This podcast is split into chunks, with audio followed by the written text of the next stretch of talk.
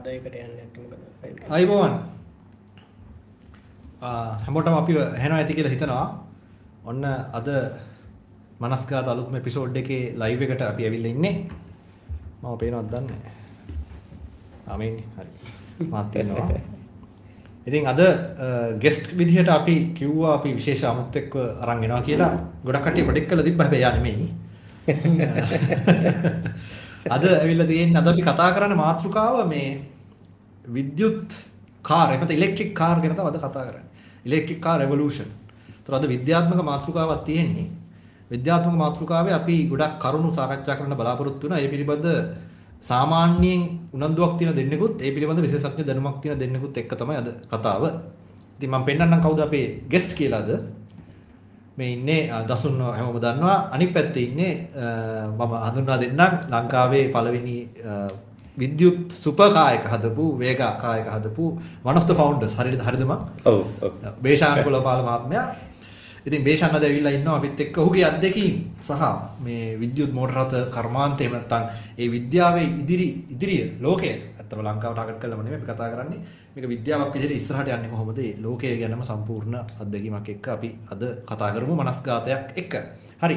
එහෙනම් මම පළවෙනියටම ප්‍රොෆ්ගෙන් පටන් ගන්නම් ප්‍රොෆ් අපිට කියන්න මේ as an outlook මේ විද්‍යුත් මෝටර රථ ඇත්තටම at the end of the day ගැසලීන් මෝටර රථයක් හා සාපේක්ෂව බැලුවාම පාරිසරික පැත්තෙන් සහ ආර්ථික වශයෙන් ලාභයක් තියෙනවද? නැත්නම් මේක නිකන් අර රැල්ලට කියන කතාවක්ද මේක? කායිබෝන් හැමෝටම.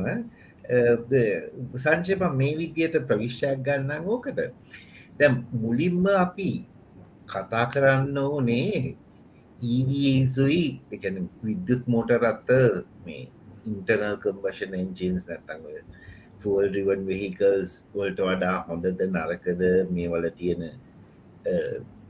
වාසි මොනවද අවාසි මොනවද ඒක එකට යන්න ඕනේ. නමුත් ඊට කලින් අපි චුට්ටක් නිකන් හිස්ට්‍රියක බැලුවතින් ඇයි අපි අද කතා කරන්න කියලා එහෙමනත්තන් ඇයි අපි අද කතා කරන්න ඕනෙද කියලා එම ඕන්නං ඇයි කියලා මේ ඉලෙක්ට්‍රික් වෙහිකල්සොල්ට යන්න ඕනේ. දැන් ගොඩක් අයිතනවන මේක මේ අලුත් කන්සෙප්ට එකක් කියලා. ඇත්තටම ඉලෙක්ට්‍රික් වෙහිකල්ස් ලෝකෙට හඳුන්වා දෙන්නේ ඉන්ටර්නල් කම්බෂන් එන්ජින් එකත් එක්කමයි. එකන එක්දා සටසිය විසි ගණන්වල තිස් ගණන්වල ස්ටීම් එන්ජින් එකින් අපි ඉන්ටර්නල් කම්බෂන් එන්ජින් එකට යන්න කාලෙම වගේ තමයි ඉලෙක්ට්‍රික් වෙහිකල් හඳුන් නොල දුන්නේ කියන්නේ ICE එක වයස වගේම තමයි ඉලෙක්ට්‍රික් වෙහිකල් සල්ට ඊට පස්සේ ටිකක් කල් අවුරුදු දහයක් විස්සක් වගේ කාලයක් ඇතුළට මිනිසුන්ට තේරෙනවා ඉන්ටර්නල් කම්බෂන් එජින එක. මහිතන මේ මෙහම කිව්වම අභ්‍යන්තර දහන එංජිම කියල. දැ අපිය අද පාවිච්චි කරන වාහනේ ගොඩක් වාසිදායකයි කියලා ඉලෙක්ට්‍රික් වෙහිකල් එකට වඩා. මොකද ඉලෙක්ට්‍රික් වෙහිකල් එක ඒ දවසල තිබුණ ගොඩ ප්‍රශ්න. එකක් තමයි ඒ කාලෙ බැට්‍රියක් චාර්ජ් කරලා හරි පොඩ්ඩ වෙලාවයි තියාගන්න කොලා ඒ මේ සල්පදර ඇසිට් ඒ බැට්‍රි නේද? ඕලෙඩ් ඇසිට් බැට්‍රී එතකොට ඊළඟ කාරණය තමයි ගන්න පුළුවන් ධාරිතාවය හරි අඩුයි. ඊට පස්සේ මේක චාර්ජ් කරන්න ගොඩත් තැන්වල චාර්ජස් තියෙන් ඒ කාලෙ හැකිට එක කරන්න හරි අමාරුයි ඒ වගේ වැඩි දුරක් දුවන්නත් බෑ. ඒ වගේ මේනජි කන්වර්ෂන් එක ගත්තහම්. අයිසක අපිට ලැබෙන කාර්යක්ෂමතාවට වඩා ඉතා අඩු කාර්යක්ෂමතාවයක් ලැබුණේ දවස්සල මේක නිසා ක්‍රමයෙන් එක අභාවයට ගිය. ඊට පස ආයමත් එක්දස් නමසය හරි එක්දා සතසිය අනුව දස් නමසීය වගේ හරියේදී ආයමත් ඔය ඉලෙක්ට්‍රික් වෙහිකල්ස් කතාවට ආවා. කරලියට. ඒක ආවේ ඔය දවසල වාහන ගොඩක් සද්දයි යනකට. එතකොට අයිඩියස් ටිකක් ආවා. අපි ඉලෙක්ට්‍රික් වෙහිකල්සල්ට ගියත්තේ සබ්්‍ය අඩු කරගන්න පුළුවන් කියන එක ප්‍රධාන වශයෙන්ම. ඊට අමතරව සමහරු දැන් ඔය දස් නමසය කියන්නේ මේ ඉලෙක්ට්‍රිසිටි මේනියා එකක් තිවිච්ච කාලෙ. මිනිස්සු හිතුවා හැම දේම දැන් අපිට ඉලෙක්ට්‍රිසිටියලින් කරගන්න පුළුවන් කියලා. එක රෙවලූෂන් එක මිනිසුන්ට අලුද්‍යයක් ගැන ඉලෙක්ට්‍රිසිටි කියන එක දැනගෙන හිටියත් ඉලෙක්ට්‍රිසිටි සාමාන්‍ය මිනිස්සු අතරටාවේ ඒ කාල්. ඒ ඇවිල්ල ආයමත් පෙට්‍රල් වල මිල ගොඩා කඩු එතවට පෙට්‍රල් ගැන ඉන්දනවල ඒකම ඔය ලෝක යුද්ධවා ඒවලද ඉලෙක්ට්‍රික් වෙහිකල්ස් ගැන හිත හිත ඉන්න බෑ. IC එක යන්න පුළුවන් උපරීම එකොලො යන්න ට්‍රයි කරයි සෝබයි ගියා. දැන් පහු මේ පහුගේ අවුරුදු විස්සේ තිහේ විතර මේ පරිසර පද්ධතිය ඇතිවෙන වෙනස්කම් ගොලීය දේශගුණක විපර්යාස ඒ වගේම ෆාස් ඩිප්ලීටිං ෆුවල් සෝසස් මේ පොසිල ඉන්දන ඉතා වේගෙන් අඩුවීගෙන යන එක. ඔයගේ කාරණ රාශයක් කළ ආයමත් ඔන්න ඉලෙක්ට්‍රික් වෙහිකල් එක කරලියට එනවා. ඇතුකට මේ තුන්ගනි වතාවට තමයි ඉලෙක්ට්‍රික් වෙහිකල් එක එන්නේ. දැ ඔය ඉලෙක්ට්‍රික් වෙහිකල්ලක එනකොටම ඔතන අපි දැ කතා කරන්න ඕනි කතා දෙකක් තියෙනවා. හයිටජන් ෆල්සල් වෙහිකල්ල කියලා තවත් එකක් ගෙනවා එතකොට මෙතන දැන් වා හැවේ හරිම සංකීර්ණ ප්‍රශ්නයක්. සංජය ඕක ලාබදායකද රැල්ලද? ඕක ගැන අපි එහෙම ඕවේ හරි ලාබදායකයි නැත්තං නෑනෑ මේ කෙච්චර හොඳන එහෙම කියන්න නැතුව මේ සාකච්ඡාවේ අන්තිමහරයට යනකොට මට හිතනවා ඔයාගේ ප්‍රශ්නට උත්තරේ ලැබිල තිය කිය අපි අපි එහෙම අප්‍රෝච්චකක් දෙමු. මේකට එක පාට්ටම පනින්දින් නැතුව මොකද කතා කරන ගොඩක් දේවල් තියෙනවා. ඉලෙක්ට්‍රික් වෙහිකල්සල්ට යනකොට ඒක මේ නිකං ඉන්ටර්නල් කම්මෂන එන්ජින එක තියෙන වෙහිකල්ලයක් කැලීම ඉලෙක්ට්‍රික් වෙහිකල්ලයකින් ආදේශ කරනවා කියන එකම නෙමෙයි. මේ ලොකූ ඉන්ෆ්‍රස්ට්‍රක්ෂ ඩිවලප්මන්ට් එකක් චේන්ජ එකක් කරන්න ඕනේ දෙයක්. ඉතිං එක හින්ද අපි හිමින් හිමින් සැර යමු මේකට. මංහිතනවා මෙතනින් මම් මේකට ප්‍රවිශ්ටයක් ගන්නන් මෙතන මට මේ මූලික මෙසේච්චකමන් දෙන්න මේක අලුත් දෙයක් නෙමේ කියන එක. එතකොට මේ පාර මොකද වෙන්නේ? අපි බලමු. මයික එක අයිත් ඔබාතට බ්‍රොෆ් uh, uh, මේ කෙන කල තින ොයිස වෙන හැනගල මගේ ප්‍රොෆ් කනක්ෂන එක ප්‍රශ්න තින ොයිස එකට අපි පුකත් දෙන හම අවස්ථාවකද. එතකොට uh, ොයිස මුලින් හෙන විඩියට අප සේ කරගන්න පා හරි. අපි යමු. දැන් එහෙනම් අපේ ආරාධිත අමුත්තා වෙතට. ඉතින් අපේ මුලින්ම ඔබේ ඉතිහාසයෙන් පටන්ග පොඩ්ඩක් ඔබ ගැන කියලඉන්නකු මං ගැන කියනවනං ගෙවල් තියෙන දෙහිවල. එච්ච දුරට ගිය වැඩිතවත් මං ගල්කිසි සන්ද තෝමස් විදුවලට තමයි ඉගෙන ගත්තේ. ඊට පස්සේ මට කැම්පස් යන්න ලකුණු මදි වුණා ඉලෙක්ට්‍රොනික් ඉංජිනීරින් කරනවා නම්. ඕකේ ඒ හින්දා අපේ අම්මට තාත්තට පුළුවන් වුණා මා පිටරට යවන්න මගේ ඩිග්‍රී එක උයි මාස්ටර්ස් PhD තියෙන්නේ ඇමරිකාවේ. ඇරිසෝනා ස්ටේට් යුනිවර්සිටි එකෙන් තමයි PhD එක තියෙන්නේ. ඊට පස්සේ මම ඇමරිකාවේ තව අවුරුදු 10ක් විතර වැඩ කරා ඉන්ටෙල් කෝපරේෂන් එකේ.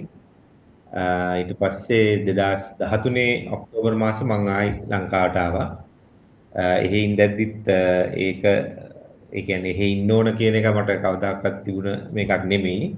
මම දන්නා දැන් ගොඩක් අය මේ වෙලාවේ රටින් යන අවස්ථාවක්. ඒ වුණාට ඒක කවදාකවත් තමන්ගේ රට තමන්ගේ ගෙදර වගේ හිතෙන්නේ නැහැ සල්ලි වන්න පුළුවන්. එහෙම යනය කියන්නේ එහෙම නෙවෙයි ඒගොල්ලෝ කියනවා ඒක දානවා අපේ මේ සල් මෙච්චර මේ පොඩි ගානකට ලූඩ් වෙච්ච මෙච්චර ගන්න එහෙ ලොකුට ලූඩ්නා ලොකොට දෙනවා. එහෙ ඉතින් හම්බෙන පඩියත් එක්ක බැලුවම ටැක්ස් ගෙවලා එහෙත් ටැක්ස් ගහනවා මේ විතරක් නෙමෙයි. එහෙ ටැක්ස් ගෙවලා ගෙවල් කුලි වගේ ලෝන් එකට වගේ ඉරුණාම පස්සේ එහෙම ලොකුවට ගානක් අතට ඉතුරු වෙන්නේ ඉතිං එහෙම බැලුවම මෙහෙ තමන්ගේ අම්මලයි තාත්තලා ගෙදරක ඉන්නවා නම් ඊට වඩා යමක් ඉතුරු කරගන්න පුළුවන් කියලා හිතෙනවා. ඉතින් මේ වගේ රස්සාවක් කරනවනේ හැමෝන්ටම එහෙම නෑගෙන එකත් මට තේරෙනවා. ඉතිං කොමත් අර ඒක තමන්ගේ කැනෙ එහෙයි නෑත් එහෙ ඉන්න සුදු අය ඒගොල්ලොන්ගේ රට අපිෝ දකින්න රටින් පිටින්. ඒගොල්ලෝ ආක්‍රමණය ඒගොල්ලො ඒගොලට ගොඩක්ම හිස්ටේ ගමතක් කල යම් කිසිතන්ගේ පටන්ගන ඒගොල්ලො කියලා naturalize අපි පිට තැනකින් ආපු කට්ටිය කියන එක තමයි ඉතින් ඔය වෙලාවෙත් ඒක මතක් වෙනවා. ඉතින් මතක් වෙන විදිහට සිද්ධ කරගන්න ඔව් කර වෙනවා ඉතින් ඒ හින්දා කොහොමත් ඒ වගේ මේ මේ එන්වයරන්මන්ට් එක ළමයි හදන එකත් මට එච්චරම ගැලපෙන්නේ නැහැ කියලා හිතලා බාධා කිරීමක්. දැන් ඒ රටවල අධ්‍යාපන ක්‍රමය අපිට වඩා දියුණුයි කියලා කියන්නේ. දැන් ඔබ කියන්නේ ඇයි එහෙමනම් එහෙත් ළමයි තියන්න තු මෙහෙට ගේන්න ඕන. ඇත්තටම මම ඒ ඔය කියන කොන්සෙප්ට් එකට ටිකක් විරුද්ධයි. එහෙම කියලා මම කියන්නේ නෑ මේ ලංකාවේ අධ්‍යාපනය හරි කියලා. අපි දැන් පොඩ්ඩක් ආෆ්ටර් කියන ඔව්, කමක් කමක් නෑ හැබැයි. මොකද මම ඉන්ටෙල් එකේ ඉන්නකොට මම එතකොට ටීම් එක මැනේජර් කෙනෙක්. රටවල් හතරක මගේ ටීම්ස් තිබුණා මලේසියාවල, මෙක්සිකෝවල, ඉන්දියාවේ, ඇමරිකාවේ. ඔය හතරටම අපි නිමරිකා ස්පෙශලි අපි අලුතින් කට්ටියව හයගන්නකොට අලුත් ඉංජිනියස්ට හයගන්නකොට එකම අවස්ථාවකවත් රෙසුම එකක් බලලා එමරිකාව කෙනෙක්ව හය කරන්න බැරි වුණා. මට බැරි වුණා. ඒ කියන්නේ එහෙම අවස්ථා ඇති. ගොඩක්ම වෙලාවට පකිස්තාන ඉන්දියාව චීනේ ඔය ලංකාව ඔය වටේ තමයි කැරකෙන්නේ. ඇමරිකා කෙනෙක්වේ කකේෂයන් හරි බ්ලක් හරි ඔවු. ඒ කියන්නේ එහෙ ඔහු එහි අධ්‍යාපන ක්‍රමය අර මේ මේ ඉනොවේෂන් වලට මුල් තැන දෙනවා විවසායකයන්ට මුල් තැන දෙනවා. ඒ වුණාට මේ අපේ අධ්‍යාපන ක්‍රමයේ ඉන්දියාව ඔය වටේ තියෙන රටවල් වල අධ්‍යාපන ක්‍රමයේ මොකක් හරි එකක් හම් වෙනවා. අර ඒගොල්ලොන්ට වඩා ටෙක්නිකල් දැනුම ඊට වඩා හොඳ තැනක තියෙන කම්පනියක් අරගෙන දුවන්න පුළුවන් අධ්‍යාපනයක් නොවෙන්න පුළුවන් ඒ වුණාට ඉංජිනේර කෙනෙක්ගෙන් බැලුවම ඒ ඒක තියෙනවා. ඉතින් ඒ හින්දාම තමයි දැන් ලංකාවෙන් ඉංජිනේර්ස්ලට එළියට යන්න මාරම ලේසි. මොකද ඒක ඒගොල්ලොත් එක්ක රෙසියුම් එකක් කම්පෙයාර් කරොත් එහෙම මෙහෙම කරනකොට ජොබ් එකක් ගන්න පුළුවන් වෙන්න ඕනේ. ඉතින් ඒකෙන් මම කියන්න හදන්නේ මේ අධ්‍යාපන ක්‍රමයේ මොකක් හරි වටිනාකමක් තියෙනවා. අනිවාර්යයෙන්ම. ඒක අපිට තේරලා තියෙනවානේ. මේ මම හිතන්නේ ඒකට හේතුව අධ්‍යාපන ක්‍රමයේ කල්චරල් වැලියුස්. දැන් ඇමරිකන්ස් අය ලම් දැන් යුරෝපියන් ළමයිගේ වුණත් මට පෙන්ලා තියෙන විදිහට මම පුරාස කළා නැහැ. උනාට මට දැනෙන විදිහට ඒගොල්ලන් අර දකින්නේ ලයිෆ් එක එන්ජොයි කරනවා මිසක් අර අපේ අපේ ඒෂියන් කල්චර් එකේ තියෙනවානේ.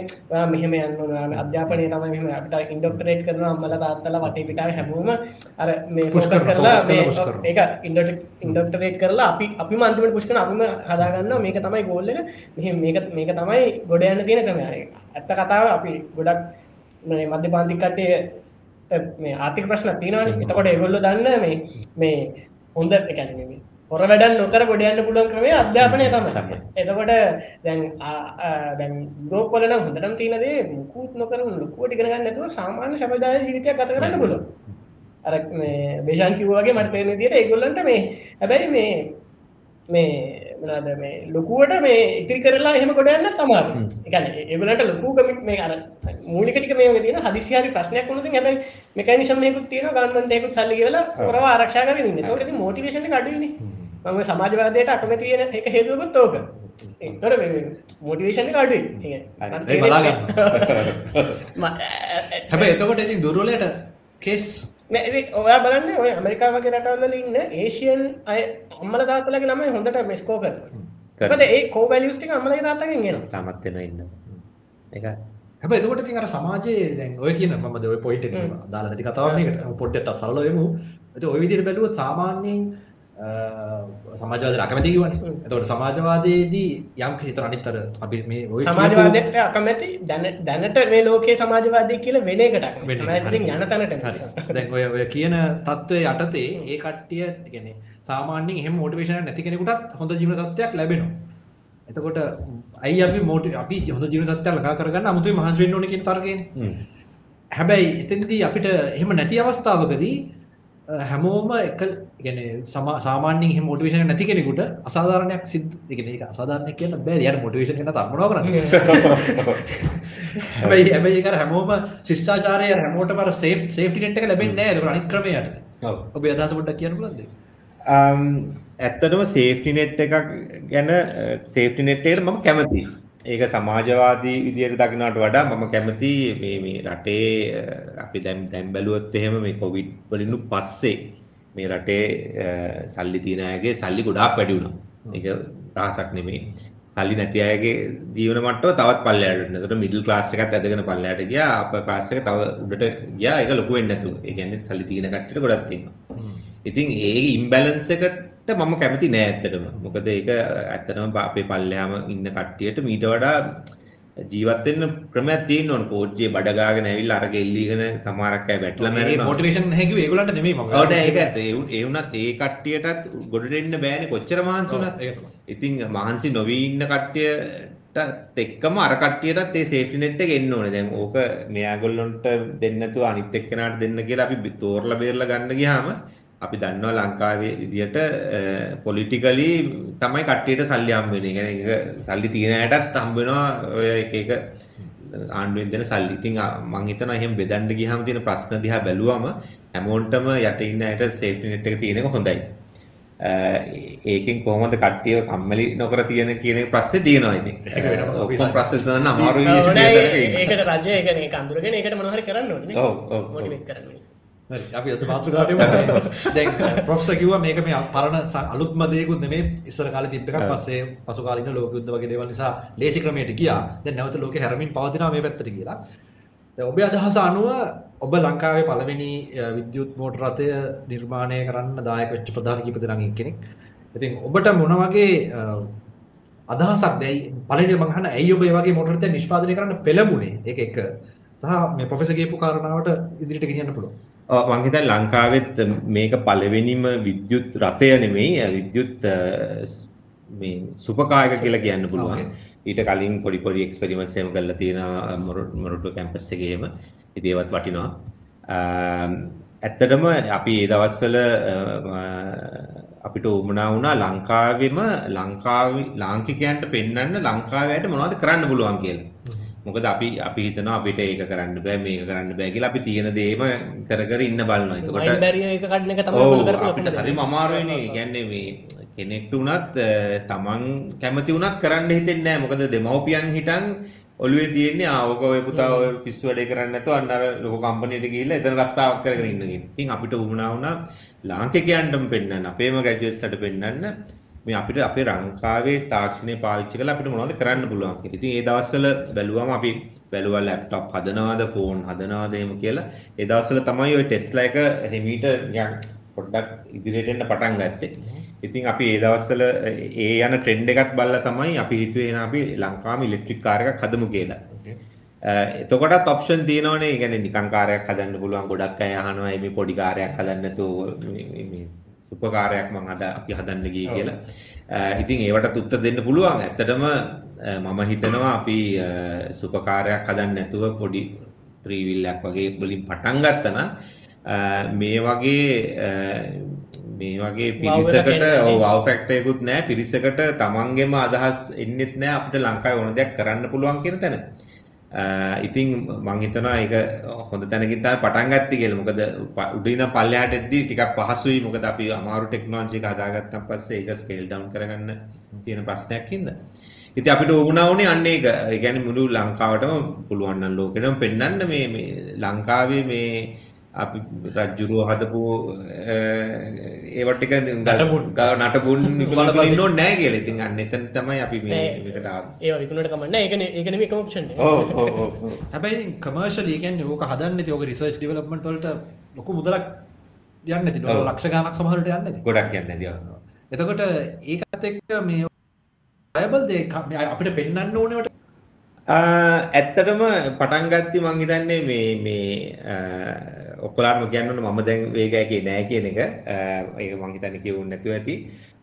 අපි මේක පටන් ගද්දී ෆයිනෑන්ෂල් මොඩල්ස් ගොඩක් බැලුවේ නෑ කියන එක මං හිතන්නේ අපි කලින්ම පබ්ලික් එකේ නම්ම කී කියන එකක්.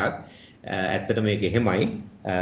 හැබැයි අපිට උමනා වුණා ඉන්වෙස්ටර්ස්ලා ගෙනල්ලා රට තුල තවත් මේ වගේ ව්‍යාපාර වැඩි කරලා මේකෙන් එන ටෙක්නොලොජි එකෙන් වෙන දේවල් පටන් ගන්න පුළුවන් තැනකට ගේන්න.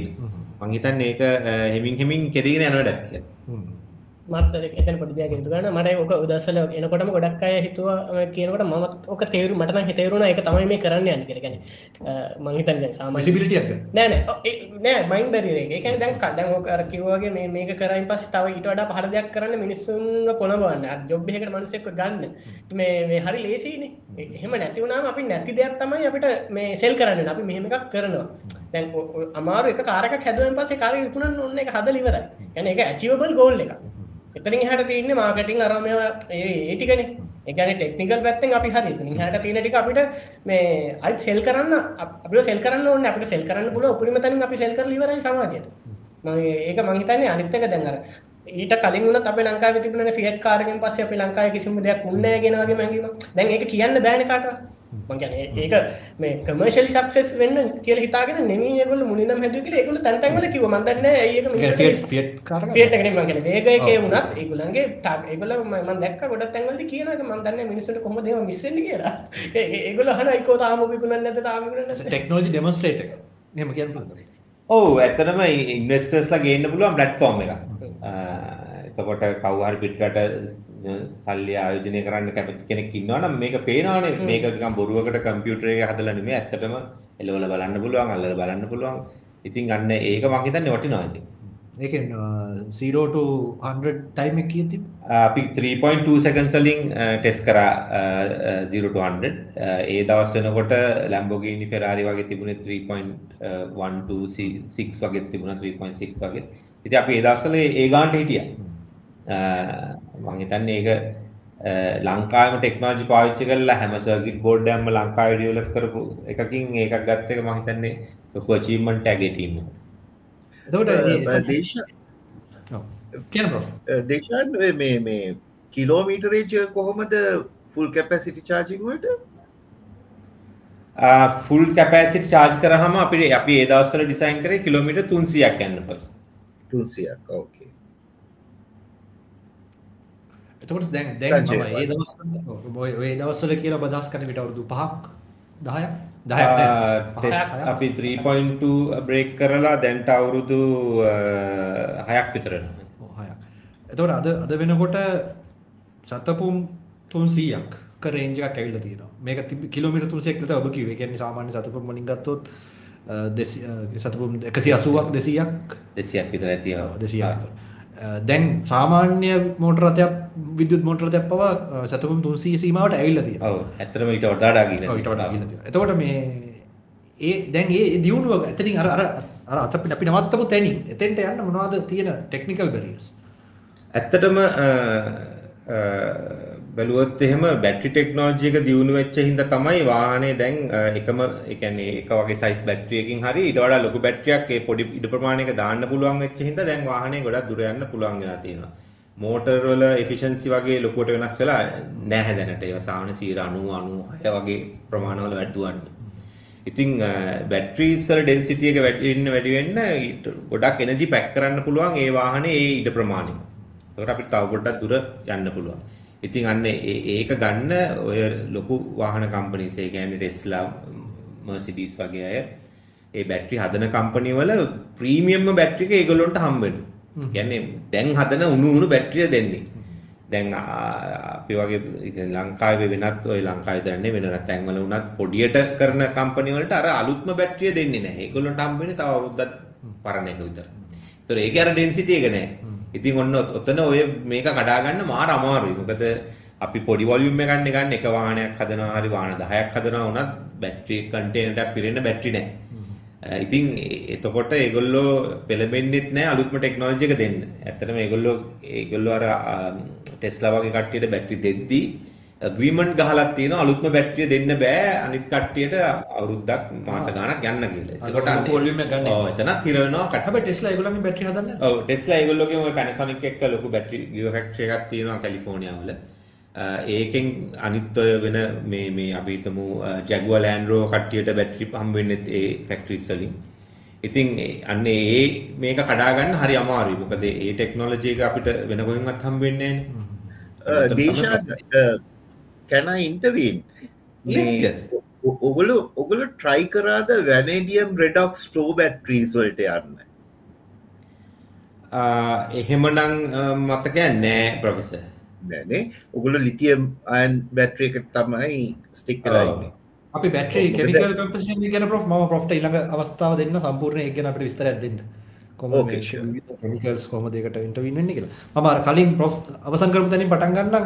ඔබ ඇහුවා මේ ඔබ ප්‍රොෆෙසර් කිව්වා මේ මේක එෆිෂන්ට්ද නැද්ද කියන එක අපිට සලකා බලන්න වෙනවා ඔබේ මතය දැනට ඔබේ ඔපිනියන් එක අනුව ඇත්තටම ඉලෙක්ට්‍රික් කාර්ස් කියන කන්සෙප්ට් එක එෆිෂන්ට්ද ලෝකේ? ෆොසිල් ෆියුල්ස් වලට සාපේක්ෂව Um, අපි බැලුවොත් එහෙම uh, uh, අයිස් එන්ජින් එකක් IC එන්ජින් එකක් ඒ කියන්නේ පෙට්‍රල් ඩීසල් වගේ එන්ජින් එකක් සාමාන්‍යයෙන් 111ක් 100ට 20කුත් නෑ. 111ක් 15ක් 17ක් වගේ තමයි මැක්සිමම් එෆිෂන්සි එක තියෙන්නේ.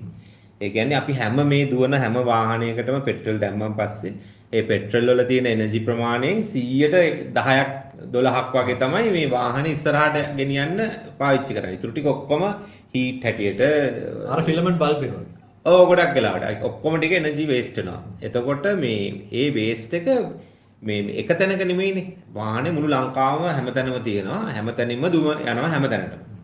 දැන් ඉලෙක්ට්‍රික් වාහනයක් ගත්තම ඉලෙක්ට්‍රික් වාහනේට දාපු ඉලෙක්ට්‍රිසිටි වලින් හම්බ වෙන එෆිෂන්සි එක බැලුවොත් ඒක සමහර 185 90 වගේ තැන්වලක් තියෙනවා. ඊටත් වඩා වෙන්න පුළුවන්. එතකොට මේ අපි දැන් අපි හිතමු තියෙන නොරිච් චේලි වගේ දුම ගොඩක්ම වැඩි නැත්නම් කැලණිය ඩීසල් ජෙනරේටර්ස් වලින් හදපු එනර්ජි අරක පාවිච්චි කරලා වුණත් ඒක මේ වාහනේට දාලා ලංකාව වටේ වාහන ඉලෙක්ට්‍රික් වාහන ටික දුවනකොට ඒ හැම එකකම එෆිෂන්සි එක ගොඩාක් වැඩි. ඒවයින් දුම පිට වෙන්නෙත් නැහැ. එතකොට එන්වයරන්මන්ට් එකේ ඉම්පැක්ට් එකත් අඩුයි. අර ඩීසල් ජෙනරේටර් එකෙන් හදන ප්ලාන්ට් එකෙත් තියෙනවා 130ක් විතර එෆිෂන්සි. මොකද ඒවා වේරියබල් ස්පීඩ් වලට නෙමෙයි එන්ජිම දුවන්නේ ෆික්ස් ස්පීඩ් දුවන්නේ ජෙනරේටර් එක. එතකොට ඒකේ හොඳම එෆිෂන්සි පොයින්ට් එකේ තමයි ඒ එන්ජිම දුවන්නේ. ආ එතකොට එතනින් දුම යනවා ඔව් එතනින් මේ මේ පොළොවට යන පස්ස තියෙනවා. ඒ කියන්නේ ඔය එතන මම පැහැදිලි කරගන්න අහන්නම් පාටගෙන වෙනුනේ කියන්නේ වේරියබල් ස්පීඩ් නෙමෙයි කිව්වේ. අපිට වාහනේ පාරේ යද්දී බ්‍රේක් කරන්න වෙනවා. ඔව්. ඔව්. අරක එහෙම කරන්න ඔව් නැහැ අපි දැන් අපි වාහනයක අපේ RPM මීටරේ තියෙනවානේ මීටරේ එතකොට අපි අපිට පේනවානේ ඒක මේ 100 ඉඳන් 1000ට 2000ට 3000ට මාරු වෙනවා. අපි ගියර් මාරු කරන මාරු කරන ස්පීඩ් මාරු කරන එතකොට එෆිෂන්සි එකත් ඒකත් එක්ක යන්නේ නැහැ ඒවා ඒකේ හොඳ තැනක් තියෙන එෆිෂන්සි එකට. එෆිෂන්සි එක සාමාන්‍ය තියෙන්නේ පැයට කිලෝමීටර් 80 වගේ 100 වගේ තැන්වල හයියෙන් යන වෙලාවට. ඉතින් එහෙම එකක් ඩීසල් ජෙනරේටර් වල නැහැ ඒක ඒක දුවන්නේ ඒක ස්පීඩ් එකේ. එතකොට ඒගොල්ලොන්ට පුළුවන් 130ක වගේ එෆිෂන්සි එකක් ගන්න. මම හිතන්නේ සමහර තැන්වල ඊටත් වැඩි වඩා වැඩි ඇති. එතකොට එතනිනුත් එෆිෂන්සි ඉම්ප්‍රූව්මන්ට් එකක් හම්බ වෙනවා ඕවරෝල් බැලුවම. එතකොට දුම පිට වෙන්නෙත් එකම තැනක ඕනනම් ඒ දුම එතනින් අඩු කරලා ඒක ෆිල්ටර් කරගන්න පුළුවන් chance එකක් තියෙනවා. දැන් එහෙම කරන්න බෑනේ ලංකාවේ හැමතැනම දුවන වාහන ටික බැලුවම ඒ කියන්නේ ඔය තියෙන කැටලිටික් ෆිල්ටර් එකකින්. වගේනේ ෆිල්ටර් වෙන්නේ.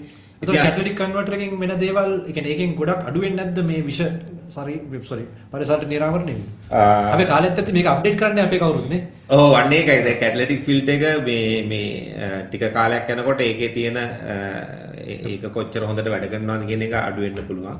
ඒ වගේම ඒකෙන් ඔය කාබන් මොනොක්සයිඩ් තමයි මං හිතන්නේ ඔය ආයිත් එන්ජිම අතුලින් යවලා ඒක මේව වෙන්නේ මං වැරදි වෙන්න පුළුවන්. අ, ඉතින් එහෙම කරත් කොච්චර දුම එළියට එනවද? අ, පරණ වාහනයක් ගත්තම ගොඩක් ඒවා කැටලිටික් ෆිල්ටර් නෑ. මොකද ඒක එන ගණන් දැන් මේ දවස්වල මාරු කරන්න. ඉතින් කෙලින්ම කරන්නේ දෙපැත්තෙන් කැපුවා බඩේ පාස්සුවා අ, වාහනේ තිබ්බා. ඉතින් අ, ඔය ප්‍රශ්න ඔක්කොමත් එක්ක බලනකොට මම හිතනවා ඉලෙක්ට්‍රික් වාහන වලට එෆිෂන්සි එකේ අ, ඒ කියන්නේ ඕවරෝල් සිස්ටම් එෆිෂන්සි එකෙත් සෑහෙන උඩින් ඉන්නවා කියලා.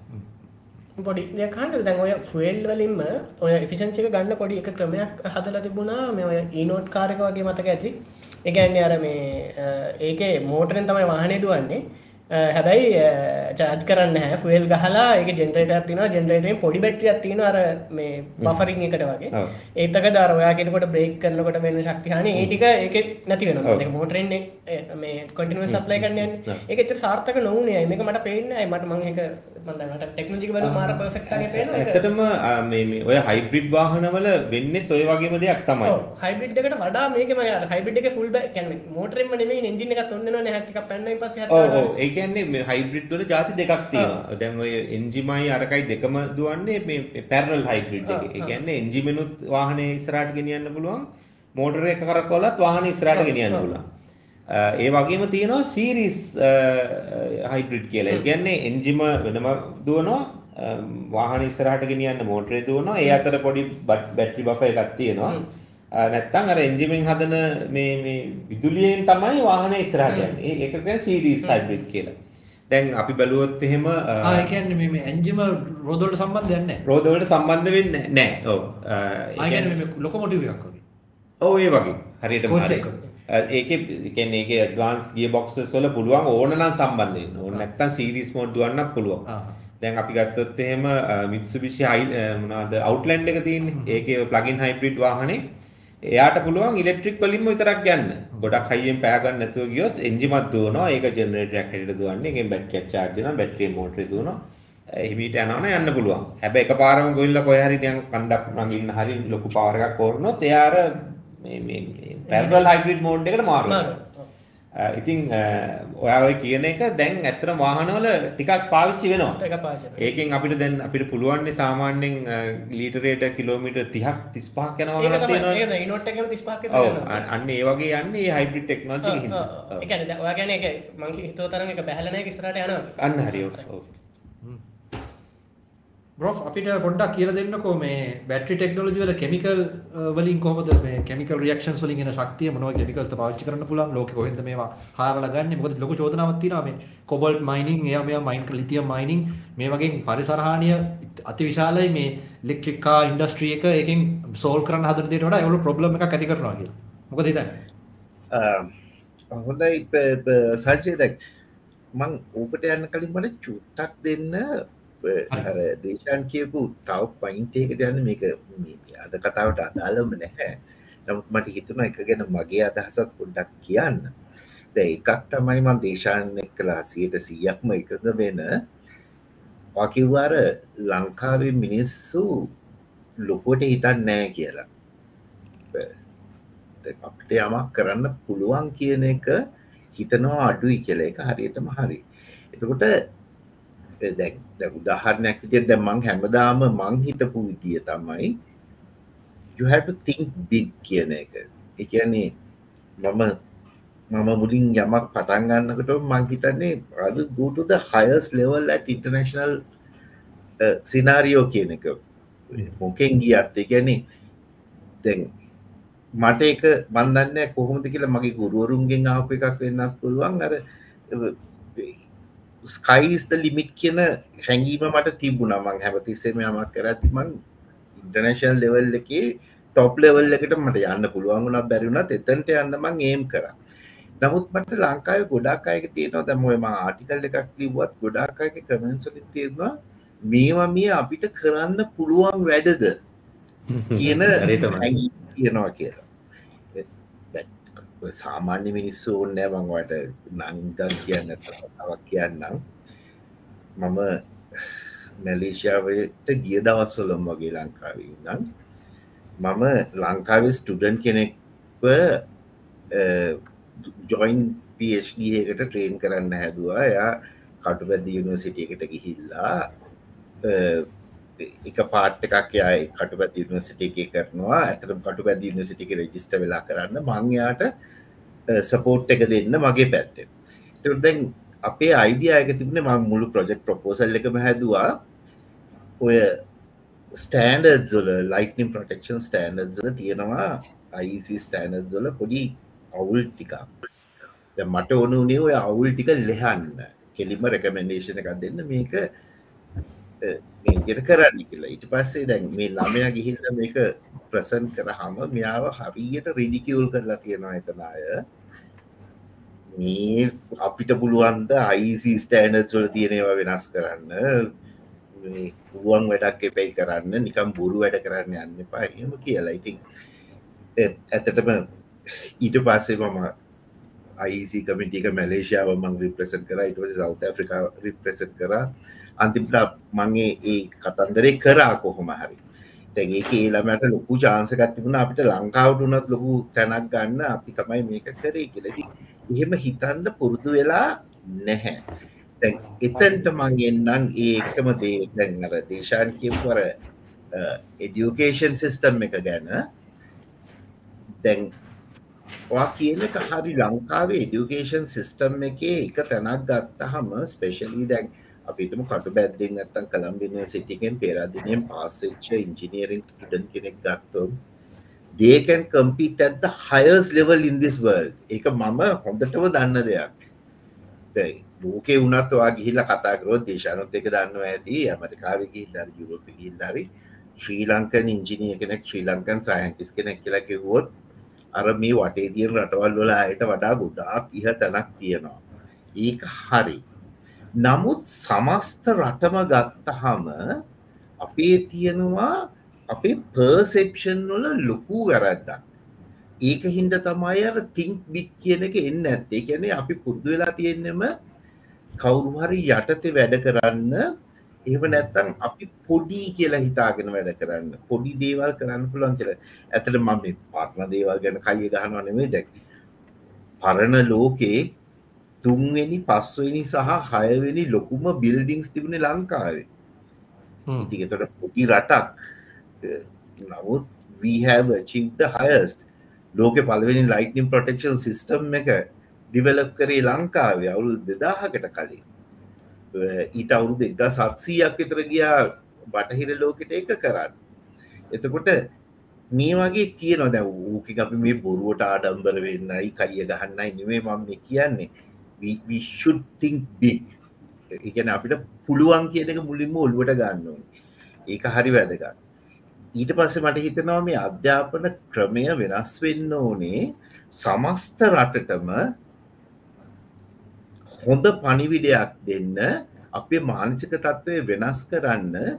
අර ෆලෝවර්ස් ලගේ ඉඳම් ඉනොවේටර්ස්ල ළඟට අපිෝ තල්ලු කරන්න ඒ තත්වට උසස් කරන්න. හොඳට පදක තියන්න අප මේ මෙතන ඉන්න හතර දෙනාගේ මං අහන්නෑ පාසල්. පාසල් ටික ගත්තොත් අපිට තේරනවා අපි එක කුලක එකට කොටු වෙලා ඉන්නවා.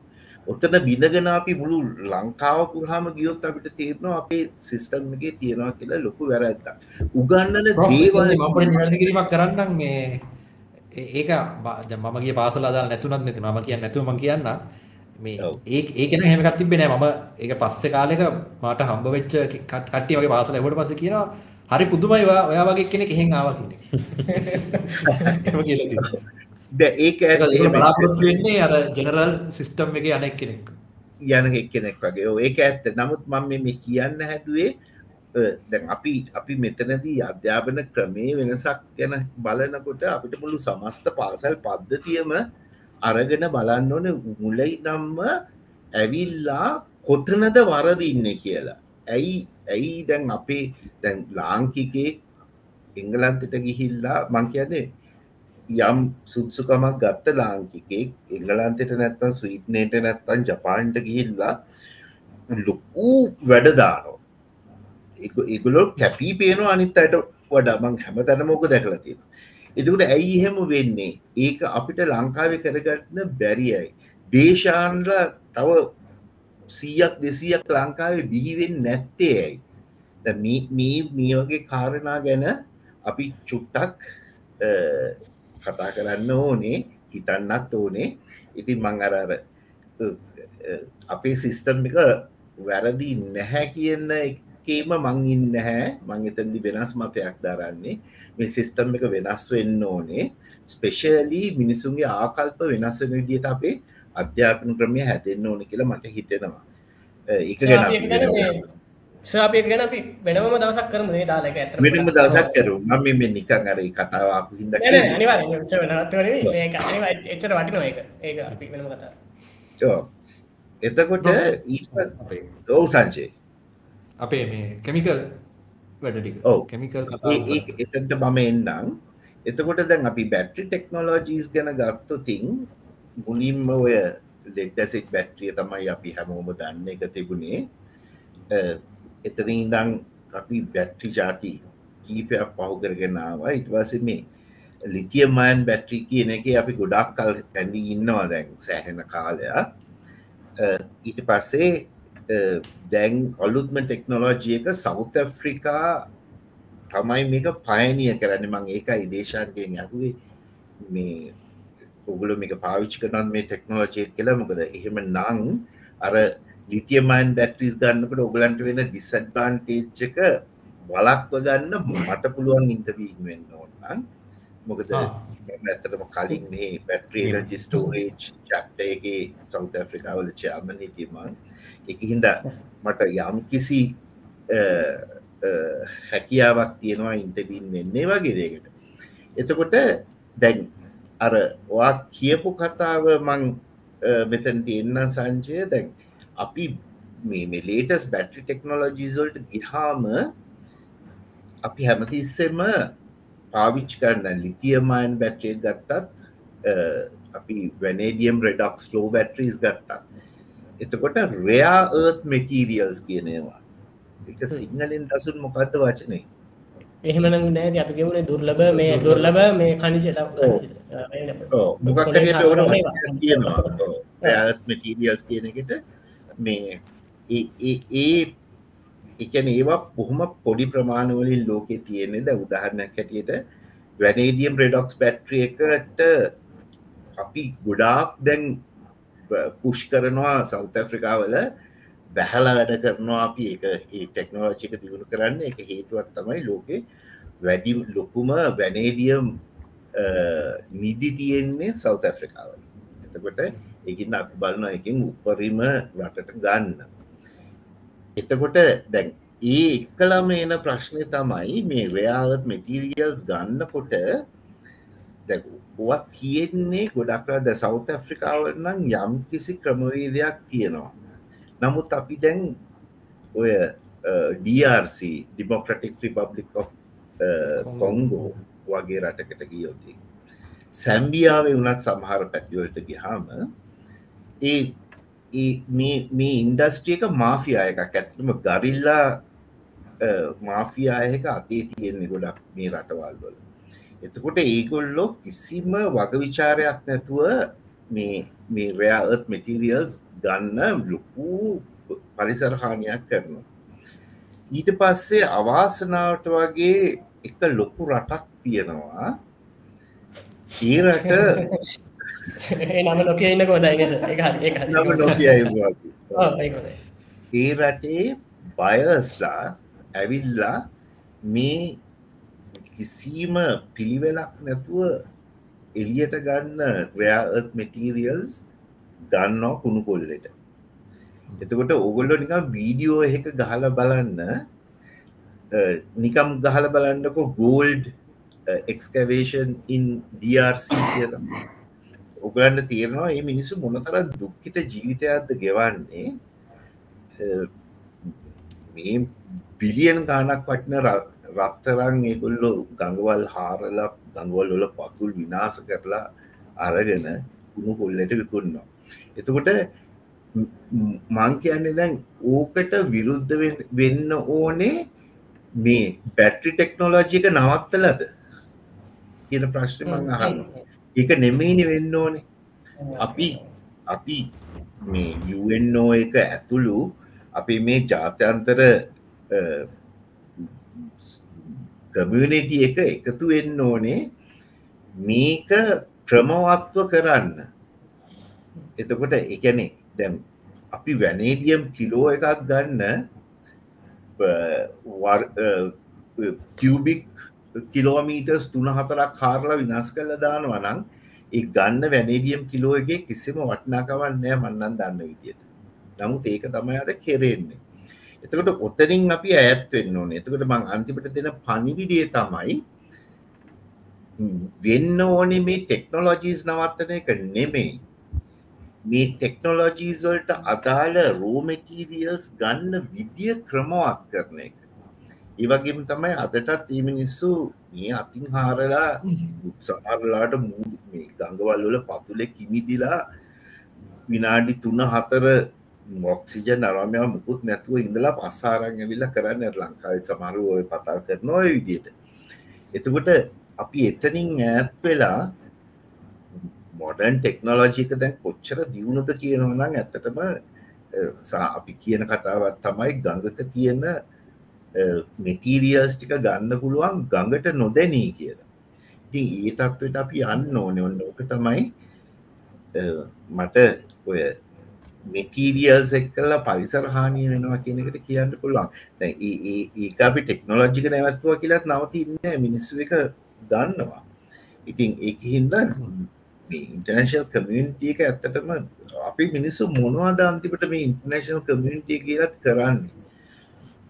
ඇතටම දැන් ඔය මැද පිරිදික වෙන ප්‍රශ්නය වුණත් අනවශ්‍ය දෙයක් නතුට ඒකට තමයි හැමෝම අවධානයයොම කරන්න. අවධානයම කරන්න ඕනෙ මං කියන්න. එක නැහැ කියල. නමුත් ලෝකෙ ඊට වඩා හරි දැවෙන ප්‍රශ්න තියෙනවා මේ.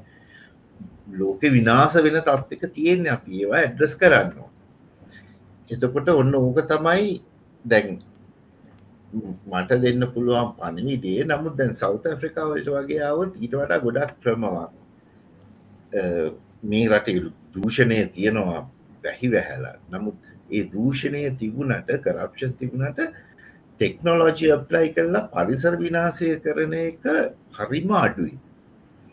එකන්නේ යුරෝපියන් රටකට හා සමානව වගේ වැඩ කරනවා ඒ අතින්. මෙටීරියස් ටික ගත්තට පස්සේ එක විගුණ ගන්න කවුද? එක කමිෂන් ගන්න කවද? ඒවා වෙනම කතන්දද නමුත් අඩුගාන පරිසරහානිය වෙනවා ගොඩක් අඩුයි. ඊට පස්ස පරිසරහානය පරිසරහනය පොට පැත්තට තිබොත් ඒක මයින්් කරන මිනිස්සුන්ගේ ජීවිතය ගැන හරි අඩුම තරම හිතන්න පැනේද ඕ දැන් එතකොට දැන් එතනත් ඇතටම මම සැටිස්ෆයි වෙන්නෑ දකුණු අප්‍රිකාවේ මයිනස් ලගේ ලයිස්ටයිල් එක ගැන. වඩා ගොඩක් දියුණු වෙන්න ඕන. ඊට වඩා ඒ මිනිස්සු දැ දකුණු අප්‍රිකාවේ නීති තියෙනවා. කියැනේ පපස් ප්‍රොටෙක්ටව් ඉක්මන් හරියට පාවිච්චි කරන්න ඕන. ඒවටික ඔක්කොම කෙරෙනවා. නමුත් ඒ මිනිස්සුන්ට දෙන පඩියෙන් ඒකරන්ට හොඳ ජීවිතයක් ගත කරන්න අමාරුයි. මංහිතන්නේ ඒක වලක්වන්න නමුත් අනිත් අතටවා DRC වගේ එමනත නයිජීරයා උගන්ඩා සැම්බිය ඔය වගේ රටවල්වලට ගියතින් තියෙනවා ඊට වඩා හරිම පල්ලෙහ තත්වක මිනිසු තින් මේ අවුරුදු හත්තේ අටේ ළමයි තමයි මයින්සල වැඩ කරන්න. ඉතින් මේ කිසිම ප්‍රොටෙක්ටව ඉක්විප්පන්ට එකක් නෑ. ඒගුල්ලොන්ට රයා මෙටල් අරගෙන විරලා ප්‍රොසෙස් කරනවා සමහර්තැන්වල ඩස්ට අනුව නහයට මහිතනේ ඒ ළමයි අවුරුදු විස්සක් විසිහකට වඩා ජීවත් වෙන්න ඉතින් ඔය ගොඩට ගන්න ලොකූ වැඩක් කරන්න වෙනවා. ඒක ඇත්තටම මේ ටෙක්නෝලජිකට අදාළ දෙයක් නෙවෙයි ඒක ලෝකෙ තියෙන ප්‍රශ්නයක්. සම් සමාජ විද්‍යා ඒ ප්‍රශ්න විසඳන එකත් අපි ඉලොන් මස්ට බාරදුන්නොත් එයට බැරිතරයාගේ රොබ රොබොට් රොබොටි වෙල්ලා එගලට බැරි කනින් රොබ රොබොට කෙකිලිද බිත්තරේ දවගේ ප්‍රශ්නයන්නේ ඕ අපිට මේ මේ ෆේසක කට හිද කට්ටේගෙන iPhoneෆෝන් පාච්චි කරන්න එපා මේ වනවත්තන්න මේ මං ඇත්‍ර වැදල ගන්න සද ඇතර ගත්තට බඩක්ත් මේ කියන්නේ. මසකින් අහන්න මහිටියෝ ගැ මේ එතකොට දැන් ඕකෙන් මේ ලොකුවට මේ අවුලක් එකැන මේ පුඩාතබේ මේ ඕක පාවිච්චි කරනවා මේ ටෙක්නොලජියක එපා කියල කියන්න. ස ඒක මාක් කරමින් මේක ඒක නෙමී වෙන්න නෙමකද මේක ලෝක සිිස්ටම් එක තියෙනවට ඒක මේ ටෙක්නෝජික අවලක් විදිට මේ මිනිසු පෙන්න්න එක ඊට පස්සේ අර ඒ කාරක පාචි කරන මනුසයට ගිල්ට පිලිකක් දෙන්න හදනවා. මේ ඔයා පාච්චි කරන හිද මෙහම මෙහම වෙනවා කියලා. මේ මං දස කියප හිද මං මේ කියන්න ගාට දැකර මටනම් මගේ පුද්ගලික අදහස දැන් කෝම විතමක ලංකාම ලෙටික් කාරුණා කියලා. අපිට අපට බස් කේස් බෙස්කෙස් හොයාගන්නලේ සහමනි මුළු ලංකාම ඉලෙක්ට්‍රනික් කාරුණ දැන් කට්ටේ ගැන අන්තිමට ආයත් මේ ෆොසිල් ෆිල්ලින් යන්න කියලා. සමරක් කලාට හරි. දැ ෆොසි ිල්ලින් තමයි යන්නේ. හරි අපිම ලංකායි ගාන්මට කවද හරි දවසක ඉල්ලෙක් ඒගොල්ලොත් සියටසිය පුනර් ජනීය වුණා. එතකොට ප්‍රශ්න භාගය අපි විසඳ ලිවරයි වාහනට ඉවරයි දැ ඔගොල්ල කියන්න අරගොල්ල කරලිවරන කාර්ටිකත් කරනට කරන්න පාගල දෙක මාර තර්ක ඕකට කවුන්ටයකුත් කියන්න මේ ද ඇමරිකන් ගණ්ඩි පෙට්ක බලන්න දැකලු කියන්නේ මේ ගන්න එක නෙේ වැරද ගන්න පාච්චික නොනුසය වැරද කියන හැබැයි ගන්වලි වෙන වයලන්ස් නැවත් ස්ට්‍රේලියාව අනුහයම් පස්සේ එක්තර සිදුවකින් පස්සේ. ඉට පස අදනක ස්ට්‍රේලියාව ගන්වලස් නෑ එතකොට ඔය තර්කයවා කියපුවර ටෙක්නෝජි නවත්තන නෙම වැඩ. ඒකට වෙනමක් කර විසඳමක් යොදන්න ඕන කියනකේදී අදන උත්තර වුණේ අපි ඒක බෑන් කර සම්පූර්ණ තොරක නැවතුන ඒක මේක සමානක අපිට ඇනලෝජි ගන්න පුල මං හිතන්න බෑනේ. එකැන දැන් මෙතනදී මේක කාටත් මං හිතන්නේ මේක එහෙම නෙමෙයි කියලා කියන්නේ දැන් මං කියපු විදියට ලෝකෙම අපිට ඔල්ටර්නේටිව් ආ ඒ තියෙනවා. ඒක හරි.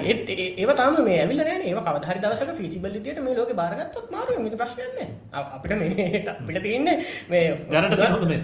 දැනට දැ- තියෙන මේ ඉකෝසිස්ටම් තියෙනවානේ. දැන් හයිඩ්‍රජන් වල ලොකු ප්‍රශ්න තියෙනවා. ඒ කියන්නේ හයිඩ්‍රජන් ලීක් එකක් වුණොත් ඉතින් මේ මේ කන්ට්‍රෝල් කරන්න හරි අමාරුයි. හයිඩ්‍රජන් ඒවා මේ මේ ඔය මේ ගැසලින් වගේ මේ මේ වෙලාවට මේ යන්නේ. පැතිරලා උඩට යන්නේ ඇතුලේ පිරෙන ඇතුලේ පිරලා මොනවා හිතන්නකෝ මේ ඇතුළට ගියොතින් ඈ, මේ ඒක ඇතුලේ තමයි පුපුරන්නේ. ඉතින් ඒ වගේ මේ ඒ වගේ ප්‍රශ්න තියෙනවා ඉතින්. ඔය කියන තරම් ලේසි නෑ. ඉතින් ඒ මොකක් හරි හොඳ ක්‍රමයක් තියෙනවනේ ප්‍රශ්නයක් නෑ.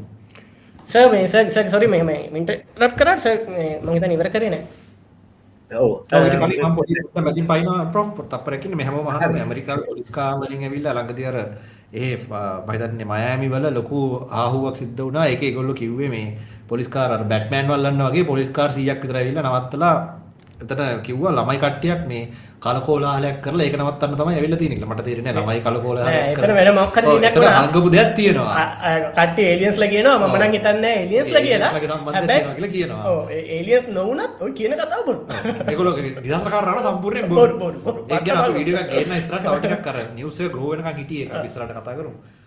ඔව් ප්‍රොෆ් එතනදී දැන් ඔය මම මට ප්‍රොෆ්ගේ ප්‍රකාශයට අප ප්‍රශ්න ප්‍රශ්නයක් විදියට මේ ඔය රෙයාර්ත් මෙටල්ස් දැන් අපි හිතමු ලෝකේ තියෙන අධික අ, ඉන්ස්- ඔය විදි ඔය කියන විදියට අධි ඉස්සරහට එන්න නියමිත අධික ඉලෙක්ට්‍රික් කාර් ඉල්ලුමට සරිලන රෙයාර්ත් මෙටල් වැනේඩියම් ගත්තත් ඇති වෙන්න තියෙනවා.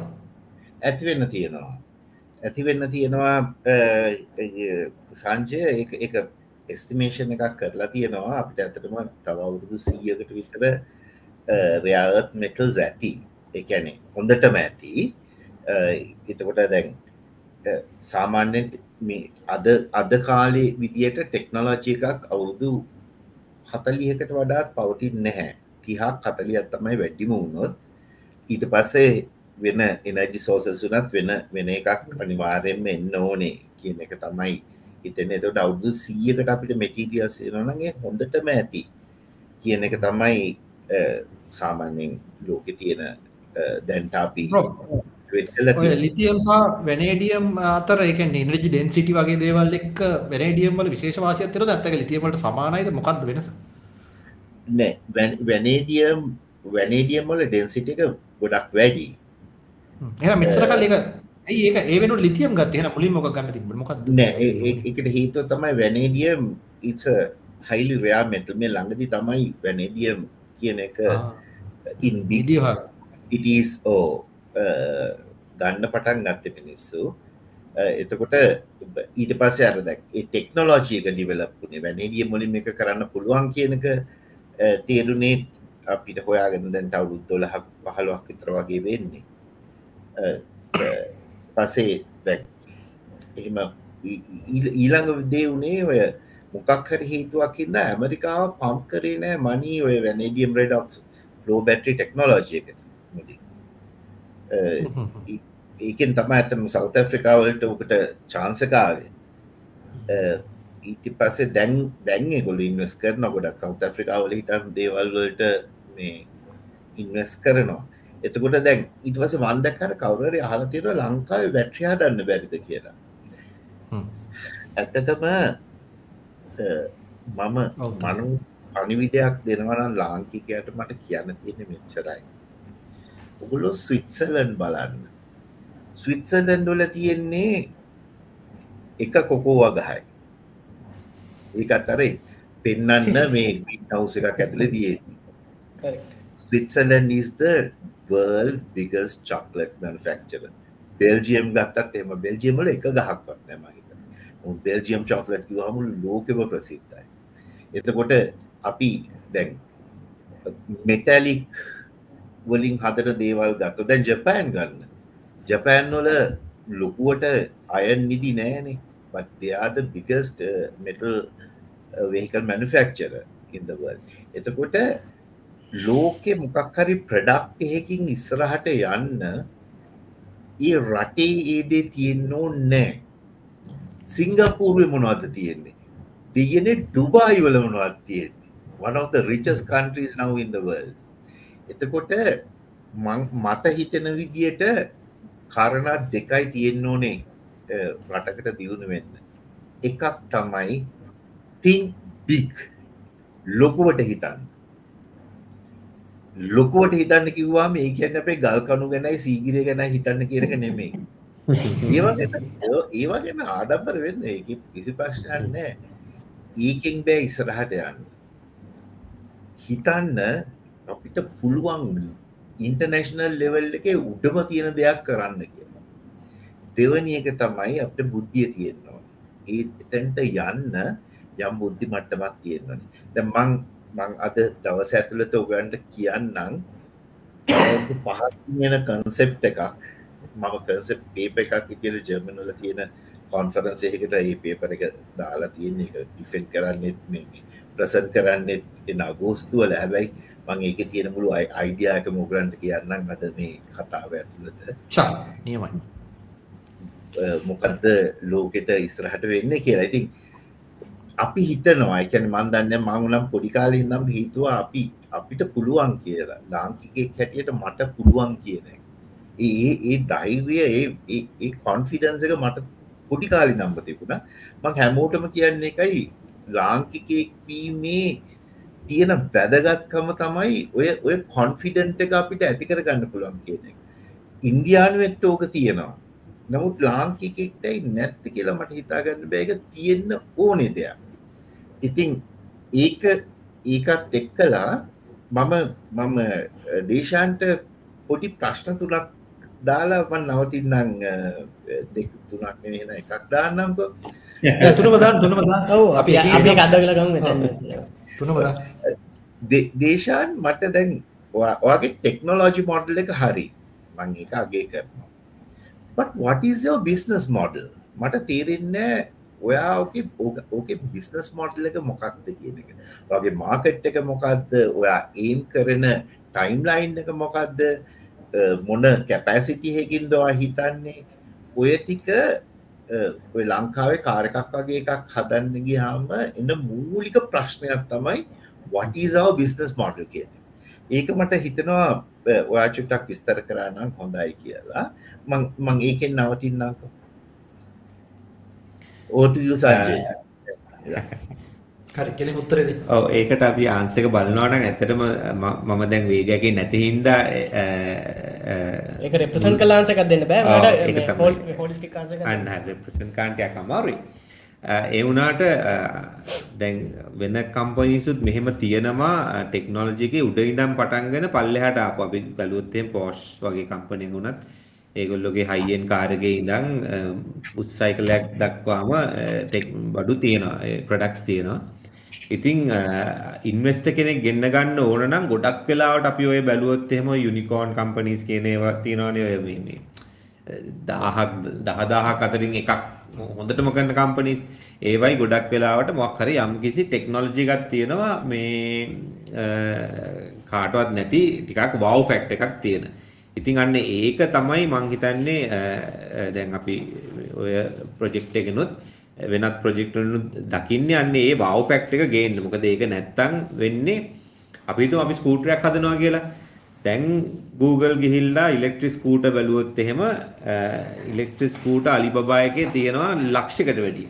එතකොට අපි කොහොමද ඒකකට වඩා හොඳට කම්පීට් කරන්න කියන ප්‍රශ්නේ එනවා. ඊට වඩා අඩුවට දෙන්න පුළුවන්ද ඊට වඩා ෆීචර්ස් මොනවද දෙන්න පුළුවන් වගේ ගොඩක් ප්‍රශ්න. දැන් ඔන්න ඔය ලෝ එන්ඩ් එකේ ප්ලේ කරන්න ගියාම ඉනෝවේෂන් සයිඩ් එකෙන් ලෝ එන්ඩ් එකේ ප්‍රොඩක්ට් ඩෙවලොප් කරන්න ගියාම මම දකින ලොකු ප්‍රශ්නයක් තමයි ඔය චීනෙත් එක්ක වගේ ලෝ කොස්ටට ගාන අඩුවට හදන්න පුළුවන් රටක් එක්ක කොහොමද අපි කම්පීට් කරන්න කියලා. ඒක ඇත්තටම මම දැන් දැන් කරන සයිරස් කම්පැනි එකෙන් අපි ඉලෙක්ට්‍රික් වෙහිකල් චාර්ජර්ස් නිර්මාණය කරනවා. ඒකෙත් තියෙන ලොකු ප්‍රශ්නයක් තමයි ඕක. ඒ කියන්නේ බිස්නස් මොඩල් එක බැලුවම ලෝ එන්ඩ් එකේ ප්ලේ කරන්න බෑ. මොකද EV චාර්ජර් එකක් හදන්න යම් කම්පෝනන්ට්ස් ගෙන්න ඕන ගෙන්න ගෙන්නන්න ඕන අපි තුන් ට්‍රාන්සිස්ටර් ඉඳන් LCD එකක් හරි ඒ කෑල්ට් එකක් ගේන්න එපා වයර් එකේ දක්වා. ඒ ඔක්කොම හදන්නේ චීනේ.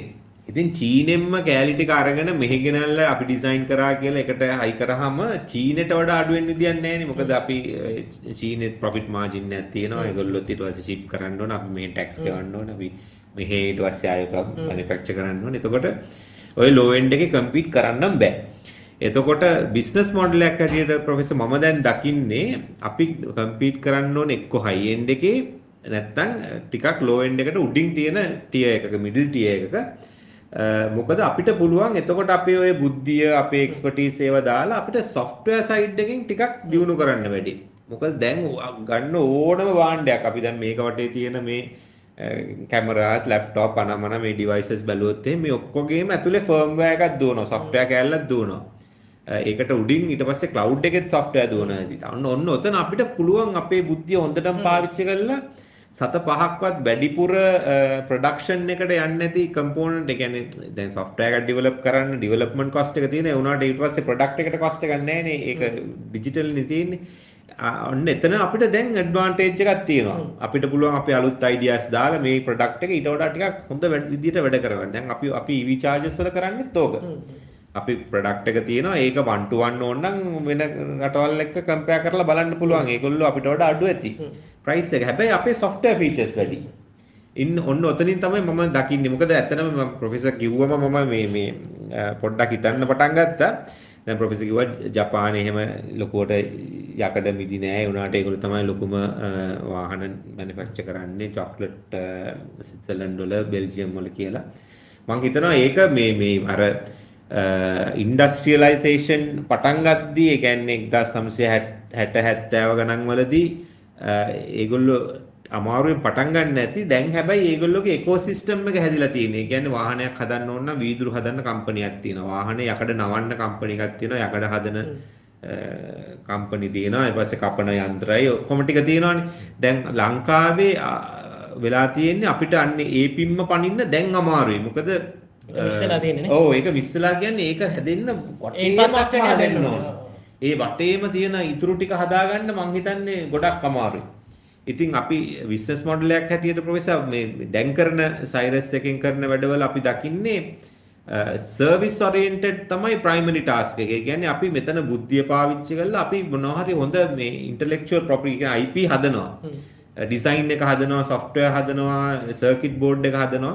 හැබැයි මැනුෆැක්චරින් අපි රටෙන් පොඩ්ඩක් එළියට ගෙනියනවා මේ අවස්ථාවේදී. අපි බලනවා පිට රටවල් වල හදලා ඒ රටේම විකුණන්න පුළුවන්ද කියලා. මොකද ග්ලෝබල් මේ මේ මාකට් එක දැන් බැලුවත් ඉන්දියාවට කැමති ඉන්දියාවෙම මැනුෆැක්චර් කරලා විකුණන ප්‍රොඩක්ට් එකකට පිට රටින් ගෙන්නනවා නම් ටැක්ස් එකක් ගහනවා. ඇත්තටම ඔය ඉන්දෝ ශ්‍රී ලංකා ඇග්‍රීමන්ට් එක හරහා අපිට පොඩි එකක් තියෙනවා. ඒකත් ගොඩක් අමාරුයි. ඉන්දියාවෙත් ඔහොමයි අපි බැලුවොත් සෞදි අරේබියාව වලත් එහෙමයි ගොඩක් රටවල් වල ඒ රටේම මැනුෆැක්චර් කරනවා නම් ඒ ආණ්ඩුවෙන් ඒ රටෙන්ම ගන්න ඕනේ. පිටින් නෙමෙයි. එතකොට ගොඩක් ඉන්සෙන්ටිව් එකක් තියෙනවා ඒ රටේ ෆැක්ටරි දාන්න. පොඩ්ඩක් එතෙන්දි මේ ලිබර් මොකද කියන්නේ සමහර ලංකාවේ ඔය කැපිටලිසම් ප්‍රොමෝට් කරන ආයතන වලින් කියනවා මේක නෑ මේක ඕපන් කරන්න ඕනේ. දැන් ඔබ කියනවා මේ නැෂනලිස්ටික් පොලිසි ඒ රටවල තියෙනවා කියලා. ඔව් ඇත්තටම ඒ රටවල් වල තියෙනවා ඒ රටේ ප්‍රොඩක්ට් එක දියුණු කරන්න ඒ රටේ මැනුෆැක්චර් කරනවා නම් ඒවට අතහිත දෙන ක්‍රමවේදයක්. එතකොට ඒක මේ ෆුලි ඕපන් කැපිටලිසම් එකෙන් පොඩ්ඩක් එළියට ගිහිලා තියෙන්නේ. හැබැයි හැම රටේම ඕක කරනවා. ඒ කියන්නේ කිසිම රටක් නෑ ඕපන් ෆුල් ඒ කියන්නේ ඇමරිකාවේ අ, ඉන්දියාවේ වුණත් ඒගොල්ලෝ පිට රටකින් ගේනවා නම් ටැක්ස් එකක් ගහනවා. හැබැයි ඒ ලෝකලි මැනුෆැක්චර් කරනවා නම් ලෝකලි මැනුෆැක්චර් කරන්නේ නැත්නම් ඒ ටැක්ස් එක ගහන්නේ නැහැ. හැබැයි කවදාකවත් කියලා නැහැ අර පිට රටින් ගේන්න තහනම් කියලා. ඒක කියලා නෑ. අන්න එතෙන්දි තමයි මං හිතන්නේ ඔය කැපිටලිසම් එකත් එක්ක ගොඩක්ම හැප්පෙන්නේ අපි ඒක පිට රටින් ගේන්න නැතුව මෙහෙම හදනවා කියන තැනකට ගියාන් පස්සේ. මොකද ඒකේ රිවර්ස් එක තමයි ඒගොල්ලොත් කියන එහෙනම් ඕගොල්ලෝගේ බඩුත් අපිට එපා කියලා. එතකොට එතන ලොකු ප්‍රශ්නයක් හැදෙනවා. අ, ඉතින් ආයි ටොපික් එකට යනවා නම් මං හිතන්නේ බිස්නස් මොඩලයක් හැටියට ප්‍රොෆෙසර් ඔව් අර ඉන්වෙස්ටර් කෙනෙක් ගේන්න ඒකට අවශ්‍ය එන්වයරන්මන්ට් එක හදන්න ඒකට අවශ්‍ය වව් ෆැක්ට් එක හදන වගේ තැනක් තියෙනවා. හැබැයි ඊට පස්සේ ඒක ඉන්වෙස්ටර් කෙනෙක් නැතුව අරගෙන යන්න සමහරක් විට අමාරුයි. මොකද ඒකට ඕනේ ලොකු ඉන්වෙස්ට්මන්ට් එකක් ඕන වෙනවා. එක්ක ලොකු මාකට් එකක් කරලා දෙන්න ඕන කවුරු හරි. මොකද අ, අපි හිතමු ස්පෝර්ට්ස් කාර් එකක් නෙමෙයි ඕන දෙයක් බැලුවොත් එමේ මේකෙන් 10ක් හැදුවා කියලා විකුණන්න බෑනේ. 10ක් හදන්න ෆැක්ටරියක් දාන්නත් බෑ මිනිහෙක්ව ඒ වැඩට ගන්නත් බෑ මොකද ඒ- එතකොට පාඩුයි. ඉතින් මාකට් එක ඇරලා දෙන අ, එක්කෙනෙකුත් අවශ්‍යයි. ඉතින් මං හිතනවා අපි මේ මේ ලෝකෙ මේ දවස්වල ප්‍රොඩක්ට් ඩිසයින් කරනවා නම් වාහන වේවා ඕන දෙයක් වේවා ගොඩක් වෙලාවට කට්ටියත් එක්ක එකතු වෙලා ජොයින්ට් වෙන්චර්ස් වගේ දේවල් දාගෙන තමයි ඉදිරියට යන්න ඕනේ. නැත්නම් අපිට ලංකාවෙම තනියම මේ ඔක්කොම කරනවා කියන එක මං හිතන්නේ කරන්න අමාරු වැඩක්. ලංකාවේ නැත්තම් කිසිම කනිජ ද්‍රව්‍යයක් මේ- මේකට ප්‍රයෝජනයට ගන්න පුළුවන් අපි අහද ග්‍රෆේන් තියෙනවා ඔව් ග්‍රැෆීන් සම්බන්ධ ටෙක්නොලොජිස් බැටරියක් හදන ඔය ඔව්, කතා ඔව්, අපිට අවුරුදු 3-4 කලින් ඡන්දේ කාලේ විශේෂයෙන් අහන්න ලැබුණා. ඒක ඡන්ද ගුණ්ඩුවක් නෑ නෑ නෑ නෑ කම්පැනි එකක් කරේ ඒ කම්පැනි කරනවා මම හිතන්නේ මේගොල්ලෝ Ceylon R&D ඔව්, මොකක්ද? ඒගොල්ලෝ මම හිතන්නේ R&D මට්ටමින් කරේ ඒගොල්ලෝ ඒක කමර්ෂලයිස් කරාද නැද්ද කියලා මම දන්නේ නැහැ මම නම් දන්නේ හැබැයි වෙන මොන හරි කරනවා ග්‍රෆීන් ඔව් ප්‍රෝ.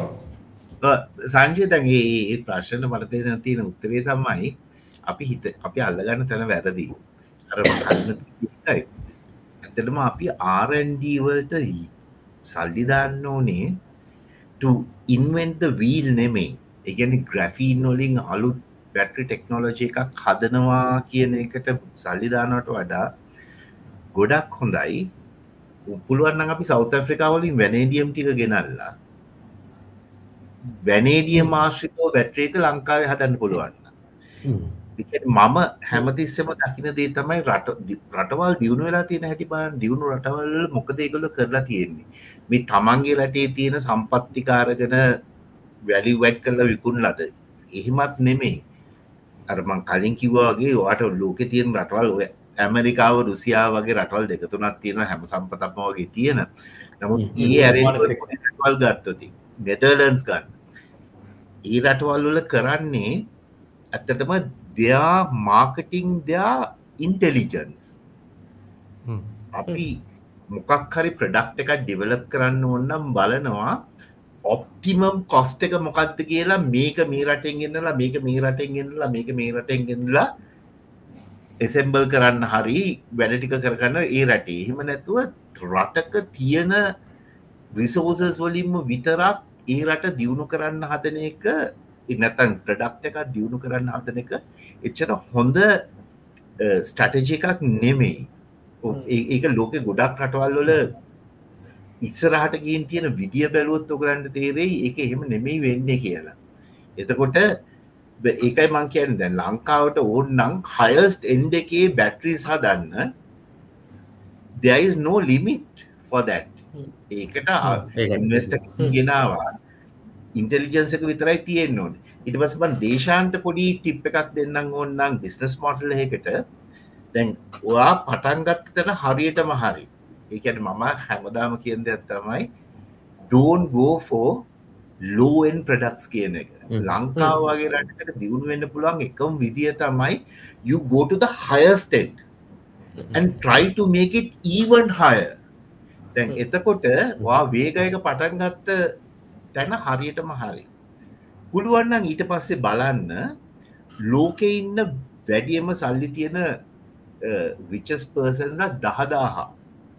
ට්‍රේස් කරගන්න පුළුවන් කිසි අමාරුවන්න ඊට පස්සේ නිකම් ඕ නිකම් ඔෆෝබ්සකින් පුළුවන් ගන්න. ඒ ඩේට ටික තියෙනවා ඊට පස්සේ බලන්න ඒගොලන්ට කේට කරන්න පුළුවන් හයස්ටෙන් කාය එකක් කෝමද හදන්න කියලා. දැන් කවුරුවත් හිතනවාද කාර එකක් මර්සඩිස් බෙන්ස එක ගෝල් පලේට් කරලා විකුරන්න පුළුවන් කියලා? නමු ඩුබායි යොල ගත්තොත් ගෝල් පලේට මර්සඩිස් බෙන්ස් තියෙනවා එකසිය තිහක් විතර එතකොට කාර් සීයක් විකුණු හම හියජ් ප්‍රොෆිට් එක එතුට මං කියන්නේ දැන් දේශානට ගෝල් පලේට් කරල විකුරන්න කියන එක නෙමේ ඇසට යකැන් ඉන්කෝපරේට ඒයි එතකොට නිකං හිතන්න කෝල් කරලා මම මම ටබ්බයකට යනවා ඩ්‍රිංක එකක් ගන්න. කෝල් කරලා කිව්වාහම වෙහිකල්ලගෙනවා ඩ්‍රයිවගෙනෙන් නැතුව. මාව දාගෙනයන් දැ ඔය ටෙක්නෝලෝජික දැන්ටත් බිහිවෙමින් පවති නො දැන් මම මේ නිකන් කියන්න ඒ තත්වෙන් අනිත්තක කායක ඩිසයින් එක you make the design in a way that it is a 10 year in future design ඊට පස්සේ බලන්න ඒ ඒ රටවල ඒජන්ස්ල හරහා අප්‍රෝච් කරන්න මේ විච් පීපල්ලට දැන් මොකද මම මේ කතා කරන්න හයිපොතටිකල් කේස එකක්නවේ I was involved in some of these marketing strategies අපි මාකට් කරලා තියෙනවා ගොඩක් කරන්න බැරි දේවල්. එතකොට මට තේරිච්චදේ තමයි දැන් ඩුබායිවල මම ඩුබා ගන්න උදාහරණ කැටට මං ගොඩක් ජනයන තැනක් හින්දා ඩුබායිවල මේ සාමාන්‍ය සල්ලිකාර මං කැන මේ විචස් පීපල් නේ සාමාන්‍ය සල්ලිකාරව ඉන්නවා. ඩොලර් පනස්දාහක බඩුවක් නිකන් මේක හොඳද කියල බලන්න ගන්නවා කියලා ගන්න පුළුවන් මිනිස්සු ඉන්නවා maybe about 500 people. එතකොට දැන් ඒ මිනිස්සුම්ම රීච් කරන්න පුළුවන්නම් හැබැයි අපිට කෙලින්ම බෑ ඒ රටේ ඒජන් කෙනෙ කරහයන්න ඕනේ. Then first you develop the market. ඔගුලු රිස්ක එකක් ගන්න ඕන්නෑ මාක් මුලි උගලගේ රිස් ඉන්වස්මන්ට් එක තමයි ඩිසයින් එක කරගන්න. අර ඔයා එක කාරයක් හදපු එක වොන්ඩ ෆුල් මගේගේ කිසිම අවුලත් දකින්න ඒ වගේ පුළුවන්නම් හයස් ටෙන්් එකේ තව එක කාරකක් හදා ගන්න බල හදාගෙන ඉවර වෙලා වා ගිහිල්ල මේ මිනිස්සුන්ට කතා කරන්න ඒජන්ස්ලව දාලා. හිතන්න කාර් පණහකට ඕඩරෙක් ගත්තා කියලා. That's profit. So this is one of the best uh, business strategies that I can propose from my side. මගේ මගේ business strategy knowledge එක හරිම අඩුයි. මගේ තනි මට ඔයගලන්ට කිට්ටු කරන්නවත් බෑ. නමුත් මං වෙන ප්‍රඩක්ස් මාර්කට් කරනවා දැකපු එකින් මට මන් දකින්න ඔන්න ඕක. මගේ තනි මං ප්‍රොෆෙස කියන කතාව හරියටම හරිය දැන් අපිත් EV චාර්ජස් අපි දැන් හදන එකෙත් කරන්නේ අපි මිඩල් ඊස්ට් වල කම්පනි එකක් එක්ක ජොයින් වෙලා ඉන්නේ. එතකොට අපි අපිට ඕනේ එහෙ ෆැක්ටරි එකක් දාන්න එහෙත් මැනුෆැක්චරින් කරන්න එහෙ විතරක් නෙවෙයි වෙන තැන්වලත් හැබැයි ඒ මිඩල් ඊස්ටර්න් මාකට් එක මේ වෙලාවේ ගොඩාක් wide open specially Saudi Arabia හැම පුදුම විදිහට මේ ඉලෙක්ට්‍රික් වෙහිකල්ස් වලට තැන දෙනවා. ඒගොල්ලොන් ගාව තමයි ලොකුම මේ මේ පෙට්‍රල් ටික තියෙන්නේ තෙල් ටික තියෙන්නේ. හැබැයි ඒගොල්ලෝ දකිනවා 20 27 වගේ 20 30 වගේ වෙනකොට සම්පූර්ණයෙන්ම ඉලෙක්ට්‍රික් වලට මාරු වෙනවා. එතකොට මොකද ඇත්තටම ඒගොල්ලෝ හදන පෙට්‍රල් ඩීසල් තෙල් වලින් ඒගොල්ලෝගේ ලෝකල් මාකට් එකට විකුණන එක ඒගොල්ලන්ට පාඩුයි. මොකද ඒක අඩුවට විකුණන්න ඉන්නේ. එහෙනම් ඒගොල්ලොන්ට ඕනේ ඒ තෙල් ටික ඔක්කොම එක්ස්පෝර්ට් කරලා එහෙ ඉලෙක්ට්‍රික් වලට මාරු කරන්න. ඉතින් ඒක වෙනුවෙන් ඒගොල්ලෝ ඉන්ෆ්‍රාස්ට්‍රක්චර් වලට බිලියන ගණන් වියදම් කරන්නේ. චාර්ජස් ඒගොල්ලොන්ට මිලියන ගණන් වලින් ඕනේ. ඉතින් ඉලෙක්ට්‍රික් වාහන කියන එක දැන් මේ මේ ලොකු කම්පනි ගැන ඩුසිඩ් වගේ කම්පනි ඇවිල්ලා එහෙ මැනුෆැක්චරින් කරන්න ෆැක්ටරි හදන ගමන් දැන් තියෙන්නේ. ඉතින් ඉලෙක්ට්‍රික් වලට අපි ජීවිතේටවත් හිතන්නේ නැහැ සෞදි මූව් වෙයි කියලා. ඒ වගේ රටක් මේ මූව් වෙන ගමන් මේ ඉන්නේ. ඉතින් ඔන්න ඔතන තමයි අපිත් දැන් ওই කනෙක්ට් උනේ ප්‍රොෆෙසර් කියන කතාව හරි. ඔය ඔය වගේ සල්ලි තියෙන රටවල් තියෙනවා. ඒ කියන්නේ ඒගොල්ලොන්ට මේ මේ මේ දැන් කන්න අදින්න ඉතුරු කරාම පස්සේ ඉතුරු තව ගොඩාක් ඉතුරුයි. ඒ ටිකට කරන්න දෙයක් නැතුව එක එක දේවල් කරනවා. අන්න එතන තමයි අපිට ප්ලග් වෙන්න ඕන කියන එක මමත් පිළිගන්නවා. බේෂන් පොඩි පොඩි ප්‍රශ්නයක් මට ශනික උත්තරයක් දෙන්න මට මතක නම් වේගයකට බැලුවද ග්‍රැග් කෝඑෆිෂියන්ට් වින්ටර්නල් ටෙස්ටිං ලංකාව ඇත්තටම මේ ෆිසිකල් වින්ටර්නල් ටෙස්ටිං කරන්න තැනක් නැහැ. හැබැයි දැන් ගොඩක් වෙලාවට අපි වොල්වෝගේ වැඩ කරන ඉන්ජිනියර්ස්ලට කතා කරා අපි ලංකාවෙන් ආපු ඉන්ජිනියර්ස් අපිත් එක්ක හම්බුනේම එම ගොඩක් තැන්වලදී ඒගොල්ලෝ කරන්නේත් සිමියුලේෂන් වලින් තමයි වින්ටර්නල් ටෙස්ටිං කරන්නේ. ඉතින් අපි මේක මේ ඩේටා එකක් පබ්ලික්ලි අවේලබල් අපි ප්‍රසන්ටේෂන් වලත් පෙන්නලා තියෙනවා. අපේ ඩ්‍රැග් කෝඑෆිෂියන්ට් සෑහෙන හොඳට තිබුණා සිමියුලේෂන් එන්වයරන්මන්ට් එක. ඒකන ප්‍රියස් එකට වඩා හොඳයිද නරකයි ප්‍රියස් එකට වඩා හොඳයි. ඔව්. ඒ කියන්නේ ස්පෝර්ට්ස් කාර් එකක් වුණාම ඒකේ මේ මේ ඒකට අවශ්‍ය එක 3 වගේ? නම් එකක් නම් මට මතක නැහැ හරියටම. හැබැයි ඒ කියන්නේ ඒ ස්පීඩ් එකට අවශ්‍ය ෆෝස් එක තියාගන්න පුළුවන් ගාන ඩිසයින් එක තිබුණා. ඩවුන් ෆෝස් එක කොහොමද කරේ අර මේ මේ මොකක් හරි ස්පොයිලර් එකකින්ද නැත්නම් ස්පොයිලර් එකක් නැතුව තමයි අපේ ඒ ඩිසයින් එක තිබුණේ. අපි ඒ ඉන්ෆර්මේෂන් උත් අපි ගොඩාක් on පබ්ලික් පබ්ලික්ලි අපි අනවුන්ස් කරලා තිබුණේ. ඩ්‍රැග් කොවිෂන්ස් අපේ සිමියුලේෂන් වල පික්චර්ස් හිටන් අපි පෙන්නලා තිබුණේ. මොකද ඇත්තටම ඒ දවස්වල ඉඳන්ම අපිට වුණා වුණා ඉංජිනියරින් සයිඩ් එකෙන් මේ වැඩේ හොඳට කරන්න නැත්තං ඩෑක් බලන්න ඉතින් වැඩේ කරන්න තිබුණනේ. එවනට අපිට ඕනුනේ අර ඉන්වස්ට කෙනෙක් ගැන හොඳ ඉන්වස්ට කෙනෙක් අවත්හෙම වාහන ගෙන දන්න කෙනෙක් මේ ඩිසයින් එක දැකලා හොඳ ගානකට එන්න. ඉති මංහිතනවන්න ඒ ලෙවල් එක තමයි මේ කර නොපෙනෙන සයිඩ් එකක් තියෙනවනේ. ගැන්න කාරක දැක්කට කෝවික්ෂන් පේන්නේ නෑ අන්න ඒ ටික වුණත් සෑහෙන්න තියෙන ඩිසයින් එකක් තමයි මේ. මේ මම පොඩි ප්‍රශ්නයක් අහන්න මේක මේ ඔයාලට සමගට කම්පැනි සීක්‍රට් වගේ නම් නොකෙන්න පුළුවන් මේ කියන්නේ දැන් මට ඔය වගේ දෙයක් මම දැන් උදාහරණයකට මම හිතුවොත් මම ඔය වගේ දෙයක් පටන් ගන්නවා කියලා මට තියෙන ලොකුම ප්‍රශ්නේ ඔකට අවශ්‍ය මිනිස්සු හොයාගන්න එක. ඒ කියන්නේ දැන් ඕකට ඕනේ මෙකට්‍රොනික්ස් ඕනේ ලෝ ලෙවල් ප්‍රෝගමින් දන්න අයනුවේ ඕනේ ඔය ඇරෝඩයිමිනිමික්ටිකාවට වාහනවල පාර්චිකාවට ඔය මෙටීරියල්ස් මේ සෑහෙන කලෙක්ෂන් එකක්න නොේජ් කලෙක්ෂන් අනිත්තක දැ ලංකාව ඇතුළේ ඔය වගේ අය බැලුවන්තින් ඔය වගේ නොලෙජ් මේ මනාද මේ ප්‍රීවියස් තිබුණන්නේ එක්ස්පිරස් තින තට හැම බින්දුවෙන් පටගත නත කැම්පසේ ගෙන ගත ඉටනෙට් එක මොන හරි. ඩේට කියවපු. ප්‍රක්ටිකල් එක්ස්පිරස නැති මිනිසටක් දැන් මටික ප්‍රක්ටිකල් එක්ස්පිරස නැති තිරිටිකල් නොලෙජ්ජක් විතරත් තියෙන මේ අපි මේ අර ඔයා කිව්වගේ අපි අර ලෝක තින කර්මහන්ත විප්ල වර්ම ඔක්කොම ස්කිප් කරගෙන අපටයක්න අපි. අපි ඒවයි සාභාගෙන අපි එක පාට්ටක් කලාන අපි අර වෙන රටල්ල ලේවා මෙහට ගෙන අප පාච්චි කර හිටපු කටිය රිවසිජනීරි නෑ ඇත්තටම මේ මේ ඔය මේ මේ ඔය කතා හරියට මාරිය. ගැන්නේ මමත් ඉන්ටෙල් එකේ වාහන හදලා නෙමෙයි ඇවිල්ලා තියන්නේ කම්පියුටර් චිප්ස් ඒ සයිට් එකේ මම බලලා තින්නේ. ඉතින් මේ වැඩේ පටන් ගත්තී වාහන ගැන දන්න කවුරුත් හිටියේ නෑ අපිට ඇත්තටම මේ මේ මේකත් පබ්ලික්ලි කියපු දෙයක් තමයි අපිට පෙන්වන්න ඕනුනේ මේ මේ දැන් ඉන්ටර්නෙට් එකේ හැම තැනම තියෙන ඉන්ෆර්මේෂන් ඕන තරම් තියෙනවා. ඒ හින්දා අපිට මේ මේ අවුරුදු ගාණක් වැඩ කරපු එක්ස්පර්ටීස්ලා ලොකු ගණන් ගෙවලා ලංකාවට ගෙනල්ලා ඩිසයින් එකක් කරන්නම ඕනේ නෑ.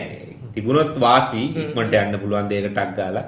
එහෙම නැතුව වුණත් කැම්පස් එකෙන් ෆ්‍රෙෂ් ගත්ත කට්ටිය. ගොඩක් 199ම අපි කැම්පස් එකේ පළවෙනි ජොබ් එකට ගත්ත කට්ටිය ඉන්නේ. ඒගොල්ලොන්ගෙන් පුළුවන් අපිට වැඩේ කරන්න.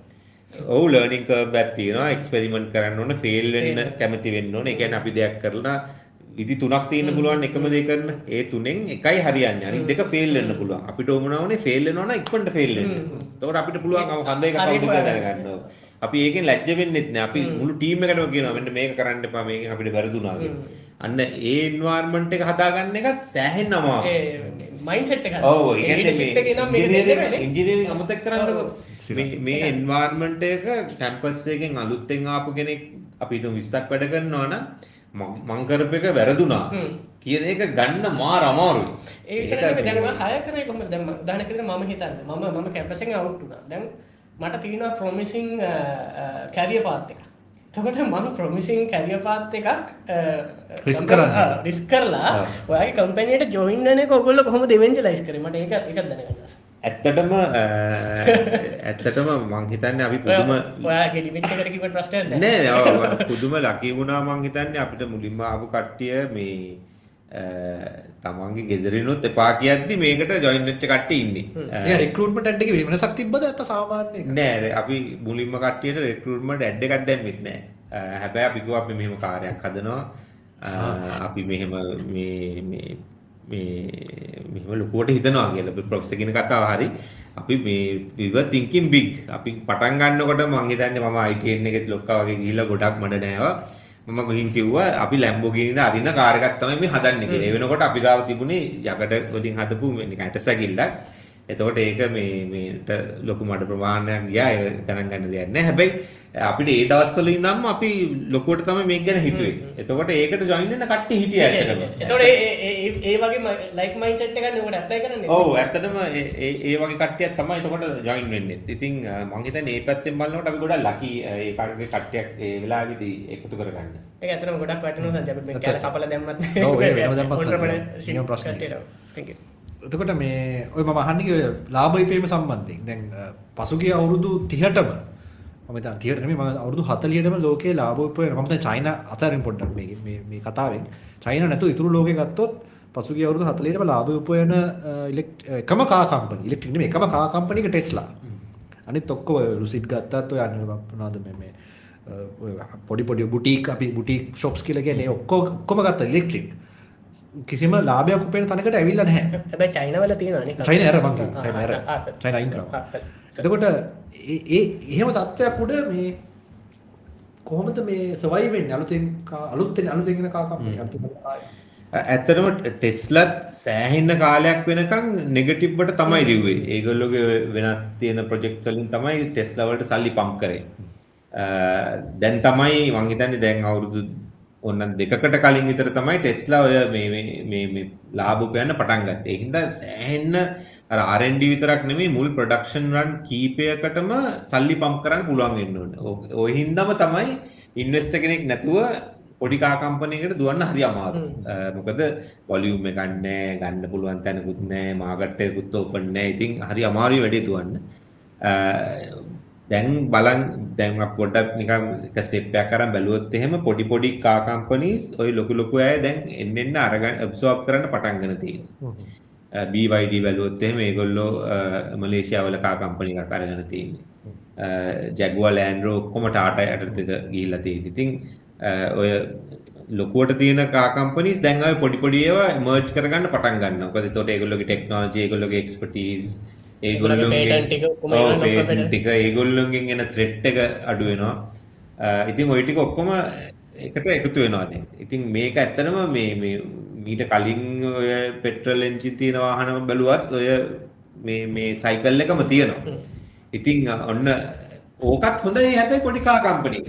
ඒ කියන්නේ අපි බැලුවොත් එහෙම ස්ටාර්ට්අප් බැලුවොත් එහෙම ස්ටාර්ට්අප් එකක් කියලා ගොඩක් වෙලාවට වෙස්ටර්න් කන්ට්‍රීස් වල කියන්නේ මේ ඒක අරගෙන තව අවුරුදු 30ක් මං ඒකේ ඒක නෙමෙයි. ඒකේ එක්සිට් පොයින්ට් එකක් තියෙනවා. ඒක ටිකක් තැනකට ගෙනහිල්ලා කවුරු හරි ගන්නවා තව මිලියන් ගානකට. ඊට පස්සේ ස්ටාර්ට්අප් එක ඉවරයි එතනින්. හැබැයි අරක වහන අරක සෝඩක්ටට අරක අරක අරක වහලා දාන. ලොකු කම්පැනි එක වහලා දාන අවස්ථාවේ එහෙම තියෙන උන්ට දැන් WhatsApp වගේ හිතන්නකෝ. දැන් YouTube එකේ වීඩියෝ එකක් එක්ක එක ප්‍රෝග්‍රෑම් කෙනෙක් උට Facebook එකෙනුත් පර කම්බෙන WhatsApp එකනුත් ඔබ ගැප. ඒ දවස්වල WhatsApp පොඩි කම්පැනිය. WhatsApp එකේ CEO ත් එක්ක මිනිහා ඩිනර් එකකටත් ගිහිල්ලා මේ ඊට පස්සේ Facebook එකේ එක ඉඳ ඒකට යනවා. ඊට පස්සේ ඒ දවසිදන් හරියට අවුරුද්දකින් WhatsApp එක ඇක්වය කරනවා මේ Facebook එක. එයා WhatsApp එකට ජොයින් වුණා නම් ඒ කම්පැනි එකේ ෂෙයා එකක් ෂෙයා එක අරගෙන මට දැන් ඉතින් යාට රස්සාවක් කරන්න ඕනේ නැහැ. ඒ වගේ තමයි. ඉතින් ඒ ට්‍රෙන්ඩ් එක දැන් තියෙනවා. මං හිතන්නේ පොඩි පොඩි පොඩි කා කම්පනීස් වල ලොකු ටෙක්නොලොජි ජම්ප් එකක් තියෙනවා නම් ඒගොල්ලොන්ට ඒ වැලියු එක තියෙයි. නැත්තම් කාර් හදලා විකුණනවා කියන එක නම් ගොඩක් අමාරුයි. දැන් ඔය වේග කායක සම්බන්ධ තව ප්‍රශ්නයක් තියෙනවා. ඒ කියන්නේ මම දැක්කා කියන්නේ ඔයගොල්ලෝ ඒ කාලේ අර එකට ඉන්ෆෝට් ඉන්ෆර්මේෂන් සිස්ටම් එකට හයි කරානේ එකට කියන්නේ ගේජ් ගේජ් ක්ලස්ටර් එක ඒ ටික. ඒව ඔක්කොම ලංකාවේ හැදුවේ. ඒ ඔක්කොම ලංකාවේ තමයි ඩෙවලොප් කරේ. ඔව්. එතකොට කිසිම දෙයක් කියන්නේ ඔෆ් ද ෂෙල්ෆ් ගත්තේ නැද්ද මාකට් එකේ? මෙහෙමයි අපි ලංකාව හැදුවා කිව්වම ගොඩක් වෙලාවට මිනිස්සු හිතනවා ඔක්කොම ටික ලංකාවේ එහෙම නෑ. ඒ කියන්නේ shock absorber දුනු ස්ප්‍රින්ග් තියෙනවා නම් ඒවා අපි off the shelf තමයි ගන්න. ඒ වගේම තමයි දැන් අපි ස්ක්‍රීන් එකක් ගන්නවා නම් මොකක් හරි device එකකට ඒ ස්ක්‍රීන් එක ලංකාවේ හදන එක තේරුම් ඒ වගේ components අපි කොහොම පිටින් ගන්න ඕනේ. මයික්‍රෝචිප්ස් හදන්න බෑ ලංකාවේ ලංකාවේ ලෝකෙම හදන්න පුළුවන් දැන් අපි. ෆෝන් එකක් ගත්තත් එහෙම බැලුවොත් එහෙම ෆෝන් එකෙත් කෑලි රටවල් කීපයකින් ඇවිල්ලානේ හයි වෙන්නේ. එතකොට ඒක එක රටක හැදුවා කියලා ඒකට නම වැටෙන්නේ ඒකේ ටෙක්නොලොජි එක කොහෙද හැදුනේ කියන එක තමයි ලොකුවට. ඇත්තටම මේකේ ෆැක්ටරිය තියෙන තැන උත් බලපාන්නේ නැහැ මේකේ ප්‍රොඩක්ට් එකේ කොහෙද තියෙන්නේ කියලා. අපි iPhone එක බැලුවොත් අපි දන්නේ iPhone එක US වල කම්පැනි එකක් කියලා. හැබැයි ඇත්තටම ෆැක්ටරිය තියෙන්න පුළුවන් චීනෙත් තියෙනවා. තායිලන්ඩ් වල වියට්නාම් වල එහෙම තැන් තැන් වල තියෙනවනේ. ඉතින් ඒ වගේම තමයි දැන් මේකෙත්. ඒ කියන්නේ මේකේ ටෙක්නොලොජි එක මේකේ සොෆ්ට්වෙයාර් එක මේකේ ඉලෙක්ට්‍රොනික්ස් ඒ අන්න ඒ ටික තමයි ලංකාවේ ඩෙවලොප් වෙලා තියෙන්නේ. මේ පොඩි දෙයක් අමතක වෙන්න කලින් දැන් දැන් ඔයා කියපු දේ මට හිතුණු දෙයක් ලංකාවේ රජයේ පැත්තෙන් වෙන්න පුළුවන් දේශපාලන පොඩ්ඩක් ගෑවෙනවා මේ අ, වෙන්න පුළුවන් ලොකු දෙයක් කියලා හිතනවා ඉන්දියාව වගේ රටක් එක්ක තා දැන් දැන්ට ඉන්දු ලංකා කිව්වමින් වාසියක් තියෙන කියලා කිව්වනේ ඒ වගේ පොඩි හරි ඒ වගේ අපිට දැන් මැනුෆැක්චරින් පාර්ට් එක ඉන්දියාව හරහා කරන්න පුළුවන් වෙන විදියට මේ බයිලෙටරල් ඇග්‍රීමන්ට් වගේ යන්න පුළුවන් නම් ලංකාවට ලොකු chance එකක් ගන්න පුළුවන් මොකද ඔච්චර ලොකු රටක් මේ ලෝකෙටම විවෘත වෙච්ච රටක් මේ මේ ගොඩක් රෝ මටීරියල් හද මේ හරි. නේ. මම මම නම් ඉස්සරින්ම කී කී හිටිය එකක් තමයි දැන් මේ මෙක්සිකෝව ඇමරිකාවේ ගැලුවම මෙක්සිකෝව ලොකුවටම දුවන්නේ ඇමරිකාවට බඩු විකුණලා. දැන් කියන්නේ ලොකු රටක් ලොකු රටක් එහා පැත්තේ ඒගොල්ලෝ ඉන්න ඒගොල්ලෝ ඒගොල්ලෝ සාමාන්‍ය විකුණනවා විරෝධී ප්‍රශ්න ගොඩක් තියෙනවා. ඒ වුණාට අර අර ලොකු රට තමයි කන්සියුම් කරන්නේ. දැන් අපි අපි ඉන්නෙත් මේ වගේ ලොකු රටක් එහා පැත්තේ. ඉන්දියාව. ඉන්දියාවත් එක්ක අපි සාමාන්‍ය හොඳ සුහද වැඩ කරන්න පුළුවන් රටක් පාකිස්තාන වගේ ප්‍රශ්න ගොඩක් නැහැ. ඉතින් අපිට ඔන්න ඔය channel එක අරගන්න පුළුවන් නම් සෑහෙන දෙයක් කරතෙක්. අපි එහෙම එහෙම ලොකු රටක් මග තියාගෙන ඉන්දියාව දෙස බල බල හිටියම තමයි ප්‍රශ්නේ තියෙන්නේ. ඔව් අන්න ඒක ඉන්දියාව චීන දෙස චීන. එක තමයි. නැත්නම් අපි ඉන්දියාව නිකන් අපිත් එක්ක විරුද්ධයි කියලා හිතාගෙන ඉන්න. එක. ගොංකම. ඒක දේශපාලනික වෙන්න පුළුවන්. ඒ වුණාට බිස්නස් සයිඩ් එකෙන් අපි බලන්න ඕනේ Viable option එක තියෙන එතනනේ. යන්නේ කියලා. මොකද මේ මේ මේ ලොසින්ජරයක් විකුණ ගන්න පුළුවන් වුණත් ඉන්දියාවේ බිලියන කෙනෙක් වෙන්න පුළුවන්. එච්චරට මිනිස්සු ගන්නවා එච්චර ලොකු මාකට් එකක් තියෙන්නේ. ඉතින් ඔන්න ඕක ඔය වගේ තැන්වලදී කීපයකින් දැන්ටත් මම හිතන්නේ ලෝකෙ තියෙන ලොකුම ජනගහනය ඉන්න රටනේ. දැනට ලොකුම ජනගහනය. ඔව් අ, ඉතින් ඔන්න ඔතනදී තමයි මේ මේ රජයක් වුණත් ගොඩක් සපෝට් එක දෙන්න ඕනේ. දැන් අපි ගිහිල්ලා එක්ස්පෝර්ට් ඩෙවලොප්මන්ට් බෝඩ් එකට ගිහින් මේක ඇහුවට කමක් නැහැ. ඉතින් ගිහින් ඇහුවොත් එහෙම මේ මේ රටේ කාටද විකුණන්න පුළුවන් මොන හරි කනෙක්ෂන් තියනවාද කියලා එහෙම උත්තරයක් දෙන්න කෙනෙක් නැහැ. අ, ඉතින් ඒක ඇත්තටම මේ මාර පාඩුයි. මේ ඩෙවලොප් කරන කට්ටියටත් පාඩුයි. ලොකු කම්පනි දින කට්ටියට උනත් ඒ ලින්ක් එක හදලා දෙන්න කියලා කෙනෙක් නැහැ. අපි මේ රට ගිහිල්ලා අපිම හොයාගෙන හරියටම අපිම හොයාගෙන අපිම වරද්දගෙන රජයෙන් රජයෙන් දෙන අපහසුතාවලුත් අපි විසඳුම් හොයාගෙන මෙහෙම ප්ලෑන් කරලා ඔක්කොම කරලා අන්තිමට ඉම්පෝර්ට් ඔක්කොම කරලා ඉම්පෝර්ට් කරලා දවස් දෙකක් විතර ගියන් පස්සේ අලුතෙන් ටැක්ස් එකක් ගහනවා. ඊට පස්සේ අර තියෙන මේ අපි හදපු මේ ප්‍රොෆිට් මාර්ජින් ඔක්කොම වාපරේ. හරියට. ඔව්. ඔව්. EGB එක කියන එක නම් තියෙන්නේ මොකටද කියලා මට හිතා ගන්න බෑ. මොකක්ද බ්‍රෝ? Development board. ආ, ඩි- okay. ඔය EGB එක ඇත්තට මොකටද තියාගෙන ඉන්න කියන එක මට හිතා ගන්න බෑ. It's highly ප්‍රොෆර් ඉන්දියාව ගැන කියපු කෑල්ලට එකඟද? 100% මං හිතන්නේ මං ඔය කතාව තමයි එදා කිව්වේ මේ මේ ඔය ටික්ටා අපි එක ගැන කතා කරද්දි අපි වෙන පොඩක් කතා වුණා. ඔව්. ඔව්. මොකද අර එතනදි දසුන් කිව්වා හරි අර තිබුණා අපිට දේවල් ටිකක් අ, හරියට ෆික්ස් කරගන්න.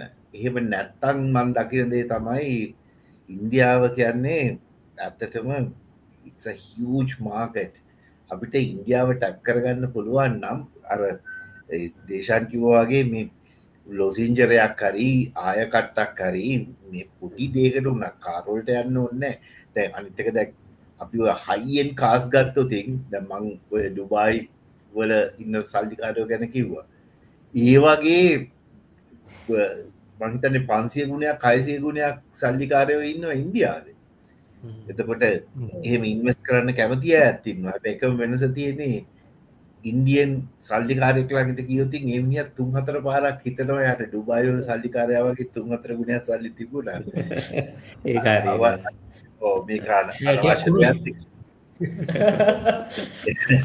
හරි. ඕ මේ කාන ටිකක් කුණු. ඉගැන ඉන්දියන් කෙනෙක්ව කන්වින්ස් කරන්න අමාරුයි ගොඩක්ලාට මිටලිස් කෙරෙන්ට වඩා එක මගේ අත්දැකීම මේ මේ එම පොඩි කතාක් කරන ඉංග්‍රීසි මතක් වුණාම මේ කිව්වේ මේ ප්ලේන් වල එහෙම යනකොට මේ දැන් ප්ලේන් එකේ සීට් එක වෙන් කරලානේ තියෙන්නේ ගේ මේ අපි මේ ගේ- අපි ගේට් ක්ලෝස් කරන්න කලින් ඇතුළට ගියන් පස්සේ අපිට අනිවාර්යෙන් ප්ලේන් එක ඇතුළට යනවා කියලා ෂුවර් නේ ඒත් ඉන්දියන්ල ගිහිල්ලා ඉස්සරහට ගිහලා කොහොම හරි පොලිමෙන් පොර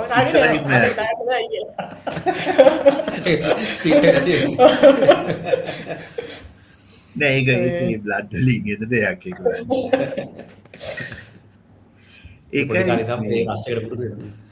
Yeah. හරි. දැන් මම කත්- මම කතාවට ආවේ මේෂන් මේ වගේ ඩෙවලොප් කරපු ටෙක්නොලොජිස් වලින් අපිට ලයිසන්ස් කරන්න පුළුවන් මොකද්ද ලයිසන්සින් මොඩල් එක කරත් අපි කට්ටිය බලන කට්ටිය චුට්ටක් ටීච් කරලා අපි කියමු. මං හිතන්නේ ලයිසන්සිං පැත්ත ටිකක් කොම්පලිකේටඩ් කියලා වේගකගෙන මේ මං කතා කරන්න. ජෙනරල් මොකද තියෙන ලයිසන් ගැන කතා කරන එක මං හිතන්නේ හරි නෑ.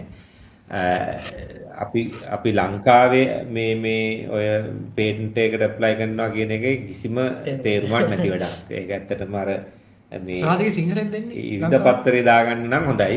සිංහලෙන් දෙනවා. ඒ වුණාට ඒකෙන් මං හිතන්නේ ඒකෙන් ඇති වැලියු එක ටිකක් අඩුයි ඉතින්. ඒ ලංකාවේ තියෙන එක බාධු කරනවා නෙමෙයි. ලංකාව ඇතුළට වැලිට හැබැයිනේ ඒත් ලොකු අමාරුයි. ඔව් ඒක ප්‍රොසෙස් එක හරි අමාරුයි. ෂුවර් එකක් නෑ ඉතින්. අ, පිට පේටන් කරන ප්‍රොසෙස් එක නිකන් බැලුවොත් එහෙම ඉස්සෙල්ලා පොඩි ස්ටෙප් එකක් පස්සට අරගෙන මම දන්න විදිහට මමත් ලොකුට පේටන් කරපු කෙනෙක්ම නෙමෙයි පේටන් කරපු ලාංකික අය ඉන්නවා හොඳට කරපු කට්ටිය. ඒගොල්ලෝ මේක වඩා මට හොඳ දන්නේ නැති. ඒ වුණාට එක රටකට කරනවා නම් ඒ රට එක ෆයිල් ගන්න ඕනේ. නැත්නම් තව එක තැනකින් ෆයිල් කරලා වලින් එක විහිදලා යනවා. අනිත් ඒරියාස් වලට ට්‍රේඩ් ඇග්‍රීමන්ට්ස් තියෙනවා නම් රටවල. තියෙනවා නම් විතරයි. සාමාන්‍ය මම අහලා තින්නේ මම වැරදි සමහරක් විට මේ ජපානයේ ඇමරිකාව යුරෝප් රටක කරානක් යුරෝපියන් යුනියන්. එතකොට ගොඩ් කවර. ඒ රටවල් තුනක් කරානම් ගොඩක් කවර වෙනවා. මම දන්න ඒ- එක එක ක්‍රමයක් තියෙනවා එතන ෆයිල් කරොත් එහෙම රටවල් හතක් විතර කවන කතාවක් තියෙනවා. ඉතින් ඒකට යන වියදමයි ඔක්කොම බැලුවම ඒක එච්චරම ලේසි වැඩක් නෙවෙයි. අ, ඇත්තේ ඒක රිස්ක් එකකුත් තියෙනවා මොකද ඉතින් අපේ සම්පූර්ණ වාර්තාවම ඒ ටෙක්නොලොජි කරපු විදිය මුල සිට අගට ලිඛිතව අපි දෙන්න. ඕන කෙනෙකුට ඒක පබ්ලික්ලි බලන්න පුළුවන්. බලන්න පුළුවන් ඔව් ඇත්තටම සමහරක් අය මේ මේ ඔතන කරන ගේම් එකක් තමයි ප්‍රොඩක්ට් එකක් ඒගොල්ලෝ මැනුෆැක්චර් කරලා පටන් ගන්නකම්ම පේටන්ට් එක ෆයිල් කරන්නේ නැතුව ඉන්නවා සමහරක් වෙලා. ඒ රිස්ක් එක ගන්නවා. මොකද එතකොට ඒගොල්ලෝ දන්නවා පේටන්ට් එක ෆයිල් කරලා දැන් අවුරුදු 5ක වින්ඩෝ එකක් තියෙනවා නම් ඒ පහේ දැන් විකුණන්න ලෑස්ති. මුලින්ම ෆයිල් කරගත්තොත් එහෙම තමන් හදන්න යනකොට තව අවුරුදු 3ක් ගියා කියමුකෝ. එතකොට අවුරුදු දෙකයි ඉතුරු. එතකොට ඕන එක්කෙනෙක් අරන් ඉතුරු ටික කරගන්න පුළුවන්. ඉතින් ඔන්න ඔය වගේ විදිහටත් ඔය ප්‍රශ්නේ ගැන හිතන්න. ට්‍රේඩ් සීක්‍රට් විදිහට තියාගන්නවා පේටන්ට් එකට නොය අර හේතුව නිසා. ඔව් ඔව් එතන තියෙන රිස්ක් එක තමයි ඒක කවුරු හරි හොරෙන් අරගෙන ගිහිල්ලා වෙන තැනක මේව කරොත් එයාට ෆයිල් කරගන්න පුළුවන්. හැබැයි ඒත් අර ඉස්සෙල්ලා කරපු ලැබ් රිසල්ට්ස් ඒවා ටික තියෙනවා නම් කෝට් එකක උනත් ඉතින් ගිහිල්ලා පොඩි chance එකක් තියෙනවා. ගොඩක් වෙලාවට අපි සමහර ලංකාවේ මේ මේක අහ ප්‍රශ්න දැන් කියනවා නෙමෙයි ඉනෝවේෂන් ගැන හිතුවාම අපි හිතනවා මේ මේක පේටන්ට් එකක් වෙන්න ඕනේ. මේක මේ අලුත්ම දෙයක් වෙන්න ඕනේ කියලා. එහෙම වෙන්න අවශ්‍ය නැහැ. අපිට පුළුවන් ඕනනම් මේ ෆෝන් එකක් හරි ඔරලෝසුවක් වුණත් හදන්න පේටන්ට් එකක් නැතුව ඇප්ලිකේෂන් ඉංජිනේරින් ප්‍රොඩක්ට් එක. කියන්නේ දැන් තියෙන බඩු ටිකක් එකතු කරලා ඊට වඩා ටිකක් හොඳ වැලියු එකෙන් හොඳ වෙන්න පුළුවන්, කොස්ට් එකෙන් අඩු වෙන්න පුළුවන්, මොකක් හරි විදිහට වෙනසක් තියෙන ප්‍රොඩක්ට් එකක් හදන්න. ඒකට පේටන්ට් එකක් අවශ්‍යම නැහැ. අ, එහෙම මාකට් එකකුත් තියෙනවා. පේටන්ට් එකක්ම ඩෙවලොප් කරලා ප්‍රොඩක්ට් එකක් හදනවා කියන එක ටිකක් මම දකින විදිහට ටිකක් අමාරු වැඩක්. මොකද R&D සයිඩ් එකම සෑහෙන්න වැඩක් කරලා තියෙන්න ඕනේ එහෙමනම් අලුත් දේවල් කරන්න. ලංකාවේ පේටන්ට් එකකට ඇප්ලයි කරලා ලංකාවේ පේටන්ට් එකක් හම්බ වුණා කියන්නේ හැබැයි අපේ පේටන්ට් ඔෆිස් එක චෙක් කරන්න යන්නේ නැද්ද වෙනත් රටවල මේ පේටන්ට් එකක් තියෙනවද මේකට සිමිලර් පේටන්ට් තියෙනවද කියලා චෙක් කරනවා. අ, නැත්නම් අපේ- ලංකාවේ ඇතුලේ මෙතෙක් කල් තිබ්බ පේටන්ට් වලින් අපිට පේටන්ට් එකක් හම්බ වෙනවා කියන දේ කියන්නේ.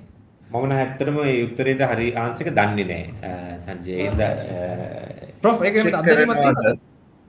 ඔව්. චෙක් කරනවද අ, සංජය චෙක් කරනවා.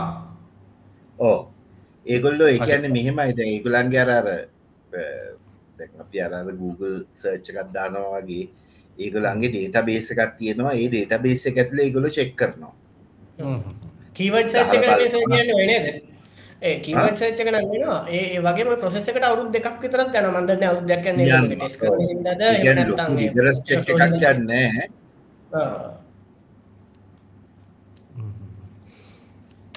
හරි. අතට ලයිසන්සින් මොඩල් එක. ඇත්තටම අ, එහෙම මොඩල් එකට යනවා නම් කොහොමද? මොකක්ද? ලයිසන්සි මොඩල් එක යන එක තමයි මං හිතන්නේ මේ හොඳම වැඩේ. ඒ කියන්නේ සර්විස් ඒ කියන්නේ අපි සර්විස් එකක් තමයි ප්‍රොවයිඩ් කරන්නේ. අපි ඩිසයින් එක කරනවා, ඉන්ජිනියරින් ටික කරනවා, ටෙස්ටිං ඕන නම් කරනවා. ඒගොල්ලෝ මැනුෆැක්චර් කරන්න ඕන නම් අපෙන් ලයිසන් එකක් ගන්න ඕනේ මැනුෆැක්චර් කරන්න. එතකොට අපි හැම ප්‍රොඩක්ට් එකකටම අපිට කීයක් හරි එනවා. හැබැයි මැනුෆැක්චර් කරන්නේත් අපේ රටේ නෙමෙයි. අපිට ওই මටීරියල් ගන්න ප්‍රශ්න උත් නෑ. ඒගොල්ලෝ ඒක විතරද හදාගන්නවා. සාමාන්‍යයෙන්? 100ට ගණන්. ඔව් කියන්නේ ලයිසන්සින් එක ඒ ප්‍රොඩක්ට් එකේ වැලියු එක අනුව තමයි. ඒ කියන්නේ මේ ඒගොල්ලොන්ට වෙන තැනකින් හොයාගන්න බැරි නම් අපිට ඕන තරම් ගාණක් අපිට කියන්න පුළුවන් ඉතින්. සමහරක් අය 105 ඉඳන් 120 වුණත් මම දැකලා තියෙනවා ලයිසන්සින් ෆී එකක් ගන්නවා. ඒ ෆයිනල් රීටේල් ප්‍රයිස් එක. ෆයිනල් රීටේල් ප්‍රයිස් එකෙන් ඕ එන රෙවනිියු එක revenue. ඔව්. ගොඩක් හරි. අප ප්‍රොඩක්ට් නෙමෙයි රෙවෙනියු එක. ඔව් product ඒවත් තියෙනවා. ඒ සමහරක් agreement මම දැකලා තියෙනවා ඔය mix එක තියෙනවා. ඒ කියන්නේ revenue එකෙනුත් මට 110ක් ඕනේ.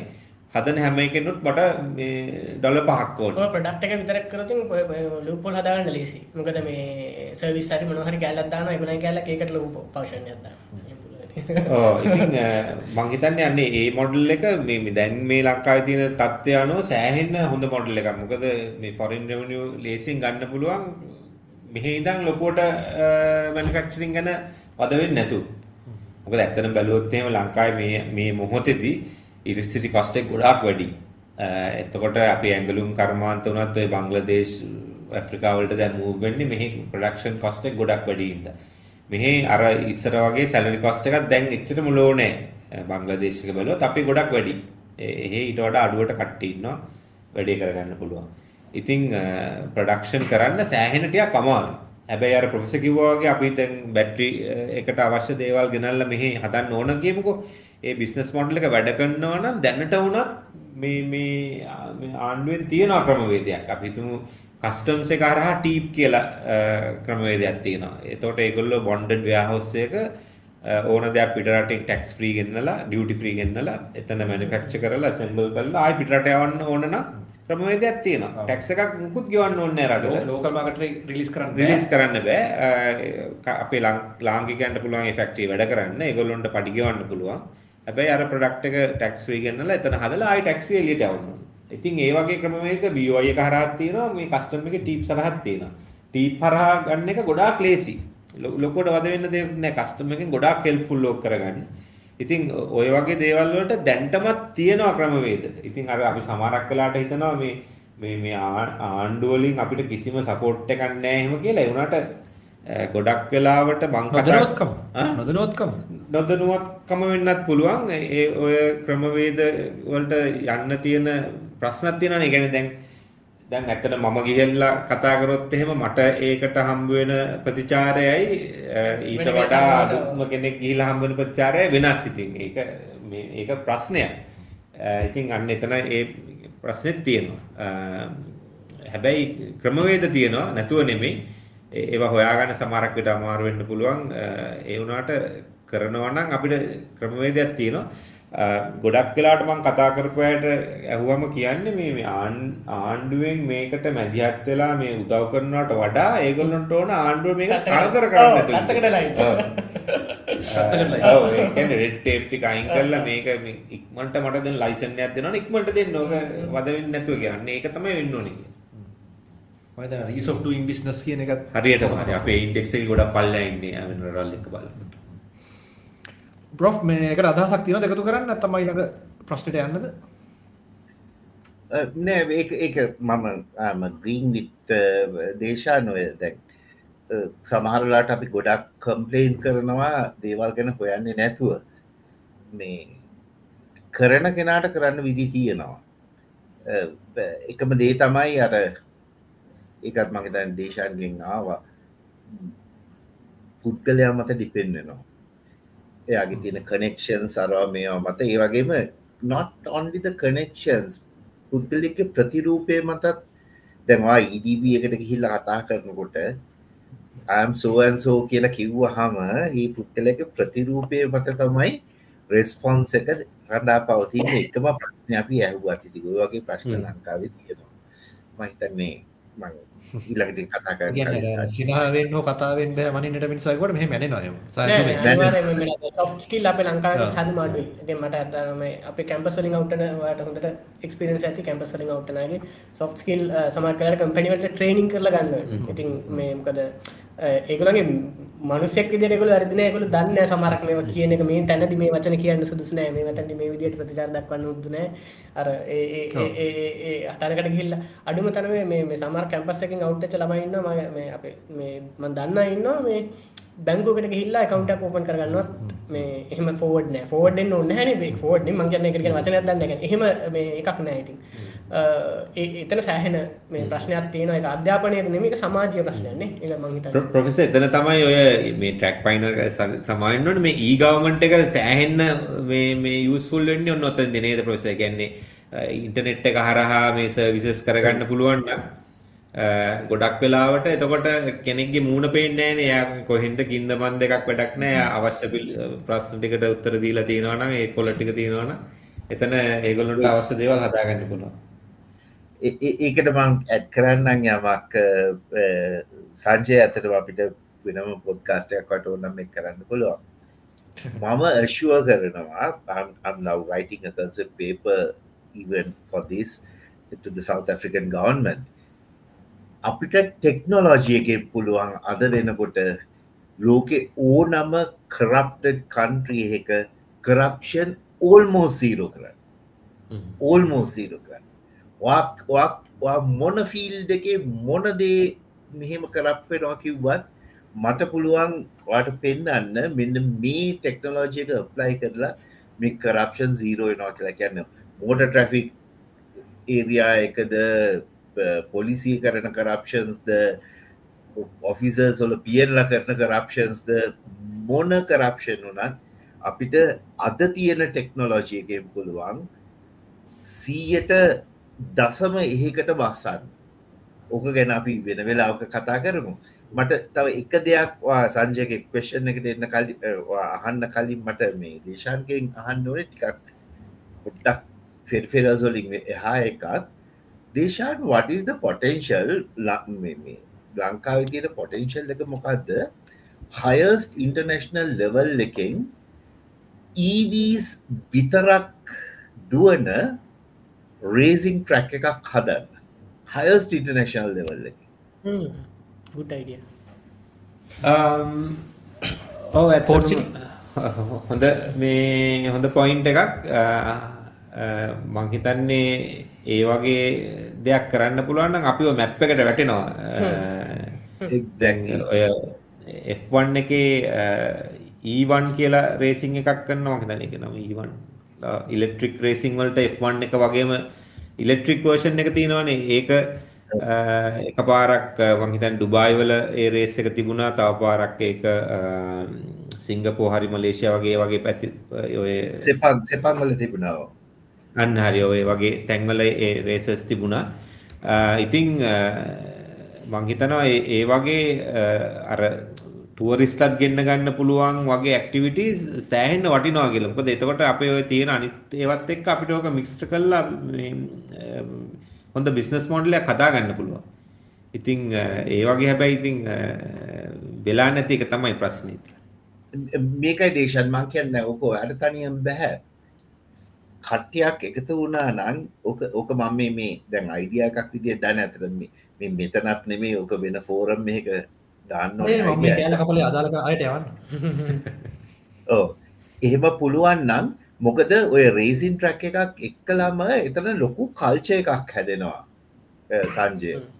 ඒකැන්නේ එතට එතට ලොකු බිස්නස් මෝඩ්ල ගත්තිය නො මේ රේසින් දුවන එක විතරක් නෙවේ හොටෙල් ඉන්ඩස්ට්‍රිය එක එතකොට දේශාන්ගේ EV ඉන්ඩස්ට්‍රිය එක එතරින් ගහාම එන්ටර්ටේන්මන් ඉන්ඩස්ට්‍රිය එක ඔය වගේ ලොකු එකක් ඕකාරා හැදෙනොමකද මන් මැලේෂයාව මට හොඳටම මන්දන්න ඔය සෙපං සර්ගිට්ට එකත් එක් කලා බිහි වෙච්ච බිස්නසයක් තිෙන ඉටවසේ සෞත ඇෆ්‍රිකාවල කයිලාමි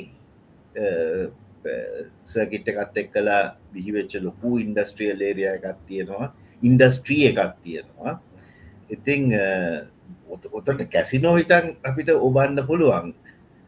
මංක කැසිනෝ ප්‍රමෝට් කරන කියන එක නෙවේ නමුත් ඒ වගේ ලෙවල්ලකින් අපිට ලොකුවට යන්න පුළුවන්. අනිත්තක ලංකාවගේ ලස්සන රටක මේ හරි ලේසීමේ මිස් ලේසි කියලා කියපු හමිකම් වැරදිට හිතන්න එපා. නමුත් වෙනත් රටවල්වලට වඩා රෙලටිබ්ලි ලේසි ඔහොම එකක් ඩිවෙලප් කරන්න. හැබ එකම දේ තියෙන්නේ යුහට තිංක් බික් මේ නිකම් පොඩියට සිල්ලර අති වචන සිල්ලර් තමයි. අර දියගම ක්‍රඩාගනේ අර ට්‍රැක්ක එක මත ඕක මේ රජයම වෙන්න ඔන්න නේද? නෑ නෑ නෑ අරර දේශාන් කිව්වාගේ එකම දේ තියෙන්න්නට රජය කකුලේ අදින්නතුයි ඒම නැත ඉන්වස්ටර්ස් වුනත් ඕ මට හොතටම ශුව ඩුබායි වලින් වගේ ඉන්වස්ටර්ස් ලත්වා ගන්න පුළුවන් ප්‍රවිශ්මට කරන්න නමුද නැත්ත අපිට කලින් ඉන්වස්ට ඒ කරන්න පුළුවන්. මේමයි. එහෙම එහෙම ඉන්වස්ට කෙනෙක් කරන්නේ දැන් ඔතන අපි අපි ලොකේෂන් ෆැක්ටර එක දීලා තමයි කියන්න හරියන්නයි අපි මෙක් කරන්න කියලා. ඉකෝ වෙන්න ඉකෝ ඉකෝ තැනක වෙන්න පැනේද ලංකාව එහෙම තැන් ගොඩක් තියෙනවා නෑ ඒක තමක ලංකාව. දැන් වෙනද මේ අරබියවකට ටල්ල එක ගත්තම ලංකාව. ඩ්වාන්ටේජක තියෙන තියෙනවා. එකන අපිට උද උදාහරණැක තිටුවේ ට්‍රිංකෝ වගේ ඒරියක පාසකුඩා වගේ තැනක අපිට බීච්ච එක තියෙනවා මවුන්ටන්ස් තියෙනවා හොඳ හොඳ දේශගුණයක් තියෙනවා අහින්නෑ වැඩිය. හැම එකම එකතු කරලා අපිට පුළුවන් ලස්සට හදන්න. ඊට පස්සේ හයිවේ එකක් දාලා එයාපෝට් එකක් දාලා විකන් ඩුයිට් ඇට් වෙරි හයි ලෙවල් මම මේ නිකන් අයිඩියක දුන්නේ ඕක ගැන වෙන වෙලා හොඳ අයිඩිය එකක් ප්‍රොෆෙස ඒක අපි මේ යවු අදාල තැන්වල් බලමු ප්‍රතිචාරය. තැන් අර ප්ලෑන් එකක් එනවනේ බ්‍රොෆ් මේ මදන්න කලින් පාර පොඩ්කාස්ට් එක බැලුවා නම් අර ප්‍රොෆ්ට මිස් වෙච්ච එක ඒකේ ඕපන් ඒගොල්ලෝ එහෙම දේවල් ටපිකුලට මම ඒක බැලුව සම්පූර්ණයෙන් බැලුවා. මොකද හිතන්නේ ඒ ගැන චුට්ටක් කියලිමු. නඩියක් කරන් කියලිමු. නැත්නම් අපිට ඒක වෙනම ප්‍රශ්න කරන්න වෙනවද ඒගොල්ලන් ආයි පාරක් ප්‍රශ්න කරමුද? ප්‍රොෆ් ඉන්න දවසේ මට තියෙන එකම එකම කන්සර්න් එක සංජය චතුරංගගේ කන්සෙප්ස් ඇන් හිස් පර්සෙප්ෂන්ස් ගත්තහම ඒකයි ඔය JVPNPP පර්සෙප්ෂන්සුයි එක තැනකද තියෙන්නේ කියන ඒක ගොඩක් කමෙන්ට්සලත් අහලා තියෙන ප්‍රශ්නම තමයි කමෙන්ට්ස් වලත් මොකද චතුරංග කියනේවා මගේ පැත්තෙන් ගත්ත කම්පැටිබිල්ඩික අපි බලන්න ඕනේ. හොඳ දරකට කියනෙ නෙවේ මගේ පැත්තෙන් හරි කම්පැටිබ නමුත් ඒක එහෙමමද අර බික් පික්චරකට ගිහාම් කියනක අපි අපි පොඩ්ඩක් සල කළ බලන්න ඕනේ. මොකද කෞදෝතන රෙස්පොන්සිබල් කියන එක කෞදෝතන අන්තිමට වගකීම ගන්නේ කියන ප්‍රශ්නය අපිට එනවා. යෝක් ගැන මංහිතන අපි නිකම් උඩින් පල්ලෙන් කතා නොකර චුට්ටක් ගැඹුරට කතා කරපු වෙන වෙලාව හරි අනිවාර හරි. බ්‍රෝ මගේ මහන්න කිය ගැටලුවනේ දැන්ව සෝඩියම් අයන් කියලා අලුතෙන් බැටරි ටෙක්නෝජික ඇවිල්ලා තියෙනවා තොට සෝඩියමයන් බැටි ටෙක්නෝජික දී දැන් රොෆ් කියද වැනඩියම් කියලා අලුතෙන් න්න ද පෙළද අපිට කිය කිව්ව එකක්. එතකොට මේ මේ මේ දැන් ඉට පස්සේ ඉන්දිය සොරි චීනය බවයිඩ සමාගම බ්ලේඩ් බැට්‍රි කියල එකක් හදල තිනවා එතට මේ බ්ලේඩ් බැට්‍රි එකක් ලිතියම් බේස් බැට්‍රි එකක් තමයි. නමුත් ඒක එනජි ඩෙන්සිටක වැඩි. වගේ මේකේ ෆ්‍රක්චර්ස් හෙමනත්තන් ක්සිරට එකක් වුණා මේක ෆයි කැච්චර ගින් ගිනිගන්න තියෙන චාන්සක සෑහන අඩු කරපු දියුණු කරපු බැට්‍රිය එක එතකොට මෙන්න මේ වගේ ඉනවේෂන් එක්ක මේ සෝඩියම් කියන එක කොහොමද දැන් වැනඩියම්ට එක පොලෝ කලින් පෙ සෝඩියම් එක හෙමත් කරන්න ඕන්න එක ගොඩක්ම සුලප දෙයක්. තට ඒ වගේ අලුතෙන් ටෙක්නෝලිස් වලදී කොහොමද මොන මොනවගේ දෙයක් එෆිෂන්ට් වෙන්නේ? මෙහෙමයි සංජය දැන් ඔතනද අපි ඔය බැට්‍රි ටයිප්ස් ටික ගත්තතින් ඒ හැම බැට්‍රිහකම තියෙනවා ඇඩ්වාන්ටේජසන් ඩිස්ඇඩ්වාන්ටේජස් එතකොට දැන් ඔය සෝඩියමයින් බැට්‍රිය එකත් ඒක එක මට මතක නෑ හරියටම එක තියෙන් ඩිස්ඇඩ්වාන්ටේජස් මොකද කිය මොනාද කියලා. නමුත් ඒ ඇත සෝඩිය දට ඒගොලගේ එනජි ඩෙන්සිටිය එක අඩුවීම තමයි එකම ඩිස්ඇඩ්වාන්ටේජ් විදිහට කතා කරන්නේ. මට මතක විදියට එෝ සෝඩියම්මයන් බැට්‍රේ එක අපස්කේල් කරන්න ටිකක් අමාරු එහෙම ප්‍රශ්නයක් තියෙනවා. වැනඩියම් රඩොක්ස් පැක්ට්‍රේට් ගත්තහම එක අපස්කේල් කරන්න පුළන් ගොඩක් ලොකු මේක. නමුත් ඊවීවල්ට එක අදාළ වෙන්නේ නැහැ. දැන් එතකොට දැක් මට ඔත්තනදී ප්‍රිප්‍යාවෙන්නතුව ඕක ගැන ගැබුරට කතා කරන්න අමාරුයි. ගැන මට මතක නෑ. දැකුව ලෙක්චර්ස් හිදීල තියෙන නමුත් දැන් ඔල්ුවට එන්නේ නැහැ. එතකට හැම බැට්‍රියහකම තියෙනවා ප්‍රොස්සන් කොන්ස් දුර දැන්ව ඇතටම දැන් ඔය වැනඩියම් රඩොක්ස් බැට්‍රිය එක ඩිසයින් කරනකට අපි බැලුවේ ඒ හැම එකම තියෙන ප්‍රොස් වැඩි කරගෙන කොන්ස් අඩු කරගන්න ඉතියට නමුත් මේ බැට්‍රියත් තියෙනවා ප්‍රශ්න. එතකොට දැන් ඔය විදිිය තමයි අපි ඕක ඉස්සරහට යන්න. උතර බැට්‍රීස්වල තියෙන ලොකූම ගැටලුව තමයි ප්‍රක්ටිකල් ගැටලුව තමයි චාජිං ටයිම් එක. එකන්නේ අපි චාජින් ටයිම් එක අඩු කරගන්න හදපුගම බැට්‍රිය පුපුරනවා. එයට උරොත්තු නෑ ෆාස්ට් චාජි එතකොට අනික් පැත්තෙන් බැට්‍රිය එකක් කමර්ශල් මාකට් එකට දානකොට තියෙන ලොකූම කන්සර්න් එක තමයි සේෆ්ටි මේ බැට්‍රිය හදිසි හිතන්න කාරක වතුර ගං වතුරකට අහුුණා මොකද වෙන්න කියන එතකොට මොකද? එහෙම බැට්‍රීස් ගිනි අරන් තියෙනවා කාර් ගිනි අරන් තියෙනවා. පහුගිය අවුරුදු පහහය ඇතුවත සෑහන ප්‍රමාණයක් දැන්නම් ගොඩක් අඩුයි. හෙම වෙන අර ෆස් ජෙනරේෂන් ඉලෙක්ට්‍රික් වෙහිකල් සල ගොඩාක් තිබුණා ඒ ප්‍රශ්නය ඊට පස්සේ දැන් මම මංචුටක් කතා කරන්නද සංජය පොඩක් ලංකාවට දැන් ලංකාවට අපි දැම්ම මේ වේගයක ගැන නෙමේ කතා කරන්නේ මේ කෙලින්ම ලංකාවට අපි ඊවී සඳන්නල දෙනවා නම් ඇත්තටම ඒක කරන්න කලින් සලකන්න ඕන දේවල් ටිකක් තියෙනවා. දැන් එකක් තමයි ප්‍රධානමදේ ලංකාව කොමරත් ඉලෙක්ට්‍රිසිටි ඩිමාන්් එක වැඩි සප්ලයි එකට වඩා ස්පෙශලි වහින් නැති වියලි කාලකුරේදී අපි බොහොම අතර මං වෙන වෙලාවල් තියෙනවා හයිඩෝ ඉලෙක්ට්‍රිසිටි නැතිවුණහම එතකොට දැන් එකක් බලන්න ඕනේ අපි. අදැන් අපි හිතමු ගවන්මන්ට් එක පලිසි එකක් ගෙනල්ලා එක පාට්ටම මේ තියෙන වාහනවලින් සියට හැටක් නැත්තං හැත්තාවක් ඉවිස් e කරනවා. එතකොට දැන් තියෙන ප්‍රශ්නය තමයි මේ නැශනල් ග්‍රිඩ් එකට එන ස්ට්‍රෙස්ස එක මොකද අපේ තාම රිනිියවබල් එනජි ලොකුවට නැහැ. එතකොට කොච්චර වැඩි වෙනවාද ඩිමාන්්ඩය කියනක දැ ඒවා ගැන අපි ටිකක් කන්සර්න් වෙන්න ඕනේ. දැන් ඊළඟදේ තමයි ද මේ මගේ මගේ එක ස්ටඩන් කෙනෙක් පේෂ්ඩ එකට වැඩ කරනවා මේක ගොරිදම් එකක් ඩිවලප් කරන්න. අපි base EV නැතම් battery energy storage system electric vehicle සුයි hydrogen fuel cell electric vehicle සුයි ගත්තොත්. මහිතන්නේ අහගෙන ඉන්න ගොඩක් අය ඔය දෙක ගැන දක්නවා ඇති.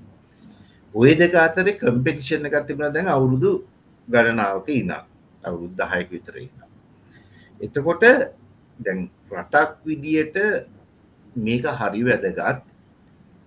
ලංකාව කවදාවක්කත් කරන්න ඇති දෙයක් තමයි මොකක් හරි ඉස්සරහට ටෙක්නොලෝජිකත් එනවා කියලා තේරෙනකොට ඒකට නැශනල් පොලිසි එකක් දිවෙලප් කරන්න. එතකොට දැන් රටවල් ඉස්සරහට යන්න ඒකෙන්. දැ මේ වෙනකොට හරි නං අපිට තියෙන්න ඕනේ විෂන් එකක් ඊළඟ අවුරුදු දහයේදී අපි යන ඩිරෙක්ෂන් එක මොකක්ද? අපි ඇඩප් කරන්නේ බැට්‍රී ඉලෙක්ට්‍රික් වෙහිකල්ස්ද නැත්තම් හයිටජන් ෆර්සල් වෙහිකල්ස්ද එම නැත ඉන්ටර්නල් කම්බෂන් එන්ජින්ස් දිකටම යනවාද? එම නැතා හයිඩ්‍රජන් ඉන්ටර්නල් කම්බෂන් එන්ජින්ස් එක තැන්ට ලෝක නැහැ. ඒ වගේ පැත්තකට හිත යොමු කරනවා මේ ගැන පොලිසි එකක් හදාගන්න. එතකොට මේ පොලිසි එකක් හදන්න බෑ නිකං ආවට ගියාන්න ඒකට ඇත්තටම දැන් ලංකාවට පොලිසි එකක් හදනවා නම් ඉලෙක්ට්‍රික් වෙහිකල් සොලට නැත්තං අපි ඇඩක් කරන්නේ ඊළඟ අවුරුත් දහයේදී හයිඩජන් ෆෝල්සල් වෙහිකල්ස්ද නැතන් ඉලෙක්ට්‍රික් වෙහිකල්ස්ද කියලා. ඒක ගැන ඇතරම දැන් මගේ ස්ටඩන් කරන්නේ සෞත ඇෆ්‍රිකාවට ස්ටඩිය එකක් කරනවා. ඔක්කෝම වේරියබල්ස් අපි කන්සිඩ කරලා එන්න පුළුවන් සීක්වන්සර්ස් ඒයි ප්‍රෝග්‍රෑම් එක ඩිවලප් කරනවා. තව අවුරුදු පහක් දහයක් අතර කාලයේදී ලෝක ටෙක්නලෝජික කොහිටද වෙනස් වෙන්න කියලා. එතකොට දැන් මතක තියාගන්න අපි ඉලෙක්ට්‍රික් වෙහිකල්ස් ඇඩප් කරනවා කියලා හිතමු.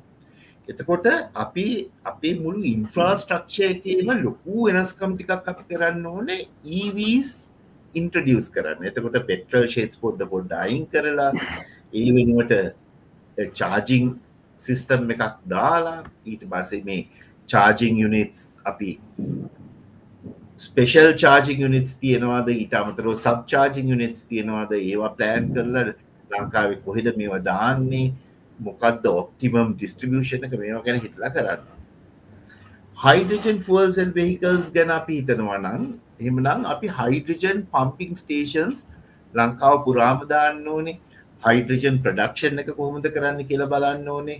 හයිඩජන් ස්ටෝ කරන්න කොහොමද කියලා බලන්න ඕනේ. හයිඩජන් ට්‍රන්ස්පෝට් කරන්න කො අපි ට්‍රක්කොල නැතල් ලොරිවල් දාලයවනවද හෙම නැත රටපුරා වීදන හයිඩජන් පයිප් සිිස්ටම් එකක් දානවාද කියලා බලන්න එතකොට දැ මෙතන් තියෙන රිස්ක එක තමයි ස්ටඩී එකක් නොකර මේ වගේ දෙයක් ඉම්පලිමෙන්ට් කර අපි හිතු මම් පොලිසි එකක් ගන්න අමම යන්නේ ඉලෙක්ට්‍රික් වෙහිකල් සොල්ට කිය එතකොට හිතන්න තව අවුරුදු පහක් යනකොට එක පාටම මේ battery energy storage electric vehicles ටෙක්නෝජික සම්පූර්ණයම වැටිලා හයිඩජන් ෆුවල් සෙල් ටෙක්නෝලජියක යනවා උඩට.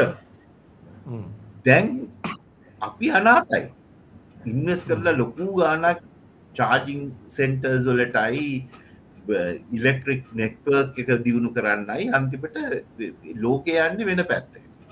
ඔය විදිම තමයි හයිටජන් වලට කිය දැන් දැන් උදාහරණයක් විදියට ඔය මුලම කාලේ මුලම කාලේ ඇතම දෙදස් විස්ස වෙනකම් හයිඩජන් ෆල්සල් වෙහිකල්ස් වලට තිබිච්ච ලොකුම ඇඩ්වාන්ටේජ් එක තමයි the fueling time is very small. ඒ කියන්නේ දැන් ඉලෙක්ට්‍රික් වෙහිකල් එකක් චාර්ජ් කරන්න විනාඩි විස්සක් විතර යනවා. ඒ විනාඩි විස්ස නැත සමල්ලට විනාඩි තිහක් යනවා. ඒ වගේ වෙලාවක චාර්ජ් කරලා අපිතම කිලෝමිට තුන්සියක් දුවන්න පුළුවන් කියලා.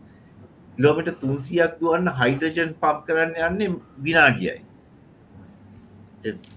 එක පෙටල් පම් කරනවාගේ ඒ ඇඩ්වාන්ටේජ් එක මත හයිඩජන් වෙහිකල්ස් ගොඩාක් ඉස්සරහට ආවයි. ඉටවස එක පාට්ටම මිනිස්සු දැන් ලොකුවට සල්ලි පම් කරා කාලයක් ඉලෙක්ට්‍රික් වෙහිකල් එක බැට්‍රිවලින් දුවන අඩු කාලයකදික් ඇති චාර්ජ් කරගන්න මොනවාද කරන්න ඕනෙ කිය එහෙම යද්දී එක පාටම ඊශ්‍රයිල් කම්පනිය එකක් මතකනෑ නම බෙට පලේස් හරි මොක්කර ඒ වගේ කියලා. බෙට පලෙස් තමයි. ඊශ්‍රයිල් කම්පනය එකක් පටන් ගත්තා ඕක ටෙක්නොලොජිය එක ඩිවලප්මන්ට් එකක් නෙවේ ස්ට්‍රටජික් ඩිවලප්මන්ට එකක් ඉදිට කරන්න. මොකක් දෙකළු කරේ? බැට්‍රිය චාර්ජ් කරනවා වෙනුවට බැට්‍රිය ස්වප් කරන්න පටන් ගත්ත. ඉගන්නේ මට මගේ බැට්‍රිය චාර්ජක ඉවරුණාව පුළුවන් ළඟ තියන් ස්ටේෂන් බැට්‍රිය දීලා තව බැට්‍රියක් ගන්න. අර ගෑස් ලොකොට යස් කරන ප්‍රෝම දකල ති ගුල ටන පෙටියගේ කාර ඇතුට වන්නද මං එතට එන්නම් චීනය ප්‍රශ්නට පිච්චීනි තත්වට දැන් ඔය බෙට පලේස් ඊස්ට්‍රයිල් කම්පනියක ෆෙල් වුණා. නොයෙකුත් ප්‍රශ්නාවා එගුලන්ට චාජිං ස්ටේෂන්ස් රන් කරගන්න බැරි වුණා. එක හරි පාඩුයි. ඒ වගේ දෙවල් හින්ද ඕක ඒක වහල දැම්ම ඊට පස රෙනෝල් කම්පැනික ඕක පටන් ගත්තා. ඉටස ඇමරිකන් කම්පනි එකක් පටන් ගත්ත. ටෙස්ලත් පටන් ගත්ත. නමුත් ගොඩක් ලස්සන්ට ගිය නෑ. ඕක ගොඩක් මිනිසු කිවන්න එක හරියට විදියක් නෙමේ කිය ඉටවස දෙදස් විස්සේ චයිනිස් කම්පනය එකක් තියෙනවා නියෝ කියලා. ඔගුලු දන්න ඇති. නියෝල පටන් ගත්තා. මුළු චීන ලොකු ඒරියායක ඒගොල්ලෝ ඒගොල්ලො මොකද කරේ? ඒගොල්ලෝ වෙනමම බැටරි සොපිං ස්ටේෂන්ස් දාන්න කියන ඒගොල්ලො කියන පෙට්‍රල් ෂෙද්සොල්ට බැට්‍රි ශාජිං යුනිටස් දාලා චාර්ජ් කරන්න මේ සොප් කරන්න පටන් ගත්තා. ඒක නැගල ගිය. ඉටවස ඒකොල පටන්ගත දැන් එතකට තිබිච්ච ප්‍රශ්න තමයි එකක්. දැන් බැට්‍රිය ඉවර වෙලා ඉවර වුණොතින් යන්න කලින් මොකද කරන්නේ? එතකට කාරක තල්ලු කරන්න යන්න නොනත බැට්‍රි අරගෙන වෙනම යන්න ටස ඒකොල්ලො කරේ පොඩි බැට්‍රියකුත් ඇතුවා බැට්‍රි දෙකක් තියෙනවා එක බැට්‍රියක් එක රිසර්ව එකක් විදිර තියෙන්නේ.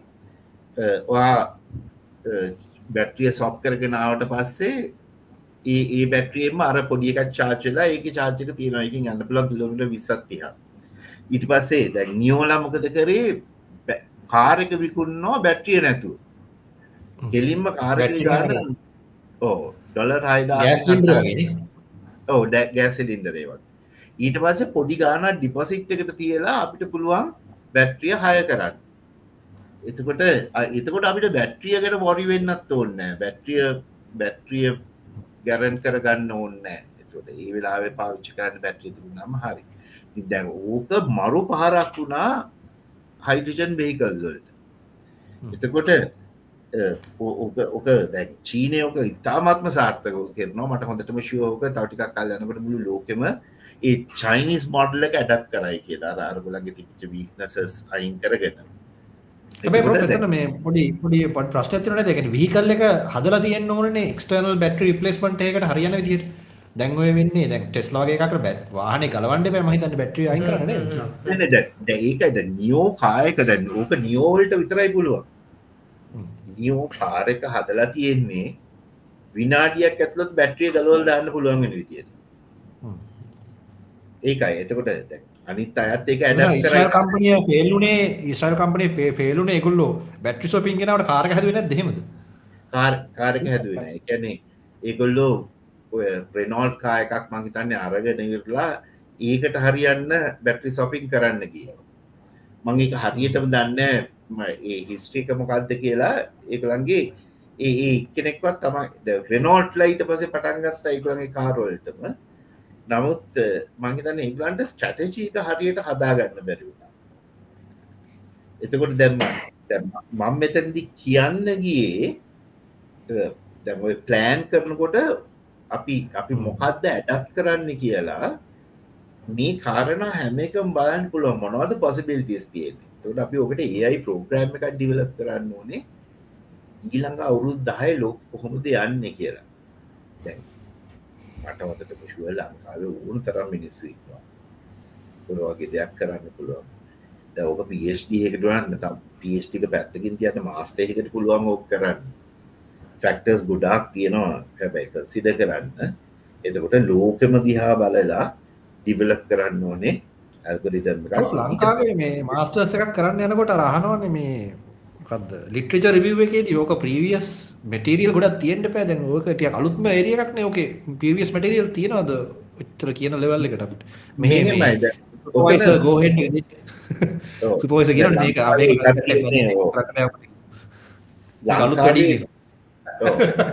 ලංකාව බයයි මිනිස්සු ඒවා කියන කතාව තියෙන සුපයිසස්ලත් සමල්ලාට කියන්න බෑ. දැන් මේ වෙනකොට ඩෑරිං සුපයිසස්ල ඉන්න පුළුවන්.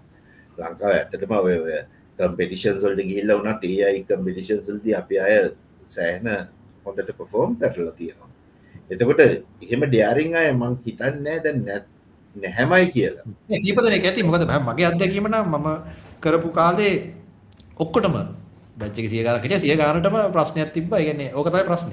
කෙන නක් මටරියල් ප්‍රවියස් දෙවල් තියෙන් ඩෝනේ බොද සුපෝයි සහරිම අයිකට ගහ මනිත යාව ප්‍රශ්න කරන අයිමකට දුන්නේ මේ චාසකතු දැන් ඔත්තරද අපිට එකක් කියන්න පුළන් එකක් නී දෙක තියෙනවා. ඊට පස් අපිට පෙන්න්න පුළන් බැට්‍රී දැක ඊවීස්වල්ට නැති වුණත් ලෝකෙ වෙන සමහර දෙවල්වලට ඔය ඔය ටෙක්නික් සප්ලයි කරලා තියෙනවා එකන ඩිසයිට් කරනකොට මොකද ප්‍රඩක්ෂන් ලයින්න අප යන්න මොකත් බොල්ලි පොලිසිටේෂණය ගන්න කියලා. මේ වෙනකොට ඔය පක්්‍ය අවුරු තුන හතරේදී මට හරියටම පිපොයින් කල්ල කියන්න බැවෙන්න මේකයි කියල නම. පොඩි Google සච්චකත් දාලවන්න කියන්න පුළුවන්. දේවල් කරලා තියෙනවා මිනිස්සු ඩිසයිට් කරන්න දැන්න දේට සයින්ස සොලින් කරන්න තෝකන. මේ මොකක්ද ලෝකෙ යන ට්‍රෙන්ඩ එක කියලා.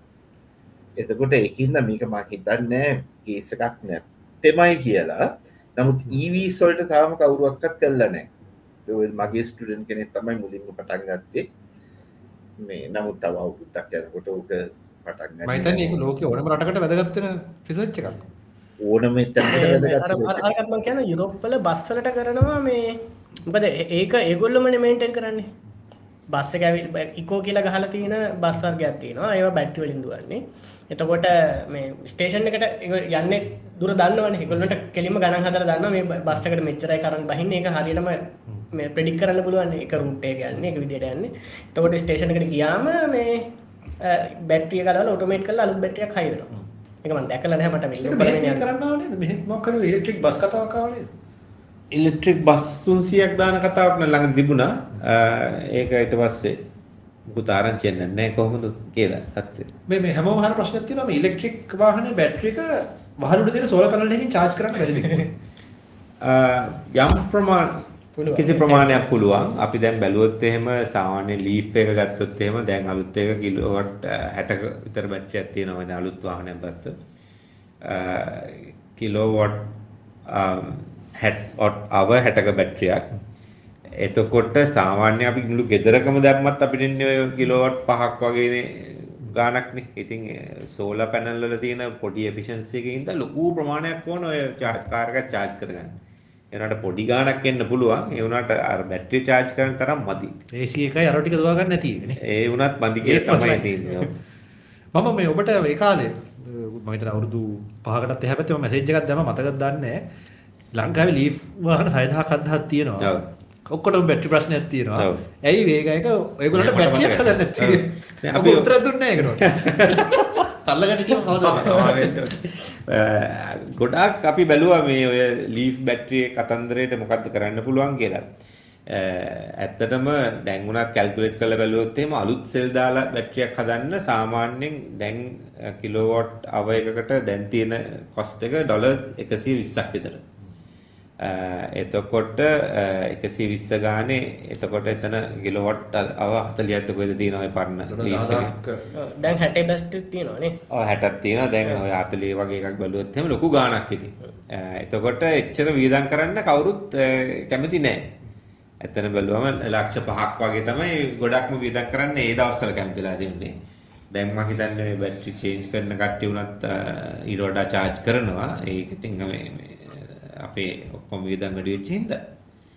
වියදම තමයි ප්‍රශ්නෙට තිබුණේ. දැන් නම් ඒක රීසනබල් වගේ මට නම් හිතේ අඩු ගානට ලීෆ් එක බැටරි ඩෙඩ් වෙච්ච ලීෆ් එකක් කරා අලුතෙන් බැටරි එකක් ගෙන්න එක හරි ඒක හොඳ ඉන්වෙස්ට්මන්ට් එතන ප්‍රශ්නේ උනේ අලුත් බැටරි ලීෆ් එකකින් වුණත් අපේ ලංකාවට විකුණුවේ නේ.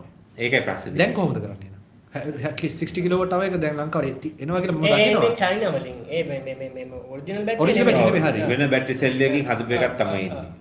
හිතන්නේ කොස්ට් එකක් ටිකක් ඒ කියන්නේ බැටරි සෙල් කොස්ට් එක මේ පහෝ ගිය අවුරුදු කීපේ ගොඩක් පල්ලයට ආවා. දැන් කිලෝවට් අවර් එක ඩොලර් 200ට වගේ තිබිච්ච තමයි දැන් ඔය 100ට වගේ බහැලා තියෙන්නේ. ඉතින් ඒ හින්දා මේ මේ ටෙක්නොලොජි ගොඩක් ඉක්මනට මූව් වෙන හින්දා සමහරක් විට ඔය ප්‍රයිස් පොයින්ට් ගොඩක් පල්ලයට යන්න පුළුවන්.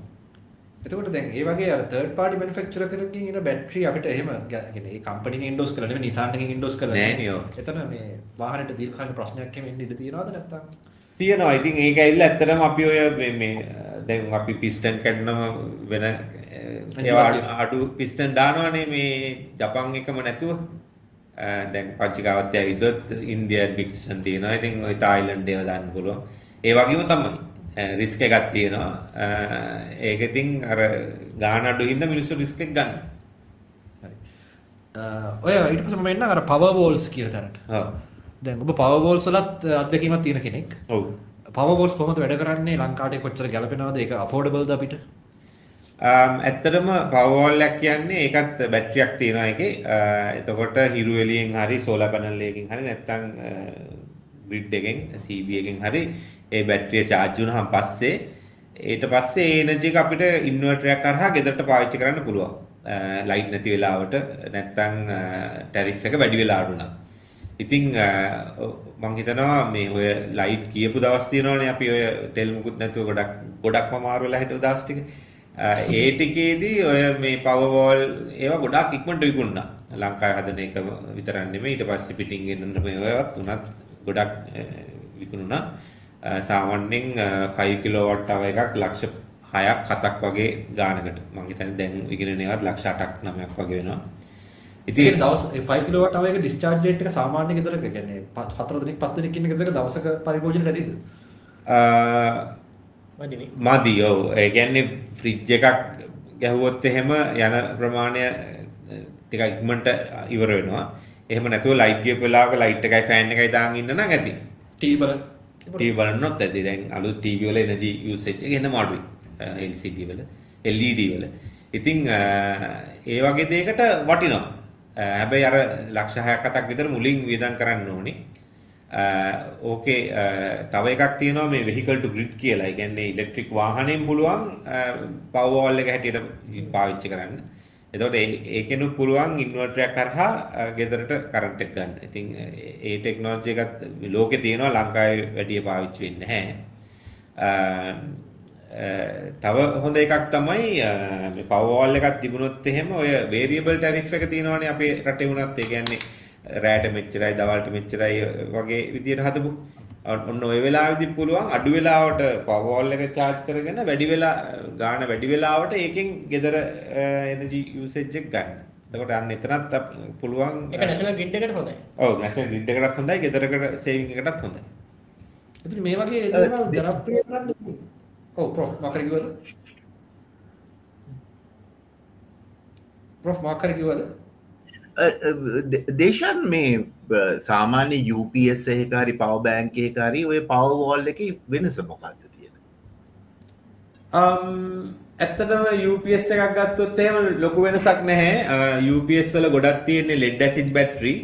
Uh, අර power wall වල නම් ගොඩක් වෙලාවට ඉතින් දුවන්නේ lithium battery මොකද පොඩි ඉඩක 5 kilowatt hour වගේ capacity එකක් තියාගන්න ඕනේ හින්දා.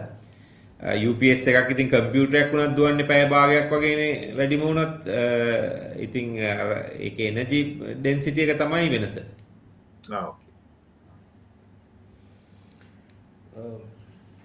දැන් ඔය පවබෝල් ගැන කතාවත් එක්කම මේ අර අපි දැන් සාමාන්‍යයෙන් දකිනවා මේ බිල ලංකාවේ ලයිට් බිල ගොඩක් වැඩිනේ. එතකොට ඉලෙක්ට්‍රික් වාහනයක් සාමාන්‍ය ගේක මේන්ටේන් කරන එක දැන් තියෙන ඉදිරි බිලත් එක්ක කොච්චර දුරට ප්‍රායෝගිකද? එහෙම නැත්නම් ඒක ඔක්කොම අතහැරලා සාමාන්‍ය පෙට්‍රල් වාහන පාවිච්චි කරන එකද ලාභ? ä- ඇත්තටම ඉස්සර ඉඳන්ම අ, තිබිච්ච ප්‍රශ්නයක් තමයි ඕක. අ, දැන් අර ගෙ- අපේ ලංකාවේ ගෙවල් වලට තියෙන්නේ මේ මේ ඒ කියන්නේ ටියර් එකක් නේ බ- පඩිපෙළ වගේනේ බිල හැදෙන්නේ. එතකොට යුනිට් මං හිතන්නේ දැන් 500 දුබද පැන්නම් පස්සේ ඊට වඩා අඩුනේ. රුපියල් 32ක් වෙනවා එක යුනිට් එකක්.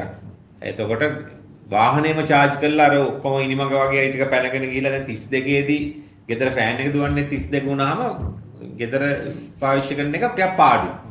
හැබැයි මේකේ චාර්ජිං ස්ටේෂන් එකක් දාන කෙනෙක්ට මෙතන වටින්නේ. එයාට පුළුවන් ඉන්ඩස්ට්‍රියල් ටැරිෆ් රේට් එකක් ගන්න චාර්ජර් එකට. එතකොට එයාට පුළුවන් ඕනනම් ඒ දවස්වල පුළුවන් රුපියල් 14ට උනත් ගන්න. ඒ කියන්නේ චාර්ජර් එකට වෙනම ටැරිෆ් එකක් තියෙනවද? දැන්ට CB එකෙන් දෙනවා චාර්ජර් එකට වෙනම ටැරිෆ් එකක් ගන්න පුළුවන්.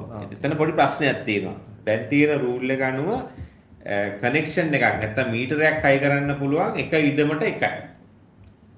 එක ඉඩම් ප්ලොට් එකකට එකයි හයි කරන්න පුළුවන්.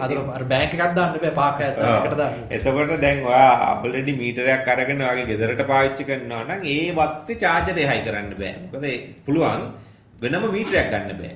මොකද ඉඩමට එකයි. ආ, ආ, ආ. ඉතින් ආ, නීති ප්‍රශ්නයක් තියෙනවා. නීති කියන්නේ ඒක අර සු කො- ප්‍රශ්නයක්. අර කොන්ඩමෝනියම් වගේ වයිදී එහෙම ප්‍රශ්නයක් නැද්ද? ඉතින් සමහර අය ඒවට office වලින් මම දැකලා තියෙනවා. ඔව්, ඒවට ඒගොල්ලෝ වෙනම නීති වෙනස් කරගෙන නැති මේක ඇවිල්ලා චාර්ජරේට. ආ, මොකද ඇත්තටම charger. ඒගොල්ලෝ කියන්නේ චාර්ජරේට අරගත්තාම පස්සේ ඒගොල්ලෝ ඒකෙන් ගෙදර කරන්ට් එක ගනී කියලා ඉතින් ප්‍රශ්න තියෙනවා.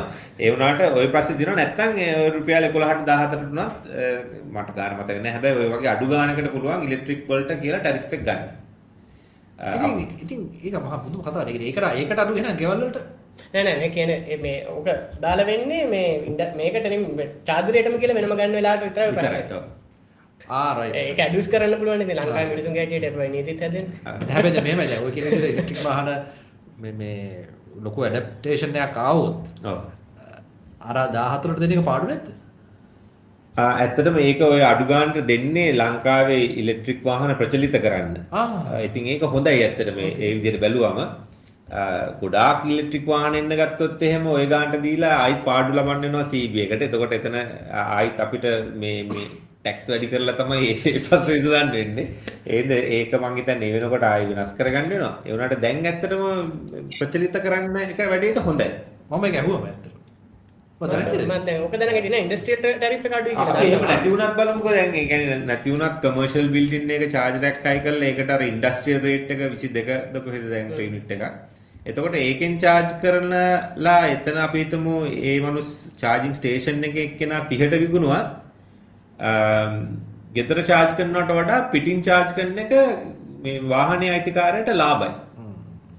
එතකොට චාර්ජිං ස්ටේෂන් දාන මනුස්සයටත් තියෙනවා මොකක් හරි එකක් මේ මේ මේ ඉකෝසිස්ටම් එක ඇතුලේ ප්ලේ කරන්න. නැත්තම් කවුරුත් කැමති වෙන්නේ නැහනේ පිටින් ගොඩක් ගෙවලා ගෙවන්න ගෙදර ඊට වඩා අඩුවට කරගන්න පුළුවන්. මේ මට මෙහෙම ඔප්ෂන් එකක් හිතෙනවා. ඒ කියන්නේ දැන් net metering විදියට අරගෙන net metering ගත්තම සල්ලි හම්බ වෙන්නේ අපිට එහෙන්. එතකොට අරගෙන මේ අ, මොනවාද මේ සෝලර් පැනල් එකක්. ඔව්. එතකොට ගොඩක් දුරට ප්‍රශ්න විසඳෙනවා නේද? එතකොට අමතරව රුපියල් ලක්ෂ 10ක් 12ක් විතර වෙන කරන්න ඕනේ. හැබැයි ඉතින් එතකොට හිතන්න පුළුවන් මේ අමතර වාහනයට තමයි අපි සෝලර් පැනල් එක ගැහුවේ. ඒක 10 කිලෝවොට් විතර ගන්නවා.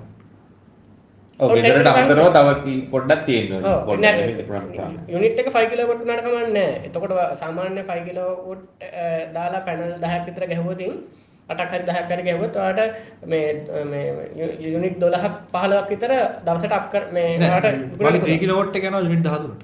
ආ ඒක තමයි. ඊට වඩා වෙනවනේ කියන්නේ. එතකොට මේ සාමාන්‍යයෙන් ගෙදරක පාවිච්චි වෙන යුනිට් ප්‍රමාණය 10ක් 15ක් කියමුකෝ. ඒ ඔයාලට පොඩි ප්‍රමාණයක් නේ ඒතකොට වැඩි වෙන්නේ. ඒතකොට ඒ ගානට විතරයි ඔයා ගෙවන්න මම පාවිච්චි කරන හැබැයි දවසට 15ක් විතර. ඒක තමයි පහළවයි. දැන් මම කියන්නේ දැන් මේ 5 කිලෝමීටර් එකක් හයි කරගත්තා නම්. ඔයා ඊට අප් කරනවානේ. ඒතර ඔයාලා ගෙදර ගෙදර මේ ගෙදර වෙනස වෙන්නේ කිලෝමීටර් 5ක් විතර. ඒ 5ට විතර එයා ගෙවන්න. එහෙම කරන්න මගත ලෝන් ටම් මේ ලාබයි ලටක් වෙකට ඒක ඔක්කොම තියෙන කෙනෙක්ට ලාබයි ඇත හැබැයි ඒවා වාහනේ කොච්චර දුර යනවද කියන එක බලපන් ඒකත් බලපානයි මන පුද්ගලික හිතන්නේ වා තමකටගෙන වෙන්න පුල ම හිතන්නේ ඉලෙක්ට්‍රික් වෙහිකල් එක සෙකට වෙහිකල්ලයක් විදිට තමයි ලංකාගය තාම් මම හිතන්නේ අනිත් පැත්ත. ඇයි? ඉලෙක්ට්‍රික් වාහනයක රේන්ජ් එක දැන් රේන්ජ් එක වැඩි වෙනවනේ. ලංකාවේ දිග පල්ල ගත්තත්. ඕක පොඩි ප්‍රශ්නයක් තියෙනවා රේන්ජ එක ඕක ගැන හරියට මෙතන්න පුළුවන් බැටරි හරියටම මේ ඉකොසිස්ටම එක හැදුනයින් පස්සේ විතරයි ඕක ඕක ගැන ටස් කරලා ඔය රේන්ජ එක ගැන හිතන්න හිතලා මේ කරන්න පුළුවන් ඔය බැටරිය බහිනකොට රිප්ලේස් කරනකොට එන මානසික ආතතියත් එක්ක මේ චාර්ජ් ස්ටේෂන් තියෙන්න ඕනේ හැබැයි ඇත්තටම ප්‍රධාන නගර ටික තිබ්බනම් මදිද? ලංකාව පොඩි රටක්. ඔව්. වාහන ගොඩක් තියෙනවනේ එක තැනක ගොඩක් චාර්ජස් තියෙන්න වෙයි. චාර්ජස් ගොඩක් ඕනේ නැහැ ලංකාවට. ලංකාවට එම යන මම හිතන්නේ චාර්ජ් 200ක් විතර තිබුණා නම් ඇති කියලා. ඕකේ 200ක්. ඕකේ. දැන් සුපර් චාර්ජ් ඔයා ඒ ඉතින් වාහක තමයි කරන්න එක අදලා දෙන්න තමයි ටස්ට් එකෙන්. සුපර් චාර්ජර් එකේ normal charger එකේ සහ DC fast charging මොනවද වෙනස? චාර්ජර් වර්ග කීපයක් තියෙනවා එකක් තමයි ම්, ප්‍රධාන වර්ග තියෙන AC and DC කියලා. ඒ කියන්නේ එක- එකක් කියන්නේ ග්‍රිඩ් එකෙන් එන අපේ ප්ලග් එකට එන AC කරන්ට් එකම තමයි කෙලින්ම කාර් එකට දෙන්නේ. ඒක ගෙදර plug එකට ගහන්න පුළුවන්. ආ ගහන්න පුළුවන් AC චාර්ජර් එකකින් වුණත් එළියට එන්නේ AC කරන්ට් එක. AC වෝල්ටේජ් AC කරන්ට් එකක් එන්නේ. ඒක කෙලින්ම වාහනේට අරගෙන වාහනේ තමයි ඒක AC DC වලට ඉන්වර්ටර් එකකින් හදාගෙන බැටරි charge කරගන්නේ. එතකොට ඒ charging කරන්නේ අර මේ grid එකේ තියෙන line එක directly couple කරනවා කාර් එකට. පොඩි control system එකක් තියෙනවා. ඒ safety වලට අනම්මනම් වලට කාර් එක තමයි control කරන්නේ කොයි වෙලාවේද මේ මේ relay එක switch එක on ද off ද කියලා. එතකොට AC charging එකක්. අනිත් එක තමයි DC charger. DC charger එකේ AC එක අරගෙන charger එක ඇතුලේ තමයි DC කරලා DC තමයි කාර් එකට දෙන්නේ. එතකොට එයා කෙලින්ම බැටරියට DC එක ගහ ගන්නවා. එතකොට DC chargers ටිකක් complicated. මොකද ඒක කාර් එකේ voltage එකට match වෙන්න ඕනේ. කාර් එක තමයි කියන්නේ මේ voltage එකට මේ current එකක් දෙන්න කියලා. එතකොට හරියට මේක match කර කර match කර කර match කර කර DC charger එකෙන් හරියට මේක match කරගෙන electronics වලින් control කර ගන්න ඕනේ. ඔන්න ওই වර්ග දෙක තමයි ප්‍රධාන වර්ග දෙක. ඊට පස්සේ ඒවා ඇතුලේ තියෙනවා පොඩි පොඩි සබ් කැටගරීස් දැන් DC එකේ සුපර් චාර්ජර් කියලා වගේ තියෙනවා ඒවා ඒ කියන්නේ සාමාන්‍යයෙන් කිලෝවට් 100 පැන්නම 150 වගේ ගණන් වලදී සුපර් චාර්ජර් වගේ කියන්න පුළුවන් ඒවා දැන් තියෙනවා කිලෝවට් 300 360 ගණන් වලට ඉඳන් හිටන් චාර්ජර්ස් um, ඒවයි තව තියෙනවා ලික්විඩ් කූල්ද නැද්ද කියලා. ඒ කියන්නේ චාර්ජරේ දැන් ඉඳන් කාර් එකට ගහන වයර් එක තියෙනවනේ කනෙක්ටරේ. ඒ කනෙක්ටරේ කිලෝවට් 150ක් විතර බස්සද්දී ඒ වයර් එක රත් වෙනවා. එතකොට වයර් එක මීට වඩා මහත් කරන්න බෑ. එතකොට කෙනෙක්ට මේ වයර් එක උස්සගෙන ගිහලා කාර් එකට ගහන්න බෑ. වයර් එක බර වැඩි වෙනවා. ඒ හින්දා කරලා තින්නේ වයර් එක ඇතුලේ ලික්විඩ් ලයින් එකක් දුවනවා කූල් කරන්න රේඩියේටරයක් වගේ. එතකොට වයර් එකේ කම්බි සාමාන්‍යයෙන් කියන්නේ ලොකු කරගන්න නැතුව කූලින් ඒත් මේන්ටේන් කරගන්න පුළුවන්. ඒ වගේ ටෙක්නොලොජිස්ුත් තියෙනවා. දැන් ඒ වයර් එක උනත් සාමාන්‍යයෙන් ටිකක් අත් දෙකටම අරන් ගහන්න ඕනේ. ඒ කියන්නේ කාතකින් උස්සලා ගහන්න අමාරුයි. බරයි. ඉතින් අ, ඕකක් තමයි ඊළඟ තියෙන ප්‍රශ්නේ කොහොමද මේ ඉන්ෆ්‍රාස්ට්‍රක්චර් එකේ මේ වගේ කෑලි තව පහසු කරවන්නේ කියලා. මොකද කෙනෙක්ට ඉතින් මෙහෙම අරගෙන ගහන්න හැමෝටම අමාරුයිනේ අ, බර වැඩි නම්. ඉතින් ඔන්න ඔය වගේ ටෙක්නොලොජි තමයි තියෙන්නේ. ඔය ACDC කියලා දෙ- දෙකකට තමයි ගොඩක් වෙලාවට බෙදෙන්නේ. තවමට හැමදාම අහන්න තිබ්බ ප්‍රශ්නයක් ප්‍රොෆ් මොනවා හරි ප්‍රශ්න තියෙනවා අහන්න මේ මට තිබ්බ ප්‍රශ්නයක් තමයි දැන් ඒ ඔය වාහන රේන්ජ් එක කියද්දි දැන් රීජනරේෂන් කියලා එකක් තියෙනවානේ. අපි ඇක්සලරේටර් අතහැරියාම හරි බ්‍රේක් කරාම හරි නැවත රෝද කරගෙන ගෙන් නැවත බැටරිය charge කරනවා. දැන් ප්‍රියස් එකේ කරා ඔය විසිබල් ඒ කියන්නේ දෙතුන් පාරක් පල්ලම බහිනකොට තියෙන බැටරි චුට්ටක් කට දෙක තුනක් නගිනවා. ඉලෙක්ට්‍රික් වාහනයක අපිට පෙන්නනවා මේක යනවා කියලා. දැන් ඉලෙක්ට්‍රික් වාහනයක රේන්ජ් එක කියද්දි කියන්නේ රීජන් ඉන්ක්ලූඩඩ්ද නැතුවද? ඇත්තටම රේන්ජ් එක මේ මේ ගොඩක් ඉලෙක්ට්‍රික් වාහනවල මේ Nissan Leaf එකේ ඉඳන්ම ගත්තොත් එහෙම ඒගොල්ලෝ පොඩි හිස්ටරි එකක් බලලා තමයි ওই නම්බර් කැල්කියුලේට් කරලා කියන්නේ කාර් එකේ. ඉතින් ඒක ඉන්ක්ලූඩඩ් ඉන්ක්ලූඩින් රීජන් වගේ. ආ ඉන්ක්ලූඩින් අර මේ ඩ්‍රයිවිං හැබිට්ස් උත්. ඒ කියන්නේ හයියෙන් පාගල යන කෙනෙක්ද එමීට ඇක්සලරේට් කරලා යන ඒක අනුවත් රේන්ජ් එක ගොඩක් අඩු වැඩි වෙනවා.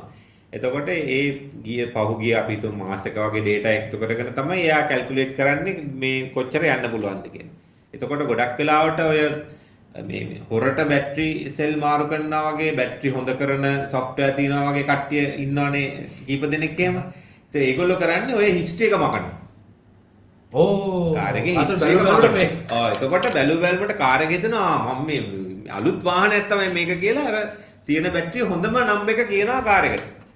එතකොට මාසයක් විතර යනකම් ඩ්‍රයිවර්ට පේනවා හොඳ රේන්ජ් එකක් තියෙනවා. හැබැයි ඇත්තට යන්න යන්න බෑ ඒක. එහෙමයි තමයි අර වාහනේ පාරයින්නවත් කියලා ගියා අල්ලපු ගෙදරට වයර් එක වයර් දාගෙන එකක් හොයන්න. කඩවල වලට වයර් දී ඉතින් ඔන්න ඔය වගේ ක්‍රමවේදවලුත් ඉතින් කීයක් හරි හොයාගන්නවා.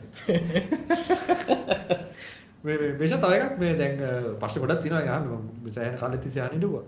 ඔය කන්වර්ෂන් කියලා එනවනේ normal car to electric conversion. ඔක ලංකාවේ දැන් කරලත් තියෙනවනේ. ඔව්. දැන් කවුරු හරි පරණ වාහනයක් 1990s 2000 early 2000s වගේ වාහනයක් අරන් ආවොත්. කරන්න පුළුවන් ඉලෙක්ට්‍රික් කන්වර්ෂන්. පුළුවන් සාමාන්‍යයෙන් ලංකාවේ දැන් තියෙන ටැක්ස් උයි අපි කම්පෝනන්ට් ගෙන්නලා කරන්න ගියොත් එහෙම මිලියන් 3-4ක්වත් අඩුම ගාණ යනවා. අපි ඒක අලුත් ඉලෙක්ට්‍රික් කාර් එකක් ගන්නට ලාභයි. අර්ථ ගන්න බෑනේ ඕනේ. පර්මිට් එක තිබ්බත් ඉතින් අයි කියොත් අපි කියවන්න බැඩවල. ඔව්, ඊට වඩා ලාභයි ලීෆ් එකක් අරගෙන බැටරියක් ඔව් තමයි අනිත් පැත්තට. කන්වර්ෂන් නෑ කන්වර්ෂන් එකක් කරනට වඩා මං කියන්නේ කන්වර්ෂන් එකක් කරන්නේ ආ ටෙක්නිකල් පැත්ත කතා කරමු. ටෙක්නිකල් පැත්ත බැලුවොත් එහෙම කියන්නේ කන්වර්ෂන් එකේදී එන්ජිම අයින් කරගන්න ඕනේ. පෙට්‍රල් ටැංක් එක්සෝස්ට් ඒ ටික ඔක්කොම අයින් වෙනවා. ආ, එතකොට ඒ වෙනුවට මෝටරේ මෝටර් කන්ට්‍රෝල් එකයි බැටරි සිස්ටම් එකයි බැටරි මැනේජ්මන්ට් සිස්ටම් එක හයි වෙන්න ඕනේ.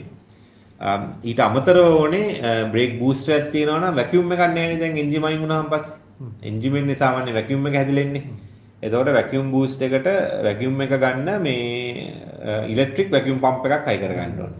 අ, එතකොට ඒක එකක්. ඊට අමතරව පවර් ස්ටීරිං එයා කන්ඩිෂනින් වගේ දුවන්නේ ගොඩක් වෙලාවට එන්ජින් එකේ දාන බෙල්ට් එක පුලියකින්. දැන් එන්ජිම නැති වුනහම ඒ දෙක දුවා ගන්නත් දෙකක් නේ. එතකොට එක්ක හයිඩ්‍රොලික් පම්ප් එකක් ඕනේ මේ පවර් ස්ටීරිං හදාගන්න. ඉලෙක්ට්‍රික් හයිඩ්‍රොලික් පම්ප් එකක්. නැත්තම් ඉලෙක්ට්‍රික් ට්‍රැක් ඇන්ඩ් පිනියන් එකක් හයි කරගන්න ඕනේ. අ, ගොඩක් වෙලාවට පොඩි වාහනයක් නම් ඔය පොඩි එවිස් ඔය එවිස් වගේ පොඩි ලොරි වගේ පොඩි වෑන් තියෙන ඒකේ තියෙනවා ඔය මේ මේ ස්ටියරින් රොඩ් එකට හයි කරන ඉලෙක්ට්‍රික් මෝටරයක්. ඒක තමයි ගොඩක් අය හයි කරගන්නේ. ඒ කියන්නේ ඇසිස්ට් එකක් එන්න. අර තරම්ම හයිඩ්‍රොලික් තරම්ම හොඳ නෑ. ඒ වුණාට පොඩි පොඩ්ඩක් ලේසි. නේද? අතින් බර දාලා කරකවන අපිට කරකවල දෙනවා. එකක් දෙනවා ඉතින් වා. අ, එතකොට එයා කන්ඩිෂන් එකට ඉලෙක්ට්‍රික් එයා කන්ඩිෂනින් කම්ප්‍රෙසර්ස් තියෙනවා. ඒතර එකක් හයි කරගන්න ඕනේ. ඒ කියන්නේ වරදින්න පුළුවන් වැඩි තැන් වැඩි වගේ මේකේ නේ.